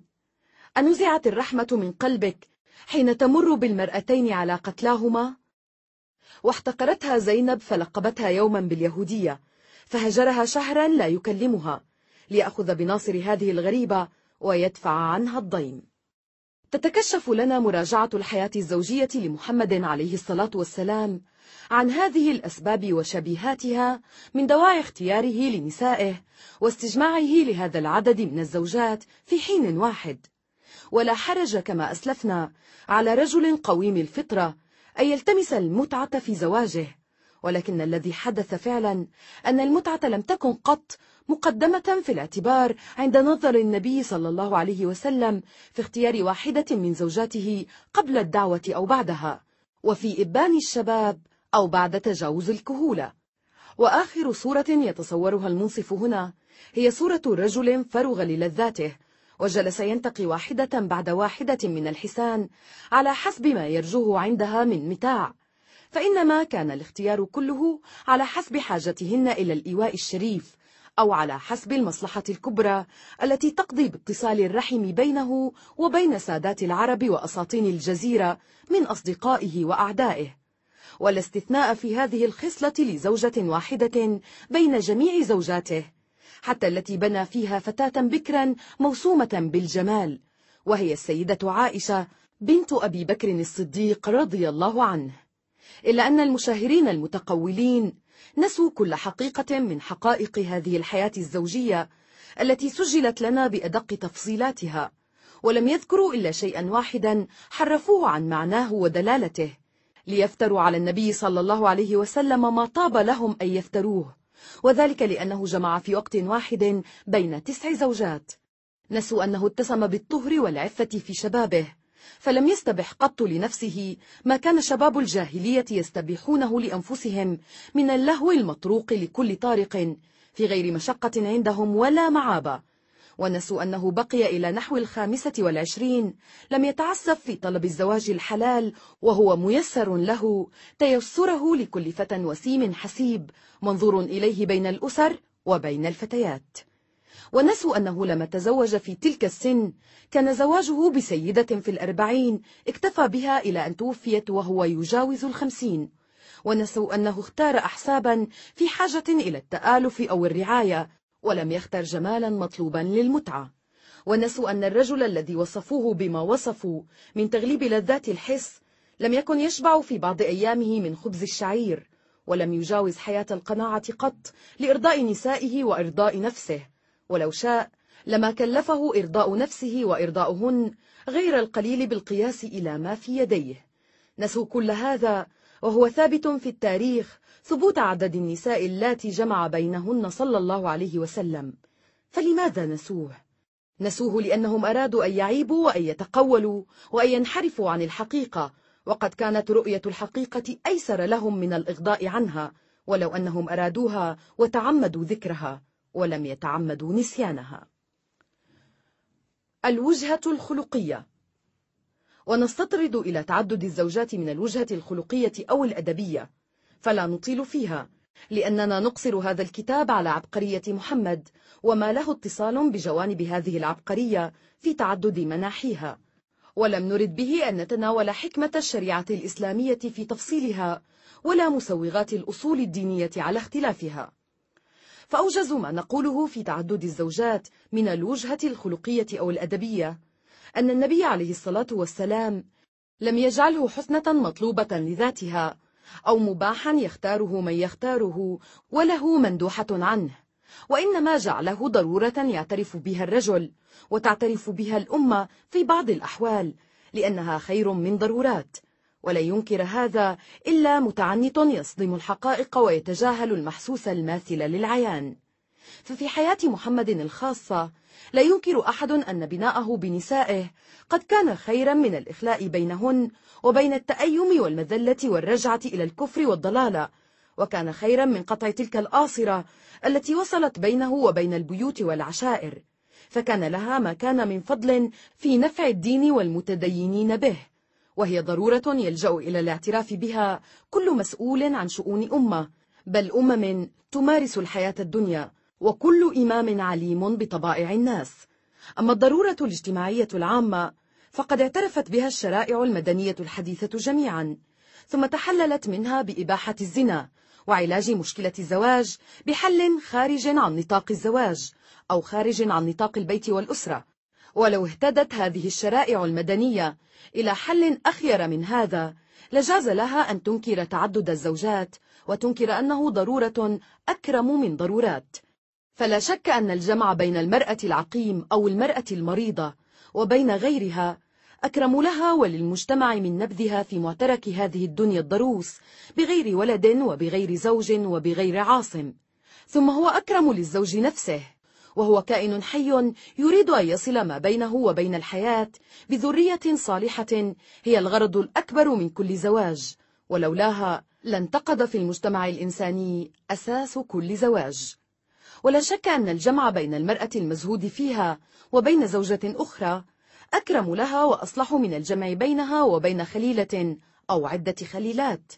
ولا شك أن تسهيل الزواج وبخاصة في أوقات الحروب التي ينقص فيها الرجال أكرم للمجتمع الإنساني وأصلح من تسهيل العلاقات الأخرى التي لا تنفع النوع ولا تنفع الأخلاق ولا ترفع مكانة المرأة في عصمة رجل أو في متناول كثير من الرجال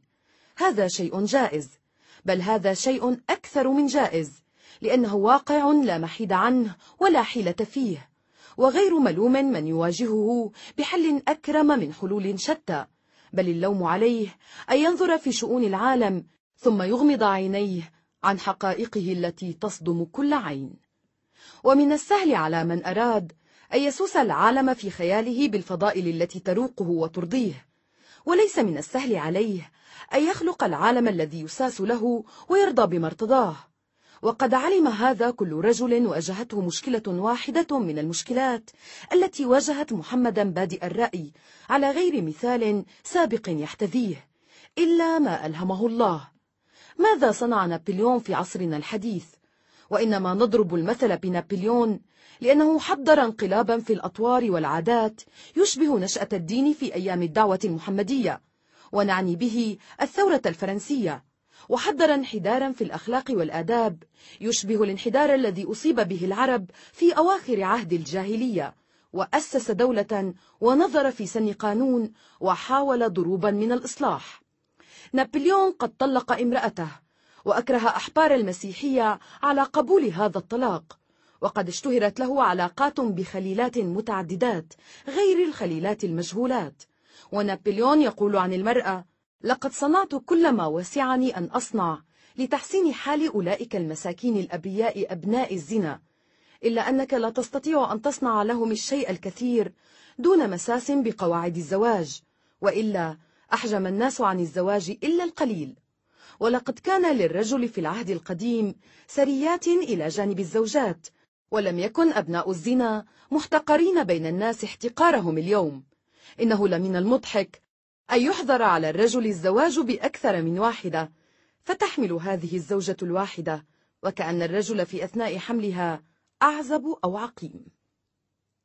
واليوم لا سريات للرجال ولكنهم يعاشرون الخليلات وهن أقدر على التبديد والإفساد إنهم في فرنسا يخولون النساء فوق حقهن من التعظيم وإنما الواجب ألا ينظر إليهن كأنهن مساويات للرجال فما هن في الحقيقة إلا آلات لإخراج الأطفال وقد تمردن في إبان الثورة وعقدن الجماعات لأنفسهن وبدا لهن أن يؤلفن فرقا منهن في الجيش وكان لابد من صدهن لأن المجتمع الإنساني عرضة للخلل والفوضى إذا تركت النساء حالة الاعتماد على الرجال وهي مكانهن الحق في الحياة نعم إن المجتمع لوشيك إذا أن يتمزق بددا بغير انتهاء وعلى جنس من الجنسين أن يخضع للآخر لا محالة فإذا نشبت الحرب بينهما فلن تكون كحرب الأغنياء والفقراء أو حرب البيض والسود ألا وإن الطلاق لأضر بالمرأة دون مراء فالرجل الذي يجمع بين زوجات لا يبدو عليه من ذلك أثر كالأثر الذي يبدو على المرأة بعد التزوج بعدة رجال إنها تضمحل إذا كل الاضمحلال كذلك اعترف نابليون بالضرورات الزوجية في العصر الحديث فكيف اعترف بها لينين في الثورة الكبرى بعد الثورة الفرنسية؟ حل مشكلة الزواج بحل رابطة الزواج فلا رابطة بين الزوجية أوثق من رابطة الرفيقين في الفندق أو الطريق وليس أعجب ممن جعل الزواج شريعة ملائكة إلا الذي جعله على هذا النحو شريعة عجموات عقوبة الزوجات ولا نختم هذا الفصل عن النبي عليه الصلاة والسلام في حياته الزوجية قبل أن نعرض لعقوبة الزوجات في الإسلام وللعقوبة التي اختارها عليه الصلاة والسلام لأن عقوبة الرجل لامرأته في حالة الغضب كمحاسنته لها في حالة الرضا كلاهما ميزان صادق لمكانتها عنده ومكانة المرأة عامة في تقديره والقرآن ينص على العقوبات السائغة في حالة النشوز وهي العظة والهجر في المضاجع والضرب والتسريح بإحسان والتي تخافون نشوزهن فعظوهن واهجروهن في المضاجع واضربوهن فإن أطعنكم فلا تبغوا عليهن سبيلا وإذا طلقتم النساء فبلغن أجلهن فأمسكوهن بمعروف أو سرحوهن بمعروف ولا تمسكوهن ضرارا لتعتدوا ومن يفعل ذلك فقد ظلم نفسه والنبي صلى الله عليه وسلم لم يطلق زوجة من زوجاته دخل بها وعاشرها ولم يضرب قط واحدة منهن ولم يروى عنه قط أنه ضرب أو نهر خادما فضلا عن زوجة بل روي عنه ما ينفي ذلك مما عاشروه ولازموه بل كان عليه الصلاة والسلام يكره ضرب النساء ويعيبه كما قال أما يستحي أحدكم أن يضرب امرأته كما يضرب العبد يضربها أول النهار ثم يجامعها آخره فما نص القرآن عليه من عقوبة الضرب فإنما نص عليه لعلاج النشوز الذي لا يستقيم بغيره وقيده المفسرون بشروط تمنع الإيذاء وتحصره في القدر الذي يستقيم عليه الجزاء فغاية ما يفهم من ذكر الضرب بين العقوبات أن بعض النساء يتأدبن به ولا يتأدبن بغيره وقد يعلم الكثيرون أن هؤلاء النساء لا يكرهنه ولا يسترذلنه وليس من الضروري أن يكن من أولئك العصبيات المريضات اللائي يشتهين الضرب كما يشتهي بعض المرضى ألوان العذاب إنما العقوبة التي آثرها النبي عليه الصلاة والسلام هي الهجر الطويل أو القصير بعد العظة والعتاب الجميل والهجر ولا سيما الهجر في المضاجع عقوبة نفسية بالغة وليست كما يسبق إلى بعضهم عقوبة حسية تؤلم المرأة لما يفوتها من سرور ومتعة فإن فوات السرور والمتعة أياما لا يؤلم المرأة هذا الإلام الذي يجعل الهجر في المضاجع من أصعب العقوبات دون الطلاق قال الأستاذ رشيد رضا رحمه الله في كتابه نداء للجنس اللطيف أما الهجر فهو ضرب من ضروب التأديب لمن تحب زوجها ويشق عليها هجره إياها ولا يتحقق هذا بهجر المضجع نفسه وهو الفراش ولا بهجر الحجرة التي يكون فيها للضجاع وإنما يتحقق بهجر الفراش نفسه وتعمد هجر الفراش أو الحجرة زيادة في العقوبة لم يأذن بها الله تعالى وربما يكون سببا لزيادة الجفوة وفي الهجر في المضجع نفسه معنى لا يتحقق بهجر المضجع أو البيت الذي هو فيه لأن الاجتماع في المضجع هو الذي يهيج شعور الزوجية فتسكن نفس كل من الزوجين إلى الآخر ويزول اضطرابها الذي أثارته الحوادث قبل ذلك فإذا هجر الرجل المرأة وأعرض عنها في هذه الحالة رجع يدعوها ذلك الشعور والسكون النفسي إلى سؤاله عن السبب ويهبط بها من نشز المخالفة إلى صف الموافقة وكأني بالقارئ وقد جزم بأن هذا هو المراد وإن كان مثلي لم يره لأحد من الأموات ولا الأحياء والذي نراه أن الأستاذ رحمه الله قد أخطأه المراد الدقيق من هذه العقوبة النفسية وأن الحكمة في إيثارها أعمق جدا من ظاهر الأمر كما رآه الأستاذ فأبلغ العقوبات ولا ريب هي العقوبة التي تمس الإنسان في غروره وتشككه في صميم كيانه في المزية التي يعتز بها ويحسبها مناط وجوده وتكوينه والمرأة تعلم أنها ضعيفة إلى جانب الرجل ولكنها لا تأسى لذلك ما علمت أنها فاتنة له وأنها غلبته بفتنتها وقادرة على تعويض ضعفها بما تبعثه فيه من شوق إليها ورغبة فيها فليكن له ما شاء من قوة فليس ما تشاء من سحر وفتنة وعزاؤها الأكبر عن ضعفها أن فتنتها لا تقاوم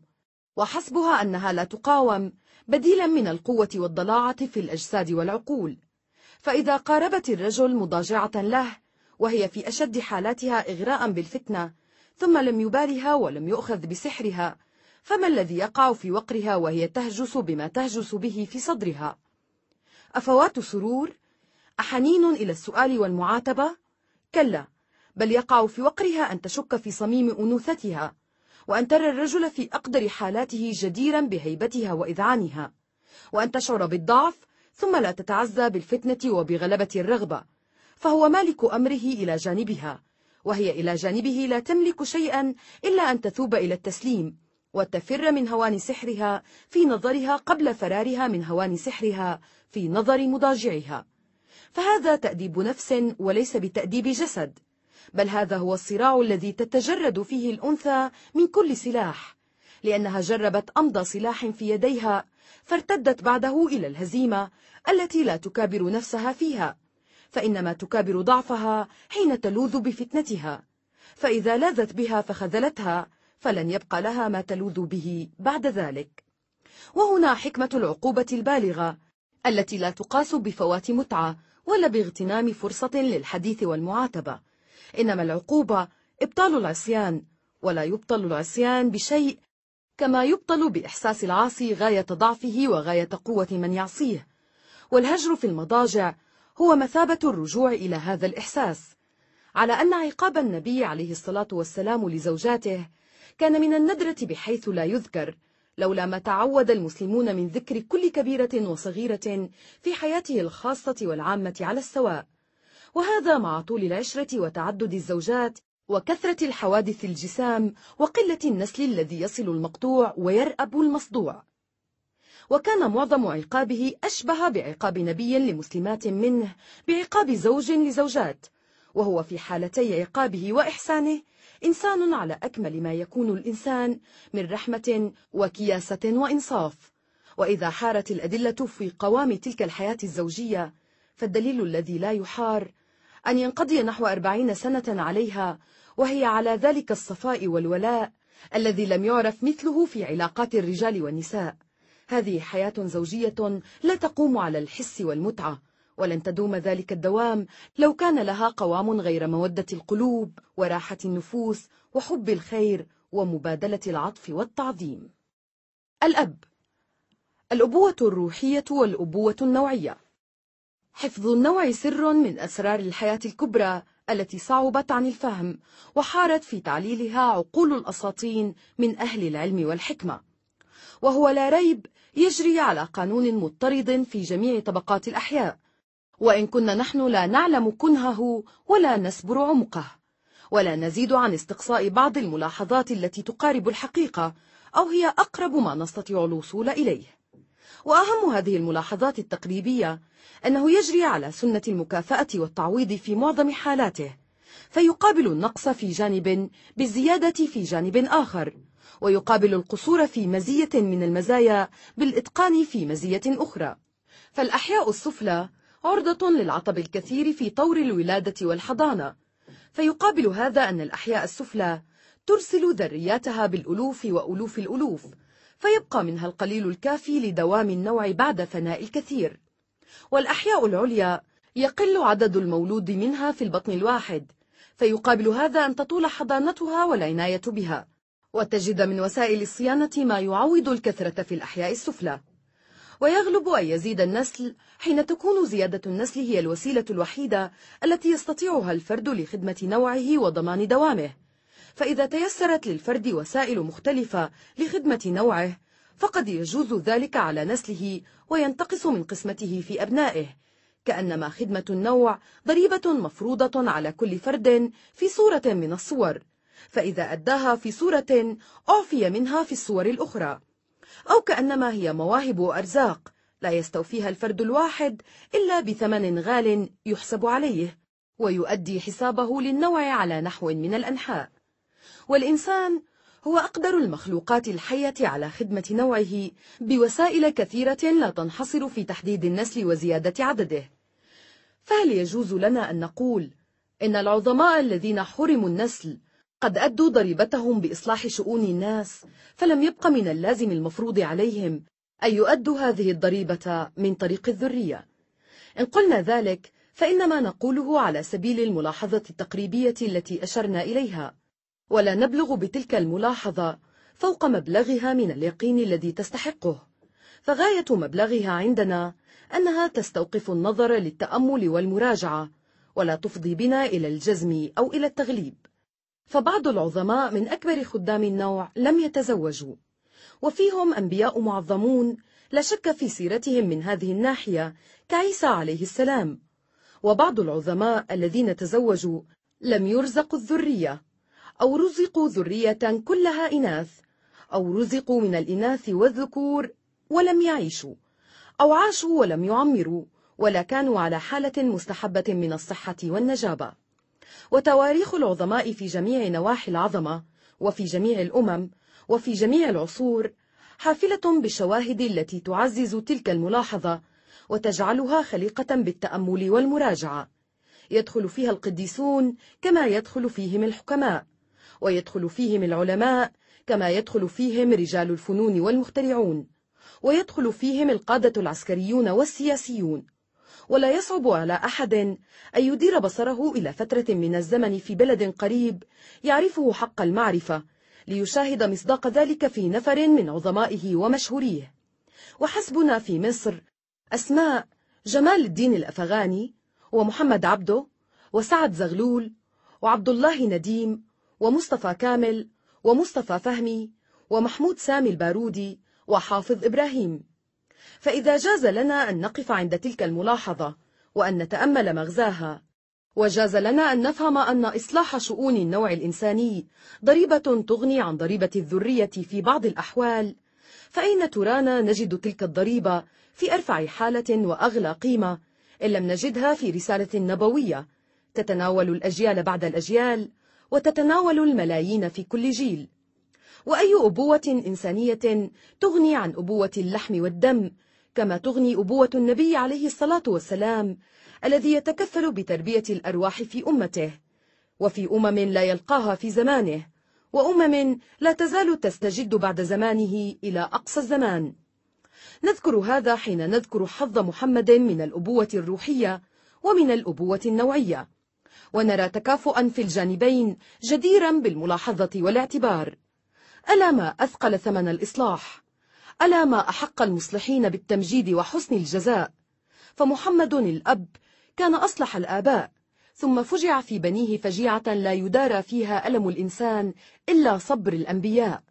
ومن الناس من لا يكون صديقا صالحا ولا سيدا صالحا ولا زوجا صالحا ولكنه أب صالح بر ببنيه لأن الرحم بين الآباء والأبناء أدنى الأرحام إلى المودة وأحراها بتحريك الشفقة في من لا يشفق على أحد فكيف تكون الأبوة في نفس صلحت للصداقة وصلحت للسيادة وصلحت للزوجية لأنها تصلح للعطف الذي يعم القريب والغريب ويشمل القوي والضعيف ذلك أب نعلم كيف يفرح بأبنائه ونعلم كيف يحزن حين يفجع في أولئك الأبناء ومن الراجح أن العطف الأبوي لم يتمثل قط في مولد أحد من أبناء محمد عليه الصلاة والسلام كما تمثل في مولد ابنه الذي سماه باسم جده الأكبر أملا في أن يصبح بعده خليفته الأكبر ولعل العطف الأبوي قد تمثل في تشييع هذا الطفل الصغير أشد من تمثله في استقباله يوم ميلاده كانت أسباب كبيرة توحي إلى قلب محمد العظيم شوقه الطويل إلى استقبال ذلك الوليد كان منها أن محمدا عربي يحرص على الذرية من بعده كحرص كل رجل من أبناء القبائل وأصحاب العصبية هم فخورون بالنسب فخورون بالذرية يحفظون سيرة السلف ويتوقون إلى استبقاء الخلف على نحو لا يعهده الحضريون وإن كان حب الذرية فطرة مركبة في جميع الطباع ومحمد كان يحب التكاثر لنفسه ويحبه لأمته ويوصي المسلمين أن يستكثروا من النسل ما استطاعوا ليفاخر بهم الأمم عفرة وعزة فاشتياقه إلى الذرية من الذكور خليقة عربية تقترن بالخليقة الإنسانية والخليقة النبوية فتزداد قوة على قوتها التي ركبت في جميع الطباع وكان من أسباب هذا الشوق القوي طول العهد بالأبناء بعد من ولدتهم له السيدة خديجة رضي الله عنها وشماتة أناس من شانئيه سماه بعضهم بالأبتر لانقطاع معظم نسله وفي ذلك نزول الآية الكريمة إن شانئك هو الأبتر فقد مضى أكثر من عشرين سنة لم تلد له في خلالها زوجة من زوجاته ومات في هذه الفترة كل أولاده ما عدا فاطمة رضي الله عنها التي ماتت بعده بقليل مات القاسم والطاهر طفلين وماتت زينب ورقية وأم كلثوم بعد أن تزوجن ولم يتعوض من فقدهن ما يعزيه بعض العزاء فجيعة تضاعف الشوق إلى الوليد المأمول وطول انتظار يضاعف الحب له كما يضاعف الشوق إليه ولسنا ندري لما طالت الفترة التي مضت على أزواج النبي عليه الصلاة والسلام جميعا بغير الذرية ولكننا لا نستبعد تعليلها باجتماع المصادفات التي لا يندر أن تجتمع في أمثال هذه الأحوال فعائشة البكر التي لم يتزوج النبي صلى الله عليه وسلم بكرا غيرها قد مات عنها صلى الله عليه وسلم وهي دون العشرين وهي سن قد تبلغها المرأة ولا تلد وإن كانت ولودا فيما بعدها أما أزواجه الأخريات اللائي تزوجن قبله فلا نعلم من أخبارهن أنهن أعقبن لأزواجهن الأولين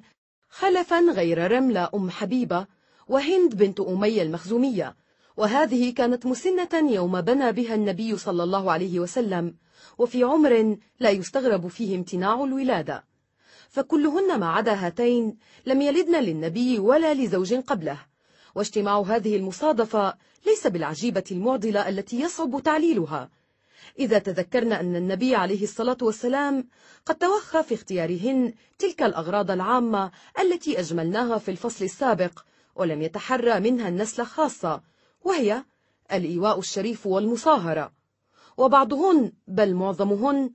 قد لقين من الشدائد والمخاوف وعناء الهجرة البعيدة ما يعقم الولود فإذا أضفنا إلى ذلك معيشة الكفاف وضريبة العظمة النبوية التي أشرنا إليها على سبيل الاحتمال واشتغال النبي عليه الصلاة والسلام فيما بين الخمسين والستين بتعزيز الدين وقمع الفتن ودرء الأخطار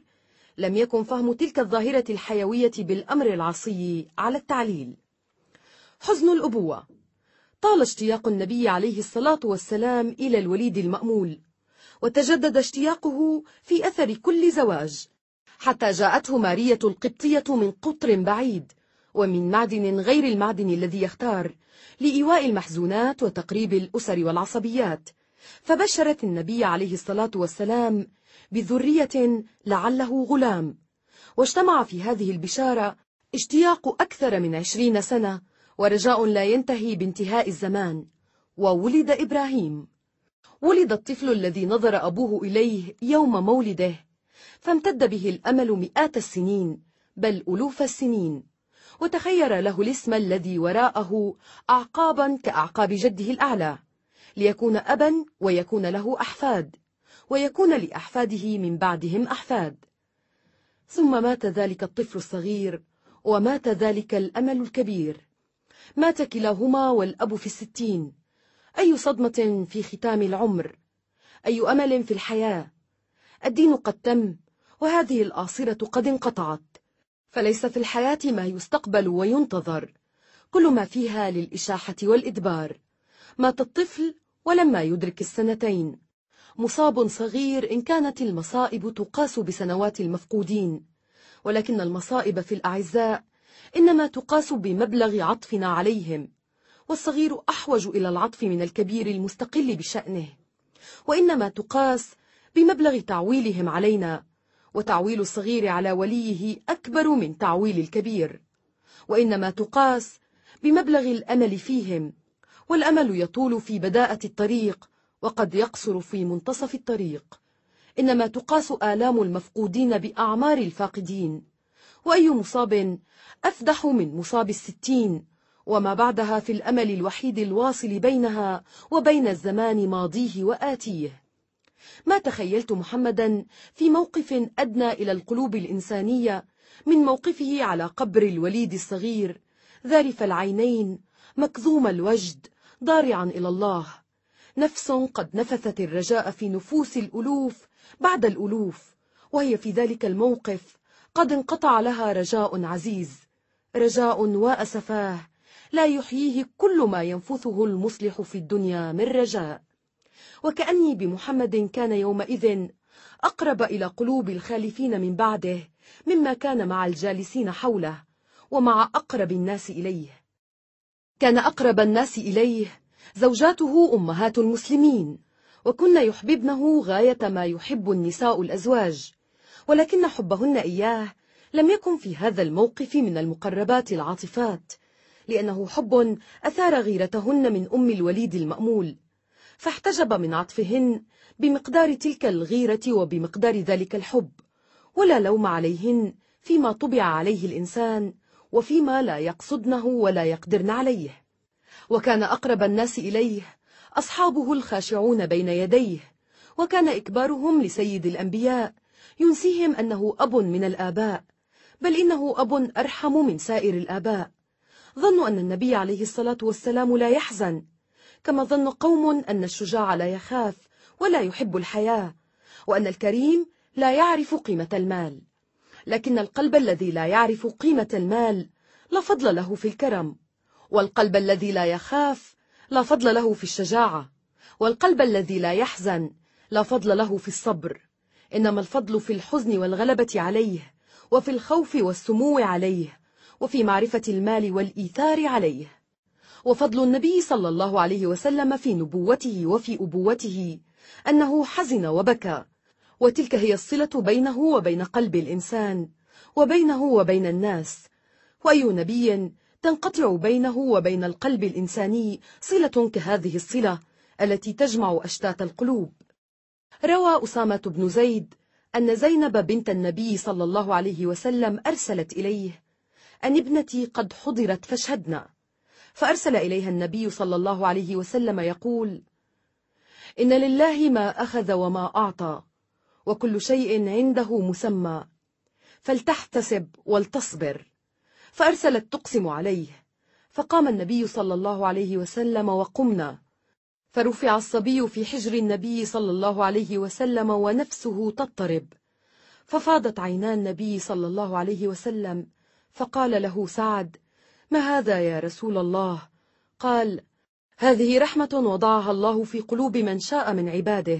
ولا يرحم الله من عباده إلا الرحماء ما هذا يا رسول الله هذا رسول الله في أصدق ما تكون عليه رسالة الرسل في الرحمة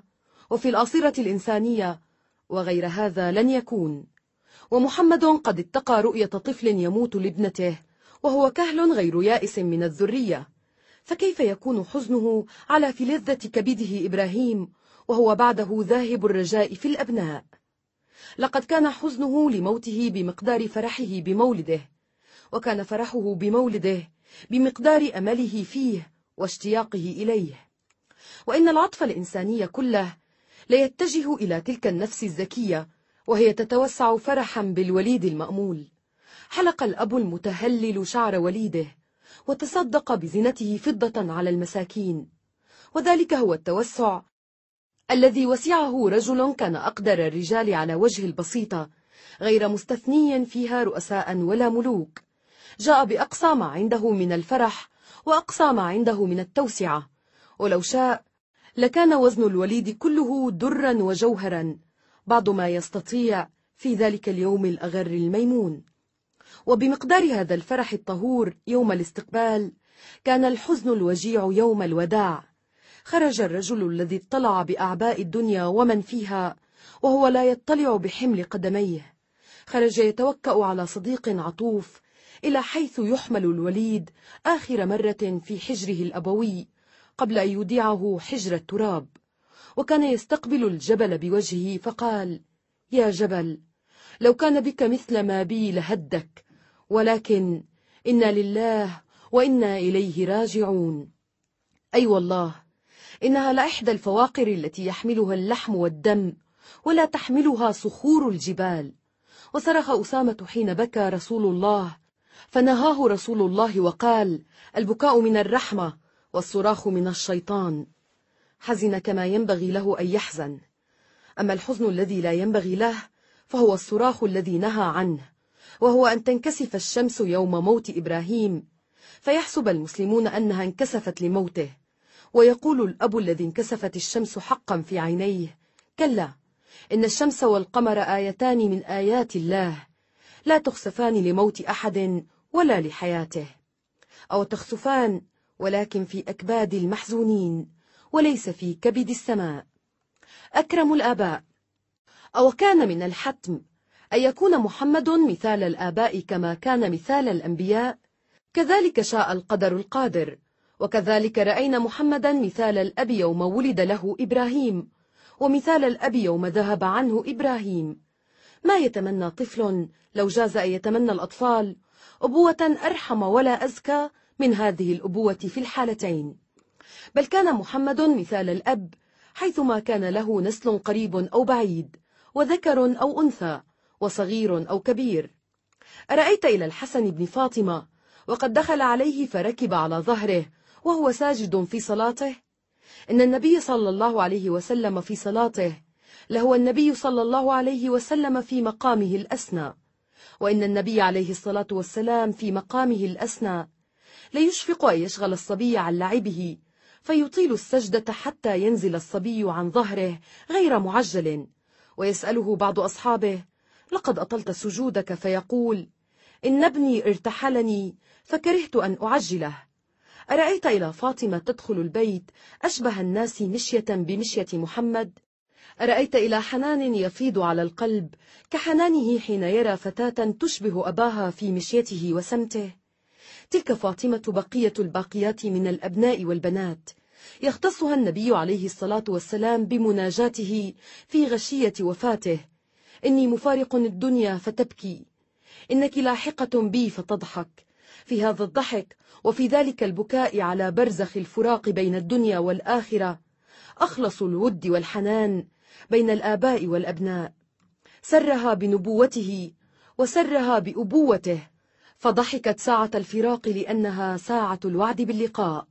وكذلك فارق الدنيا أكرم الأنبياء وأكرم الآباء السيد الخير المطبوع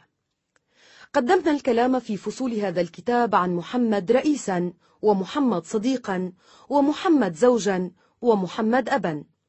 بعد الكلام على عبقريته في الدعوة وعبقريته في قيادة الجيوش وعبقريته في السياسة والإدارة والبلاغة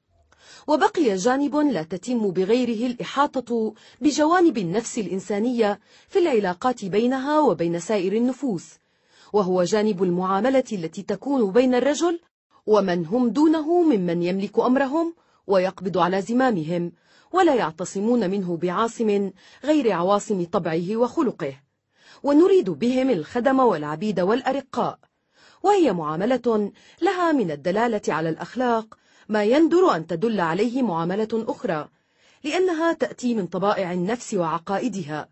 ولا تأتي بأمر آمر وبدعوة داع فالصداقة لها الحقوق المتكافئة بين الصديقين لا يستطيع أحدهما أن ينساها زمنا طويلا إلا ذكرها به مذكر من صديقه الحافظ لحقوقه القادر على مقابلة الجفاء بمثله ولو في طوية نفسه والرئاسة قد تخول الرئيس حق السيطرة وتفرض على المرؤوسين واجب الطاعة غير أنها قل أن تنطلق بغير وازع من خشية الغضب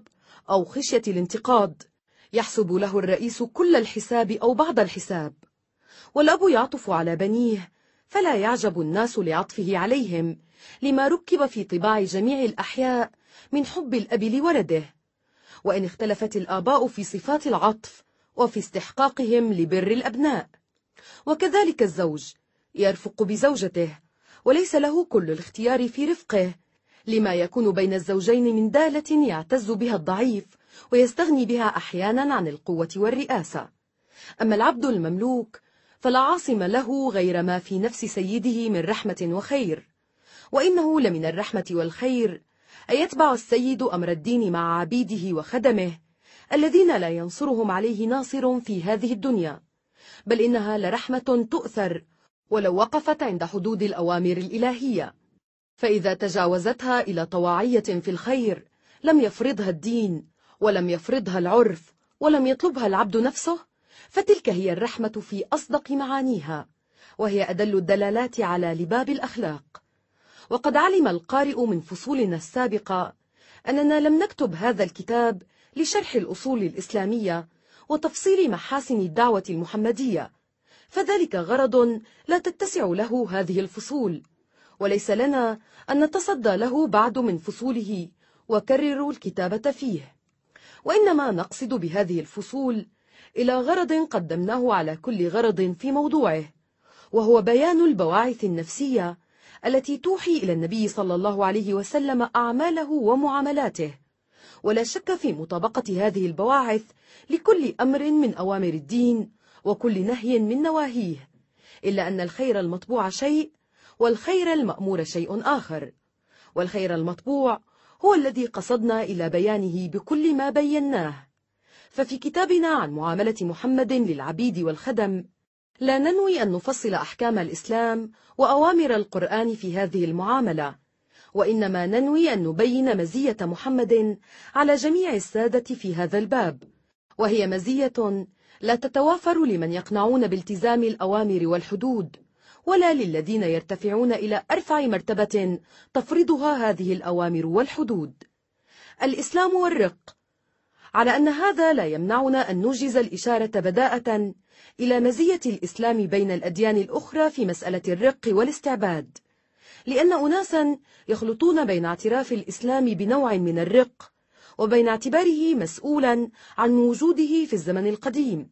ويردون شيئا من ذلك إلى عمل النبي عليه الصلاة والسلام فمن الواجب أن نذكر أولا أن دينا من الأديان الأخرى لم يأمر بإلغاء الرق في شكل من أشكاله سواء رق الحروب أو رق النخاسة والبيع والشراء وأن أناسا من أقطاب المسيحية كالقديس أوغسطين سوغوه واعتبروه جزاء عادلا للخطايا التي يقترفها المسترقون وجاء بعض أحبار الكنيسة فحرموا على الأرقاء شرف الخدمة فيها بالوعظ والهداية أنفة لها أن يدنسها لؤم العنصر الذي وسموا به الرقيق ويجب أن نذكر بعد هذا أن النظام الاقتصادي القديم في أساسه كان مرتبطا بالاسترقاق أشد الارتباط فكان إلغاؤه طفرة واحدة أقرب شيء إلى المستحيلات ولم يكن أنفع في علاجه من التدرج خطوة فخطوة والابتداء بتصعيبه وترغيب الناس عنه وهو ما شرعه الإسلام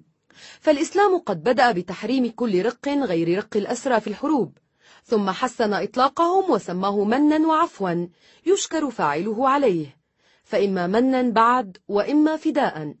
ثم أجاز للأسير أن يشتري نفسه وأوجب حريته في حالات كثيرة يرجع معظمها إلى إرادته هو إذا استطاع والحق الذي لا مراء فيه أن صنيع الإسلام هذا كان أجمل صنيع لقيه الأرقاء من دين أو شريعة وأنه إذا كان هناك تمهيد لإلغاء الرق بتة فذلك هو تمهيد الإسلام دون غيره وهو أقصى ما كان مستطاعا في نظام العالم القديم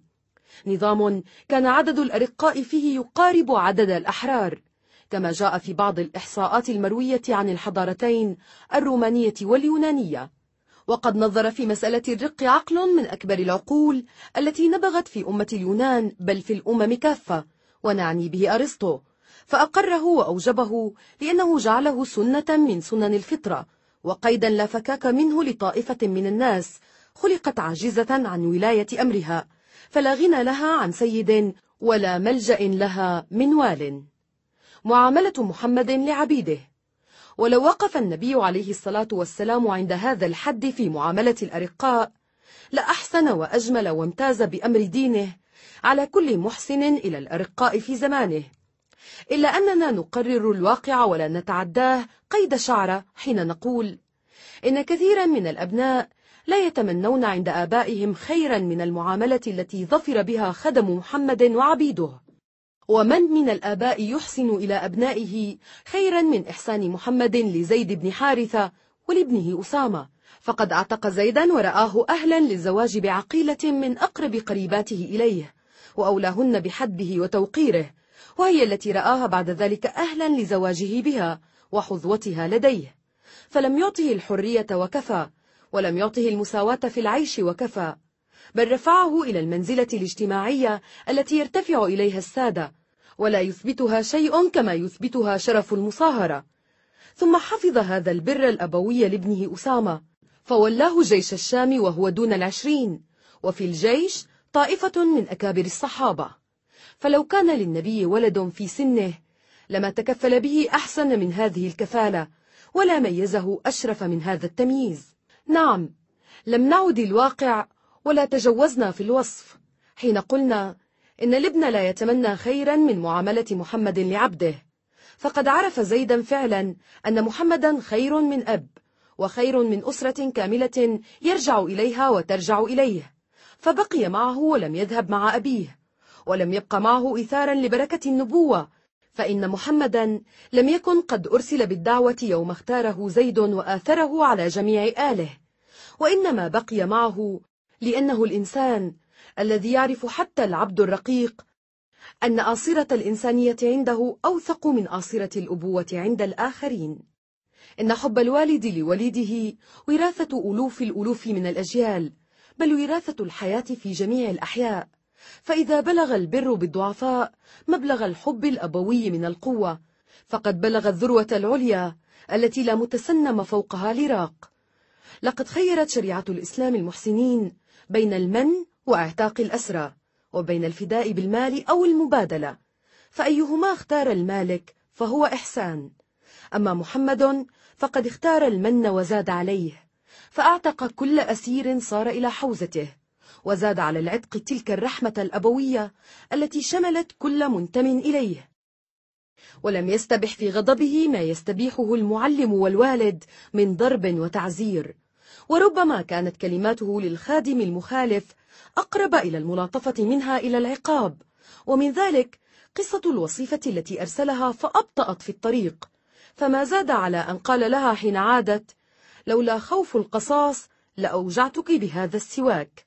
ضرب سواك لابن عزيز ليس بالشيء الكثير ولكن محمدا يخشى القصاص إذا استباحه في معاملة وصيفة تهمل أمره وهو الذي لا يهمل له أمر عند سادة الشرفاء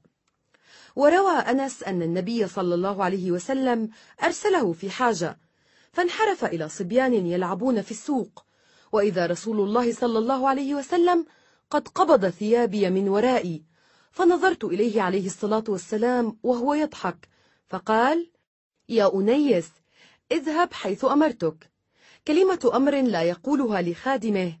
إلا وقد ناداه مدللا وقابله ضاحكا كأنه يعتب على قرين وقد يلام القرين بأشد من هذا الملام وكانت رحمته بعبيد غيره كرحمته بعبيده فكان يجاملهم ويجبر كسرهم ويقبل منهم الهدية ويكافئ عليها ويلبي دعوتهم إذا دعوه إلى طعام ويوصي بهم قائلا هم إخوانكم وخولكم جعلهم الله تحت أيديكم فمن كان أخوه تحت يده فليطعمه مما يأكل ويلبسه مما يلبس ولا تكلفوهم ما يغلبهم فإن كلفتموهم فأعينوهم واتقوا الله في الضعيفين النساء والرقيق البر بالخدمة وربما كان البر بالخدمة في هذا المقام أكرم وأنفى للهوان من البر بالخدم فالبر بالخادم عطف عليه أما البر بالخدمة فارتفاع بالخادم إلى مقام السادة حيث لا يأنف السادة من خدمة أنفسهم بأيديهم وذلك هو البر بالخدمة كما عنيناه وذلك هو دأب النبي عليه الصلاة والسلام الذي جرى عليه في بيته وبين أهله وخدمه فقد كان يحلب شاته ويصلح نعله ويخدم نفسه ويعلف ناضحه أي البعير الذي يستقي عليه الماء فإذا رأى الخدم لهم عملا في البيت يماثل عمل سيدهم ومالك أمرهم فتلك هي المساواة التي تمسح ضير الخدمة وتجبر كسرها ولا تقتصر على العطف والرحمة ولم يقبل عليه الصلاة والسلام خدمة من خادم يأنف الأحرار أن يقضوها له شاكرين فما كان في رجالات المسلمين كابر بن كابر إلا كان يتمنى أن يؤدي لنبيه تلك الخدمة التي تطوعت بها نفوس مواليه وأتباعه وهذا ضرب آخر من ضروب البر بالخدمة والتسوية فيها بين مقام الخادم ومقام المريد فكان عمل الخادم عنده عمل التلميذ الذي يجلس إلى قدمي أستاذه حبا لا خنوعا وتوقيرا لا مذلة وأدبا يفرضه على نفسه وليس بضريبة مكتوبة يفرضها عليه العرف والتأديب وعلى هذا كان النبي عليه الصلاة والسلام يكره أن تقبل يداه مخافة أن تجري العادة بهذا بين الناس فتحمل بينهم على محمل الذل والخضوع قال أبو هريرة رضي الله عنه دخلت السوق مع النبي صلى الله عليه وسلم فاشترى سراويل وقال للوزان زن وأرجح فوثب الوزان إلى يد رسول الله صلى الله عليه وسلم يقبلها فجذب يده وقال هذا تفعله الأعاجم بملوكها ولست بملك إنما أنا رجل منكم ثم أخذ السراويل فذهبت لأحملها فقال صاحب الشيء أحق بشيئه أن يحمله ولقد يصح أن يقال إن حصة النبي عليه الصلاة والسلام من خدمة نفسه كانت أعظم من حصة خدمه وإن تعويلهم عليه كان أكبر من تعويله عليهم وإنه جعل الخدمة على سنته ضربا من توزيع الأعمال أو ضربا من تعاون أبناء البيت الواحد فيما يستطيعه كل منهم من تدبيره وقضاء شؤونه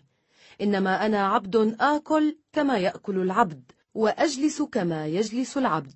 هذه كلمة السيد بإمامته السيد بنسبه السيد بسلطانه السيد بالتفات القلوب حوله السيد بسيادته على سره وعلانيته ورأيه وهواه ولو عمت هذه السيادة لبطل الاستعباد وأصبح تفاوت الدرجات كتفاوت الأعمار شيئا لا غضاضة فيه على صغير ولا تكبر فيه لكبير إنما هو تقسيم أعمال وتعاون بين إخوان وإن لم يكن تعاونا بين أمثال العابد الطبائع الأربع طبيعة العبادة وطبيعة التفكير وطبيعة التعبير الجميل وطبيعة العمل والحركة هذه طبائع أربع تتفرق في الناس وقلما تجتمع في إنسان واحد على قوة واحدة فإذا اجتمعت معا فواحدة منهن تغلب سائرهن لا محالة وتلحق الأخريات بها في القوة والدرجة على شيء من التفاوت طبيعة العبادة تدعونا إلى الاتصال بأسرار الكون للمعاطفة والتآلف بيننا وبينها تدعونا إلى الحلول من الكون في أسرة كبيرة وطبيعة التفكير تثير في نفوسنا ملكات الكشف والاستقصاء تدعونا إلى الحلول من الكون في معمل كبير وطبيعة التعبير الجميل تشب النار المقدسة في سرائرنا فتصهر معادن الجمال من هذه الدنيا وتفرغها في قوالب حسناء من صنع قرائحنا وألسنتنا أو من صنع قرائحنا وأيدينا أو صنع قرائحنا وأوصالنا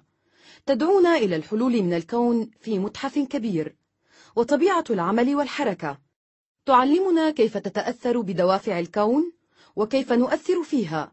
وتجذبنا إليها فنستمد منها القدرة التي تجذبها إلينا تدعونا إلى الحلول من الكون في ميدان صراع ومضمار سباق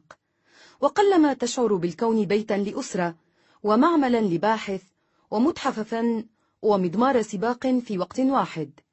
إنما هي حالة من هذه الحالات تجب سائر الحالات وقد تلحقها بها إلحاق التابع بالمتبوع والمساعد بالعامل الأصيل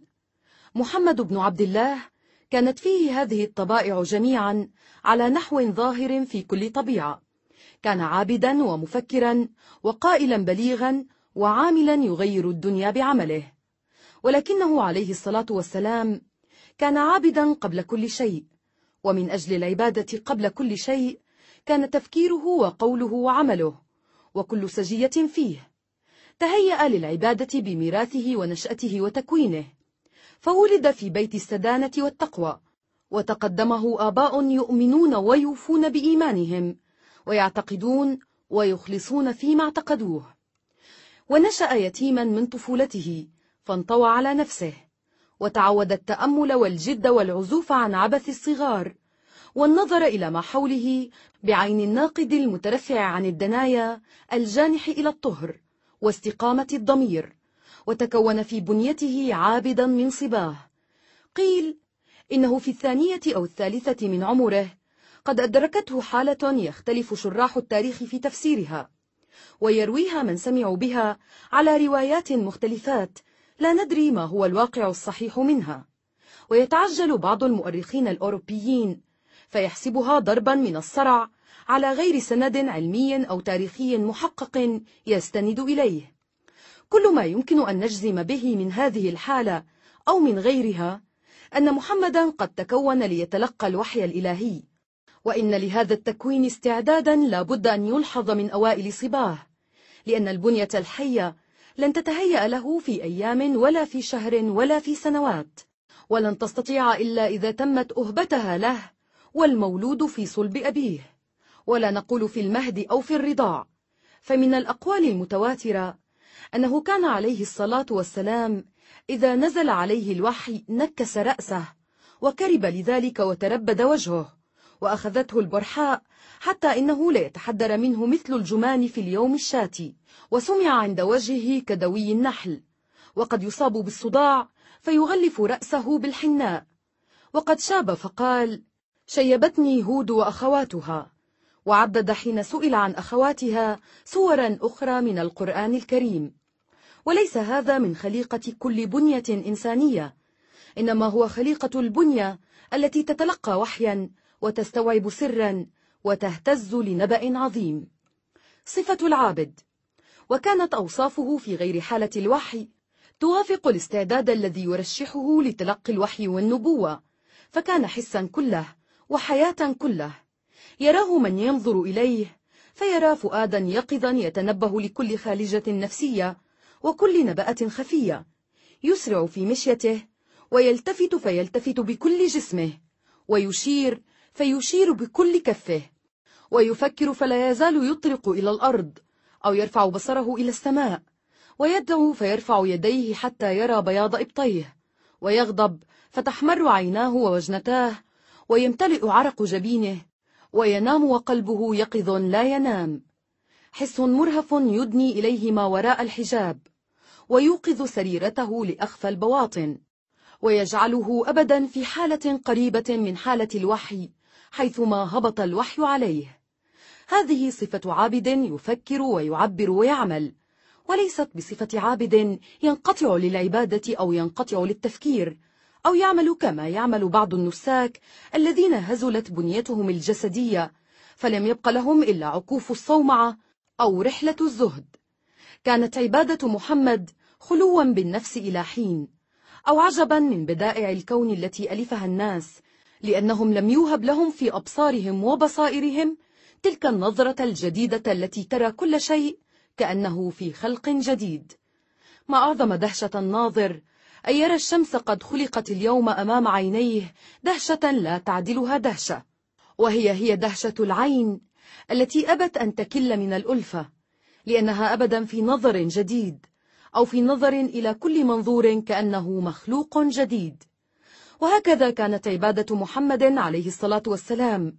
عجب من بدائع الكون في كل نظرة كأنه يراها لأول مرة وتفكير في الخلق ينتهي إلى الإيمان لأنه يبدأ بالعجب ولا يزال أبدا بين العجب والإيمان وإن محمدا باعث الإيمان إلى القلوب لقد كان يجدد إيمانه كما يجدد عجبه كل يوم وكان يدعو الله فيقول يا مقلب القلوب ثبت قلبي على دينك وقيل له في ذلك فقال إنه ليس آدمي إلا وقلبه بين إصبعين من أصابع الله فمن شاء أقام ومن شاء أزاغ حركة متجددة في الحس وفي الفكر وفي الضمير فلا انقطاع عن الحس للعبادة كل الانقطاع ولا انقطاع عن الحس للتفكير كل الانقطاع وإنما هو تفكير من ينتظره العمل وليس بتفكير من ترك العمل ليوغل في الفروض ومذاهب الاحتمال والتشكيك ثلث أيامه لربه وثلثها لأهله وثلثها لنفسه وما كان في فراغه لنفسه ولا لأهله شيء يخرجه من معنى عبادة الله والاتصال بالله على نحو من التعميم بهره الجمال من صباه جمال الشمس والقمر والنهار والليل والروض والصحراء وجمال الوجوه التي يلمح عليها الحسن فيطلب عندها الخير إنما هو الخير على كل حال ما قد طلب من الجمال وإنما جمال الله هو الذي كان يدعوه إليه كلما نظر إلى خلق جميل فكر في الخلق فآمن بالخالق واستقر هنالك لا يتقدم ولا يتأخر فقال إن الشيطان يأتي أحدكم فيقول من خلق السماء فيقول الله فيقول من خلق الأرض فيقول الله فيقول من خلق الله فإذا وجد ذلك أحدكم فليقل آمنت بالله ورسوله تلك هي نهاية التفكير التي ينتهي إليها عقل مستقيم خلق لعبادة عامل وتعليم الناس عبادة وعملا ولم يخلق ليوغل في الفروض ويتقلب بين الشكوك وإنا لنسأل مع هذا إلى أين انتهى المفكرون الذين أوغلوا في شكوكهم وتطوحوا بها إلى قصوى ما تفرضه الفروض إلى أين انتهى كانت إمام المفكرين في هذا الباب بين فلاسفة العصر الحديث إن لم نقل الحديث والقديم انتهى إلى أن النفس نفسان والوجود وجودان نفس حسية ونفس حقيقية ووجود محسوس ووجود حق هو ذات الوجود النفس الحقيقية تدرك الوجود الحقيقي عندما ترجع إلى قرارها ثم لا تتخطى بإدراكها عالم الباطن إلى عالم المحسوسات التي يتناولها التعبير وتصدير الكلام أليس معنى هذا أن إيمان النفس الباطنة أمر لا يتعلق بالبرهان وأن المرجع غاية المرجع إنما هو الإيمان ولا شيء غير الإيمان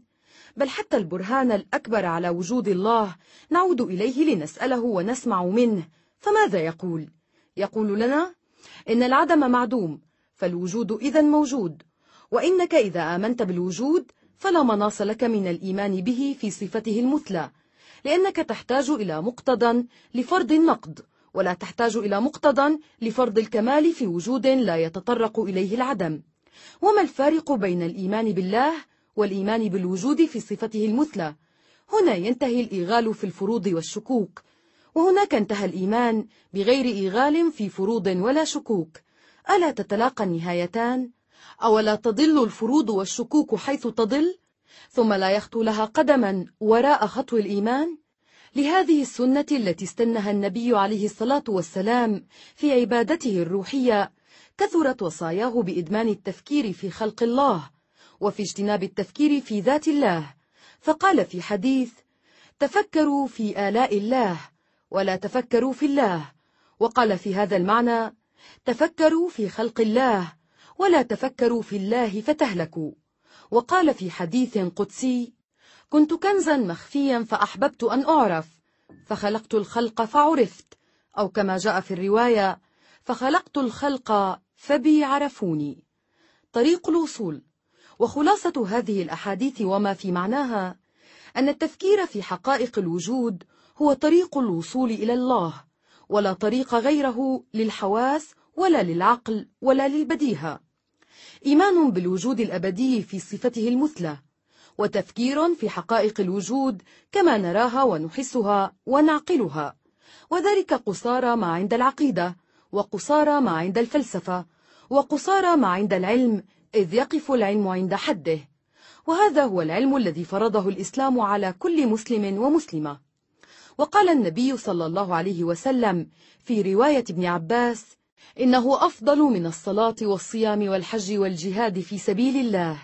لأنه سبيل الوصول إلى الله ومن الواجب أن نذكر بعد هذا جميعه أن محمد النبي وأن النبي عليه الصلاة والسلام يعلم جميع الناس الإيمان وتلك سبيل جميع الناس فيما يفتح لهم من أبواب التفكير وأبواب الاعتقاد فهم يضلون في تيه الشكوك والمناقضات التي يتعمق فيها الفلاسفة والمنطقيون ولا يبلغون إلى هداية أقوم وأسلم من هداية الإيمان بالخالق والتفكير في الخليقة فإما هذه الهداية وإما الضلال الذي لا هداية وراءه وليس لنبي أن يحجب طريق الهداية ويفتح طريق الضلال وقد تكلمنا في هذا الفصل عن روح العبادة أو عن فطرة العابد التي توحي إليه عبادته الروحية أما عبادة الشعائر الظاهرة فهي عبادة الإسلام كما فرضت على جميع المسلمين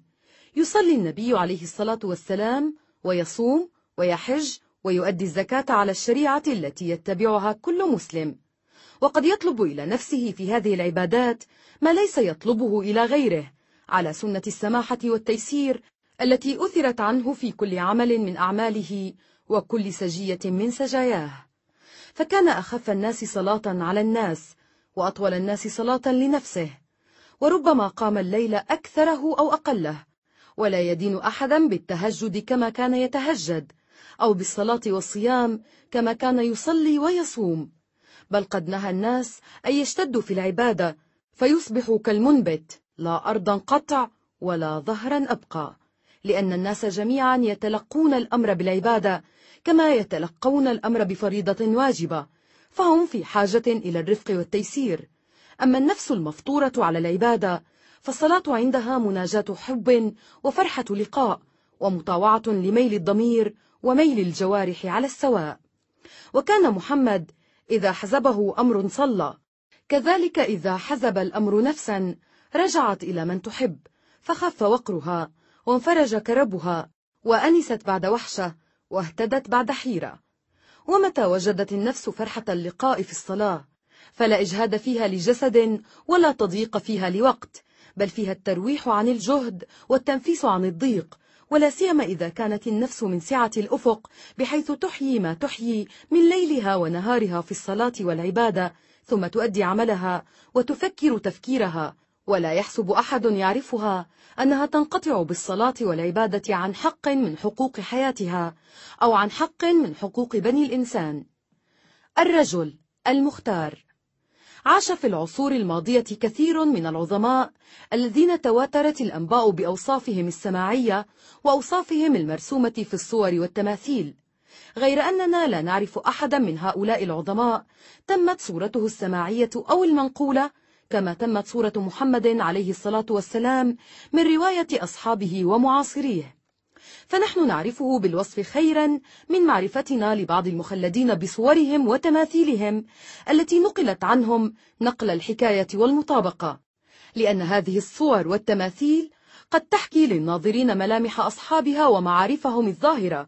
وقد تحكي للمتفرسين شيئا من طبائعهم التي تنم عليها سيماهم إلا أنها لا تحفظهم لنا كما حفظت الروايات المتواترة أوصاف النبي عليه الصلاة والسلام في كل حالة من حالاته وكل لمحة من لمحاته في سيماه وفي هندامه وفي شرابه وطعامه وصلاته وصيامه وحله ومقامه وسكوته وكلامه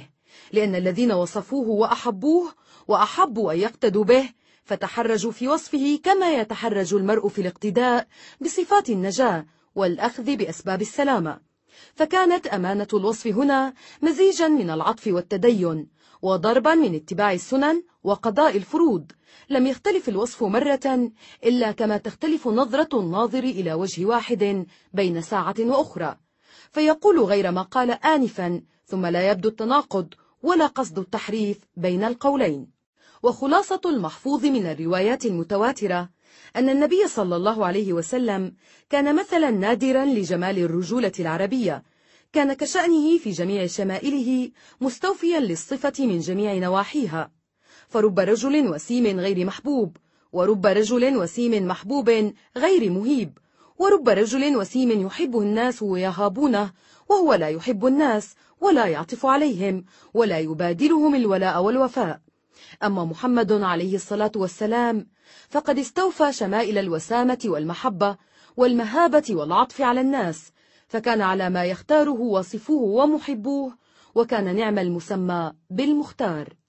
إذا نظر إليه الناظر رأى رجلا أزهر اللون عظيم الهامة مفاض الجبين صبط الشعر أزج الحاجبين بينهما عرق يدره الغضب أدعج العينين في كحل أقنى الأنف يحسبه من لم يتأمله أشم العرنين أسيل الخد ضليع الفم غزير اللحية جميل الجيد عريض الصدر واسع ما بين المنكبين ضخم الكراديس طويل الزندين رحب الراحة شتن الكفين والقدمين لا بالمشذب ولا بالقصير مربوعا أو أطول من المربوع معتدل الخلق متماسكا لا بالبدين ولا بالنحيل وإذا أقبل يتحرك نظر إليه الناظر فرأى رجلا يصفه الأقدمون بأنه حي القلب ويصفه المحدثون بالحركة والحيوية يمشي فكأنما ينحدر من جبل وينحط من صبب ويرفع قدمه فيرفعها تقلعا كأنما ينشط بجملة جسمه ويلتفت فيلتفت كله ويشير فيشير بكفه كلها ويتحدث فيقارب يده اليمنى من اليسرى ويضرب بإبهام اليمنى راحة اليسرى ويفتح الكلام بأشداقه ويختمه بأشداقه وربما حرك رأسه وعض شفته في أثناء كلامه وهو على هذه الحركة الحية جم الحياء أشد حياء من العذراء نضاح المحيا إذا كره شيئا عرف ذلك في وجهه وإذا رضي تطلقت أساريره وتبين رضاه واقترن النشاط والحياء بالقوة والمضاء في هذه البنية الجميلة فكان عليه الصلاة والسلام يصرع الرجل القوي ويركب الفرس عاريا فيروضه على السير ويداعب من يحب بالمسابقة في العدو قالت عائشة رضي الله عنها خرجت مع النبي عليه الصلاة والسلام في بعض أسفاره وأنا جارية لم أحمل اللحم فقال عليه الصلاة والسلام للناس تقدموا فتقدموا ثم قال تعالي حتى أسابقك فسابقته فسبقته فسكت حتى إذا حملت اللحم وكنا في سفرة أخرى قال صلى الله عليه وسلم للناس تقدموا فتقدموا ثم قال تعالي أسابقك فسابقته فسبقني فجعل صلى الله عليه وسلم يضحك ويقول هذه بتلك وهذا بعد أن قارب الستين إنها لمسابقة تنم عن فتوة الروح فوق ما نمت عليه من فتوة الأوصال وتجلت هذه الأريحية في علاقته بكل إنسان من خاصة أهله أو من عامة صحبه فرقت حاشية جده حتى عطفت على كل أسن ورحمت كل ضعف وامتزجت بكل شعور قال أنس بن مالك رضي الله عنه دخل النبي صلى الله عليه وسلم على أمي فوجد أخي أبا عمير حزينا فقال يا أم سليم ما بال أبي عمير حزينا فقالت يا رسول الله مات نغيره تعني طيرا كان يلعب به فقال صلى الله عليه وسلم أبا عمير ما فعل النغير وكان كلما رآه قال له ذلك وهذه قصة صغيرة تفيض بالعطف والمروءة من حيث ما نظرت إليها فالسيد يزور خادمه في بيته ويسأل أمه عن حزن أخيه ويواسيه في موت طائر ولا يزال يرحم ذكراه كلما رآه ومثل هذا عطفه على الضعف البشري في رجل مثل عبد الله الخمار الذي لقب بهذا اللقب لما اشتهر به من السكر والدعابة فكان النبي صلى الله عليه وسلم يحده في الخمر ولا يتمالك أن يضحك منه قبول للدعابة وكان نعيمان بن عمرو أشهر الأنصار بالدعابة لا يقيل منها أحدا ولا يراه النبي صلى الله عليه وسلم فيتمالك أن يبتسم وربما قصد النبي صلى الله عليه وسلم ببعض هذه الدعابات لطمعه في حلمه وعلمه بموقع الفكاهة من نفسه جاء أعرابي إلى رسول الله فدخل المسجد وأناخ راحلته بفنائه فقال بعض الصحابة لنعيمان لو نحرتها فأكلناها فإنا قد اشتقنا إلى اللحم ويغرم النبي عليه الصلاة والسلام حقها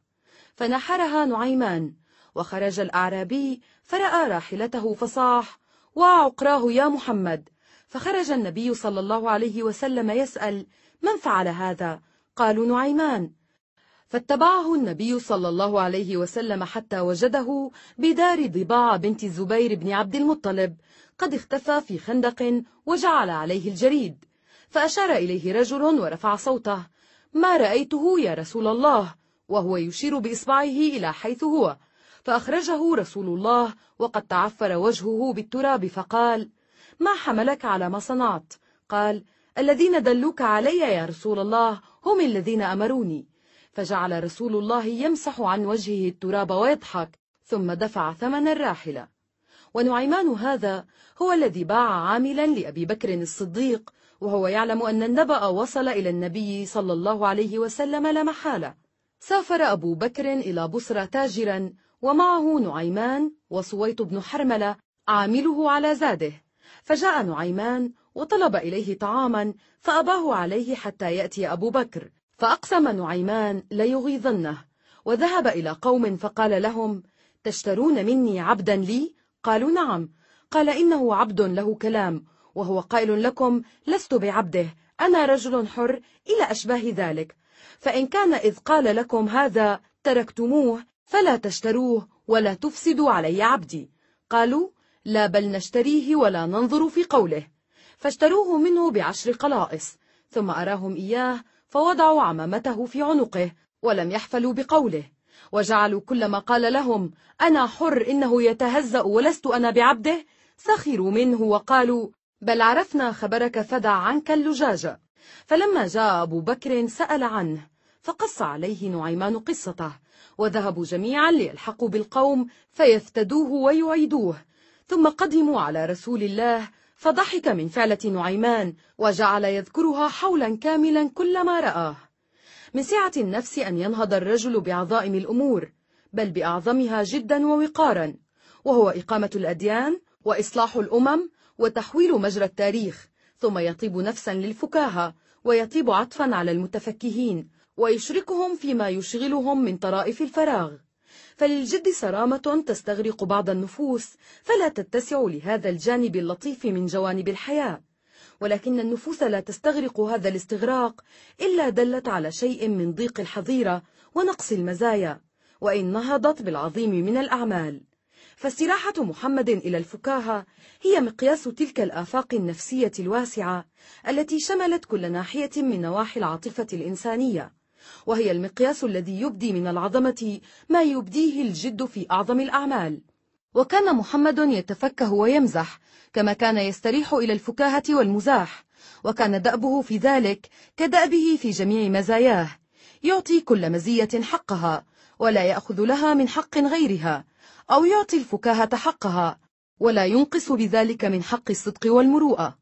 فعبد الله الخمار كان يجد من قلب النبي عليه الصلاة والسلام عطف القلب الكبير على نقيصة الضعف في الرجل السكير ولكنه كان يجد من تأديب النبي عليه الصلاة والسلام جزاء الشارب الذي يخالف الدين ويخل تماديه بالشريعة عطف يجمل بالنبي صلى الله عليه وسلم على أحسن ما يكون لأنه يجمل بالإنسان على أفضل ما يكون وإذا مزح محمد فإنما كان يعطي الرضا والبشاشة حقهما ولا يأخذ لهما من حق الصدق والمروءة فكان مزاحه آية من آيات النبوة لأنه كان كذلك آية من آيات الإنسانية ولم يكن بالنقيض الذي يستغرب من نبي كريم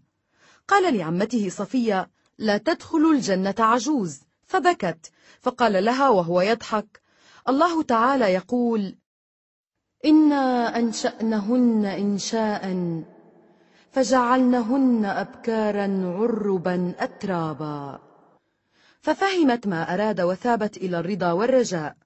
وطلب إليه بعضهم أن يحمله على بعير فوعده أن يحمله على ولد الناقة فقال يا رسول الله ما أصنع بولد الناقة فقال وهل تلد الإبل إلا النوق وكان عليه الصلاة والسلام يقول لحاضنته السوداء أم أيمن وهي عجوز غطي قناعك يا أم أيمن وسمعها في يوم حنين تنادي بلكنتها الأعجمية ثبت الله أقدامكم فلم تنسه الغزوة القائمة أن يصغي إليها ويداعبها بين نذر الحرب وصليل السيوف وأقبل عليها يقول اسكتي يا أم أيمن فإنك عسراء اللسان فكانت هذه الدعابة في ذلك الموقف المرهوب كأنها تربيت سيد الفصحاء على تلك اللكنة البريئة أريحية محمد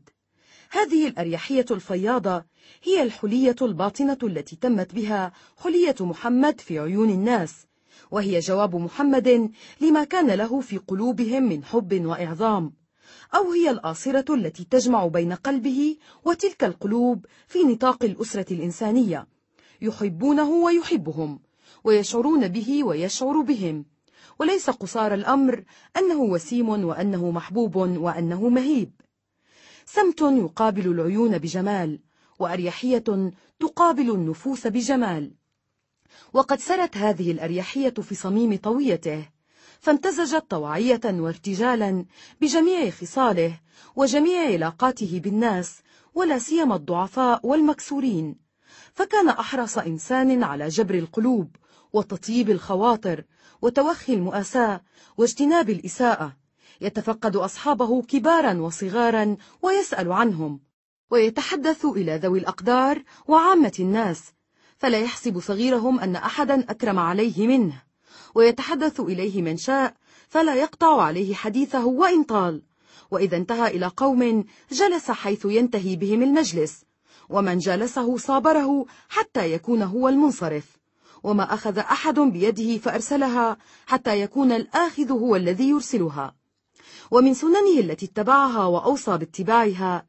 أن يجيب دعوة من دعاه ولا يرد دعوة عبد ولا خادم ولا أمة ولا فقير وفي ذلك يقول من وصاياه في أداب الولائم والمحافل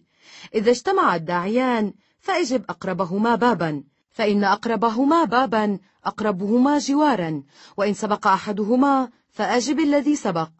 يبدأ من لقيه بالسلام ويمر بالصبيان فيقرئهم سلامه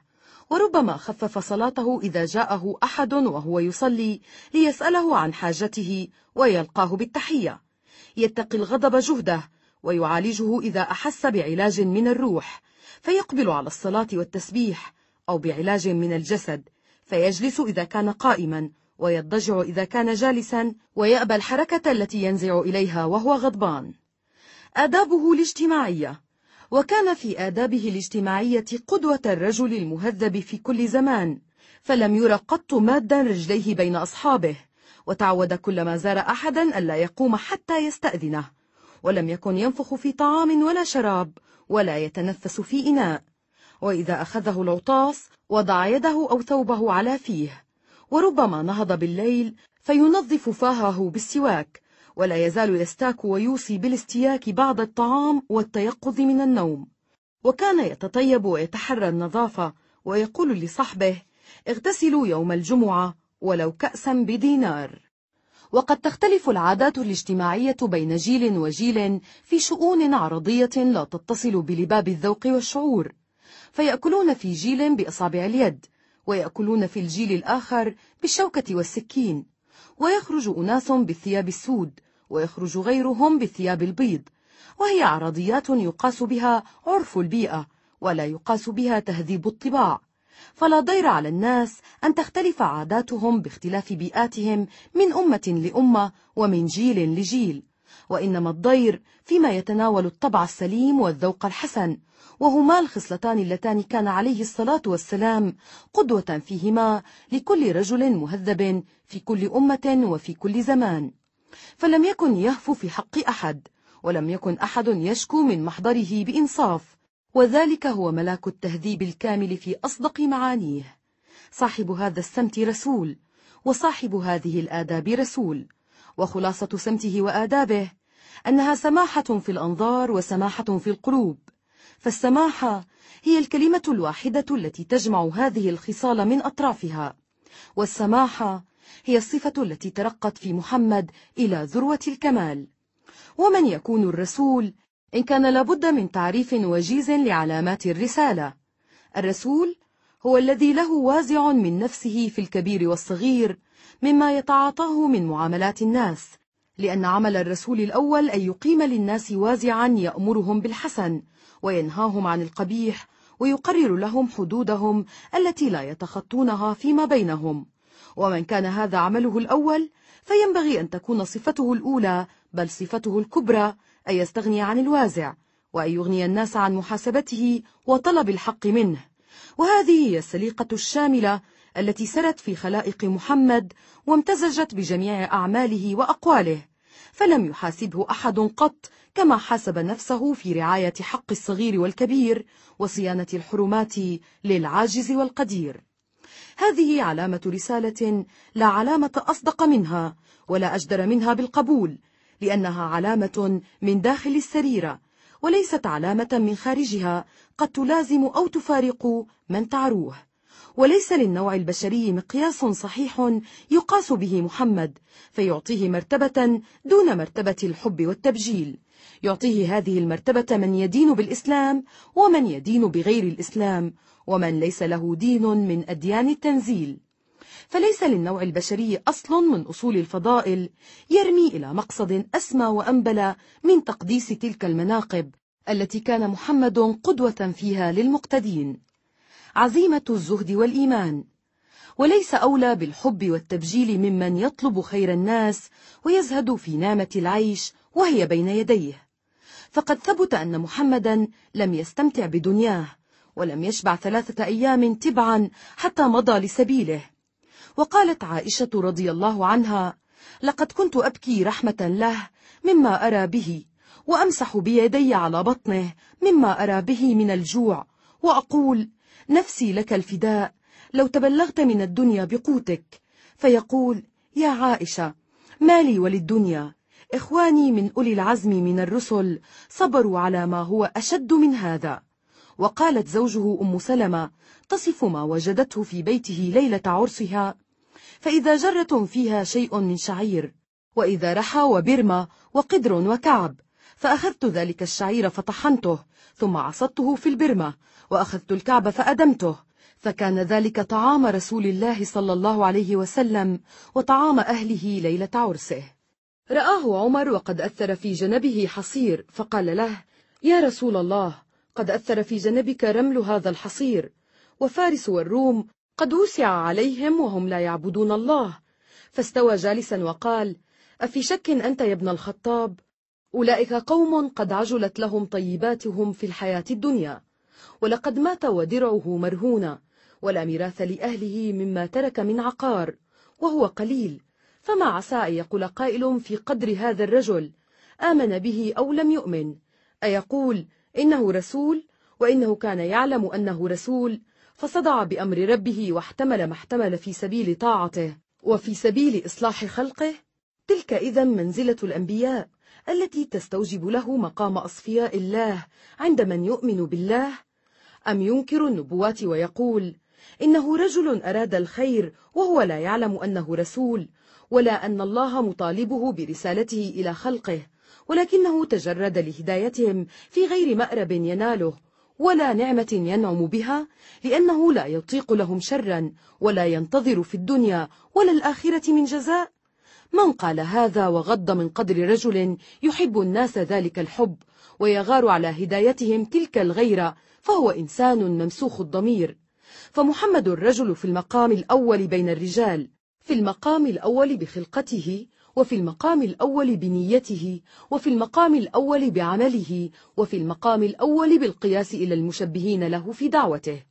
ونرى عن يقين أنه لم يحرم نفسه ذلك الحرمان إلا استزادة لأسباب الدين وشحذا للعزيمة في سبيل ذلك الإيمان وإعذارا إلى الله وإلى الناس فيما تجرد له من إصلاح لأن محمدا لم يكن كارها لطيبات الدنيا ولا حاضا لأحد على كراهتها والإعراض عنها فإذا قنع بما قنع فإنما فعل ذلك ليرتفع بإيمانه عن ظنه هو لا عن ظنون غيره كأنه يخشى إذا استوفى حظوظ النعيم الميسرة له أن يحسب تلك الحظوظ غرضا من الأغراض التي نظر إليها حين نظر إلى هداية الناس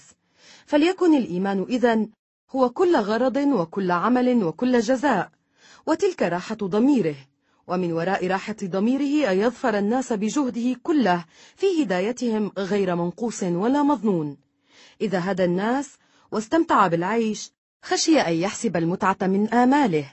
وإذا هدى الناس وكفى كانت الهداية هي جملة الآمال وغاية الآمال فلينتقص حظه من العيش ليكمل حظه وحظ أمته من إيمانه وليتم بذلك حسابه لنفسه وحسابه عند الله وحسابه بين الناس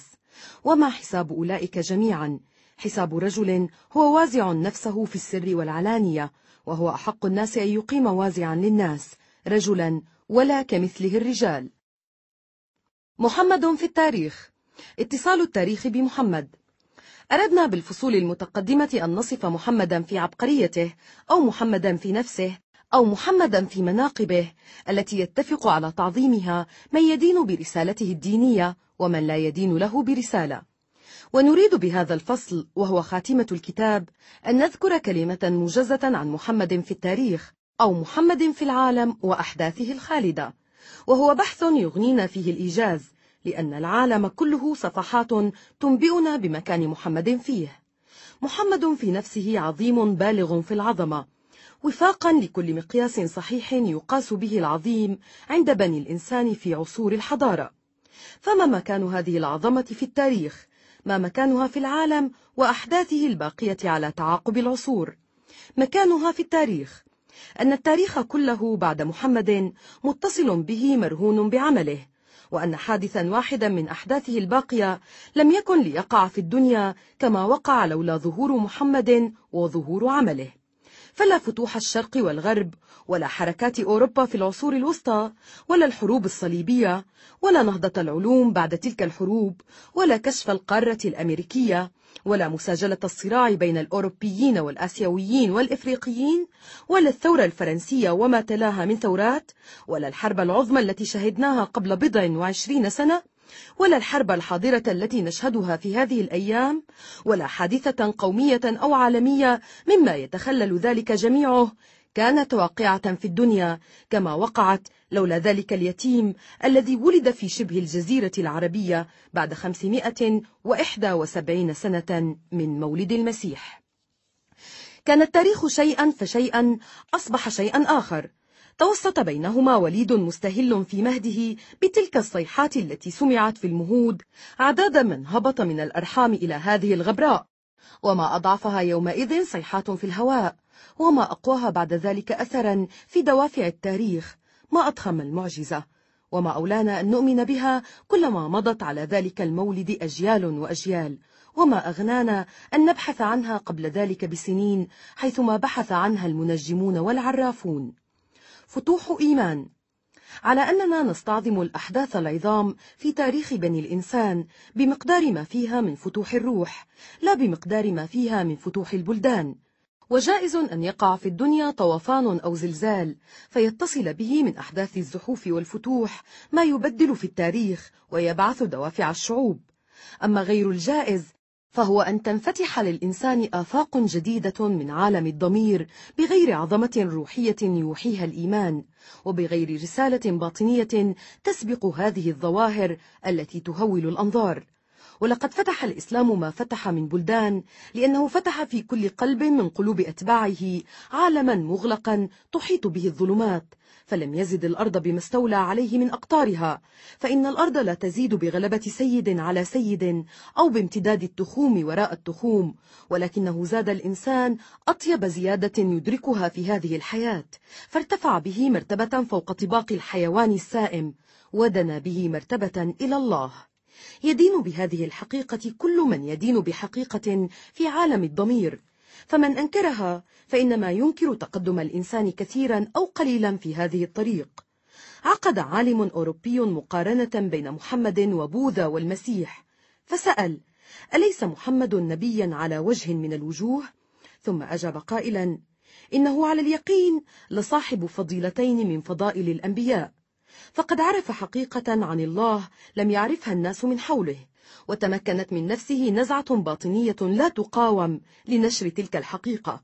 وإنه لخليق في هذه الفضيلة أن يسامي أوفر الأنبياء شجاعة وبطولة بين بني إسرائيل لأنه جازف بحياته في سبيل الحق وصبر على الإيذاء يوما بعد يوم عدة سنين وقابل النفي والحرمان والضغينة وفقد مودة الأصحاب بغير مبالاة فصابر على الجملة قصارى ما يصبر عليه إنسان دون الموت الذي نجا منه بالهجرة ودأب مع هذا جميعه على بث رسالته غير قادر على إسكاته وعد ولا وعيد ولا إغراء وربما اهتدى إلى التوحيد أناس آخرون بين عباد الأوثان إلا أن أحدا آخر غير محمد لم يقم في العالم مثل ما أقام به من إيمان بالوحدانية دائم مكين وما أتيح له ذلك إلا لمضاء عزمه أن يحمل الآخرين على الإيمان فإذا سأل سائل ما الذي دفع بمحمد إلى إقناع غيره حيث رضي الموحدون بعبادة العزلة فلا مناص لنا أن نسلم أنه هو العمق والقوة في إيمانه بصدق ما دعا إليه والحقيقة التي يراها المنصف مسلما كان أو غير مسلم هي هذه هي أن فتوح محمد فتوح إيمان وأن قوة محمد قوة إيمان وأنه ما من سمة لعمله أوضح من هذه السمة ولا من تعليل لها أصدق من هذا التعليل لقد جاء الإغراء الذي أشار إليه العالم الأوروبي وهو داع مهدد في سربه وجاءه وهو عزيز الشأن بين المؤمنين بدعوته فما حفل بالإغراء وهو بعيد عن مقصده ولا حفل به وهو واصل إليه جاءه سيد قومه عتبة بن ربيعة وهو في مبدأ أمره فقال له واعدا ملاطفا بعد أن أعياهم تخويفه متوعدين يا ابن أخي إنك منا حيث قد علمت من خيارنا حسبا ونسبا وإنك قد أتيت قومك بأمر عظيم فرقت به جماعتهم وسفهت أحلامهم وعبت آلهتهم ودينهم وكفرت من مضى من آبائهم فاسمع مني أعرض عليك أمورا تنظر فيها لعلك تقبل منا بعضها فقال صلى الله عليه وسلم قل يا أبا الوليد فقال يا ابن أخي إن كنت تريد بما جئت به من هذا الأمر مالا جمعنا لك من أموالنا حتى تكون أكثرنا مالا وإن كنت تريد شرفا سودناك علينا حتى لا نقطع أمرا دونك وإن كنت تريد ملكا ملكناك علينا وإن كان الذي يأتيك ريئا من الجن لا تستطيع رده عن نفسك طلبنا لك الطب وبذلنا فيه أموالنا حتى نبرئك منه فما زاد عليه الصلاة والسلام على أن أجابه بآيات من القرآن الكريم ثم تركه يعود كما أتى ثم أدرك النبي صلى الله عليه وسلم غاية ما سعى إليه فلم يدخل له المال ولا المتاع في حساب ولم يكن النعيم المستطاع أفعل في إغرائه من النعيم الموعود بل كان النعيم المستطاع فوق ما حلم به عتبة بن ربيعة وكان النبي صلى الله عليه وسلم أزهد فيه من زهده في النعيم الموعود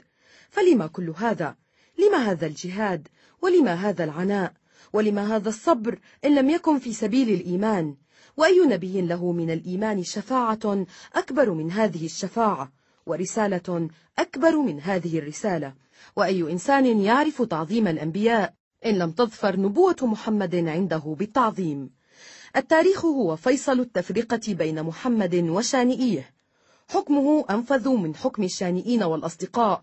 وأنفذ من حكم المشركين والموحدين وأنفذ من حكم المتدينين والملحدين لأنه حكم الله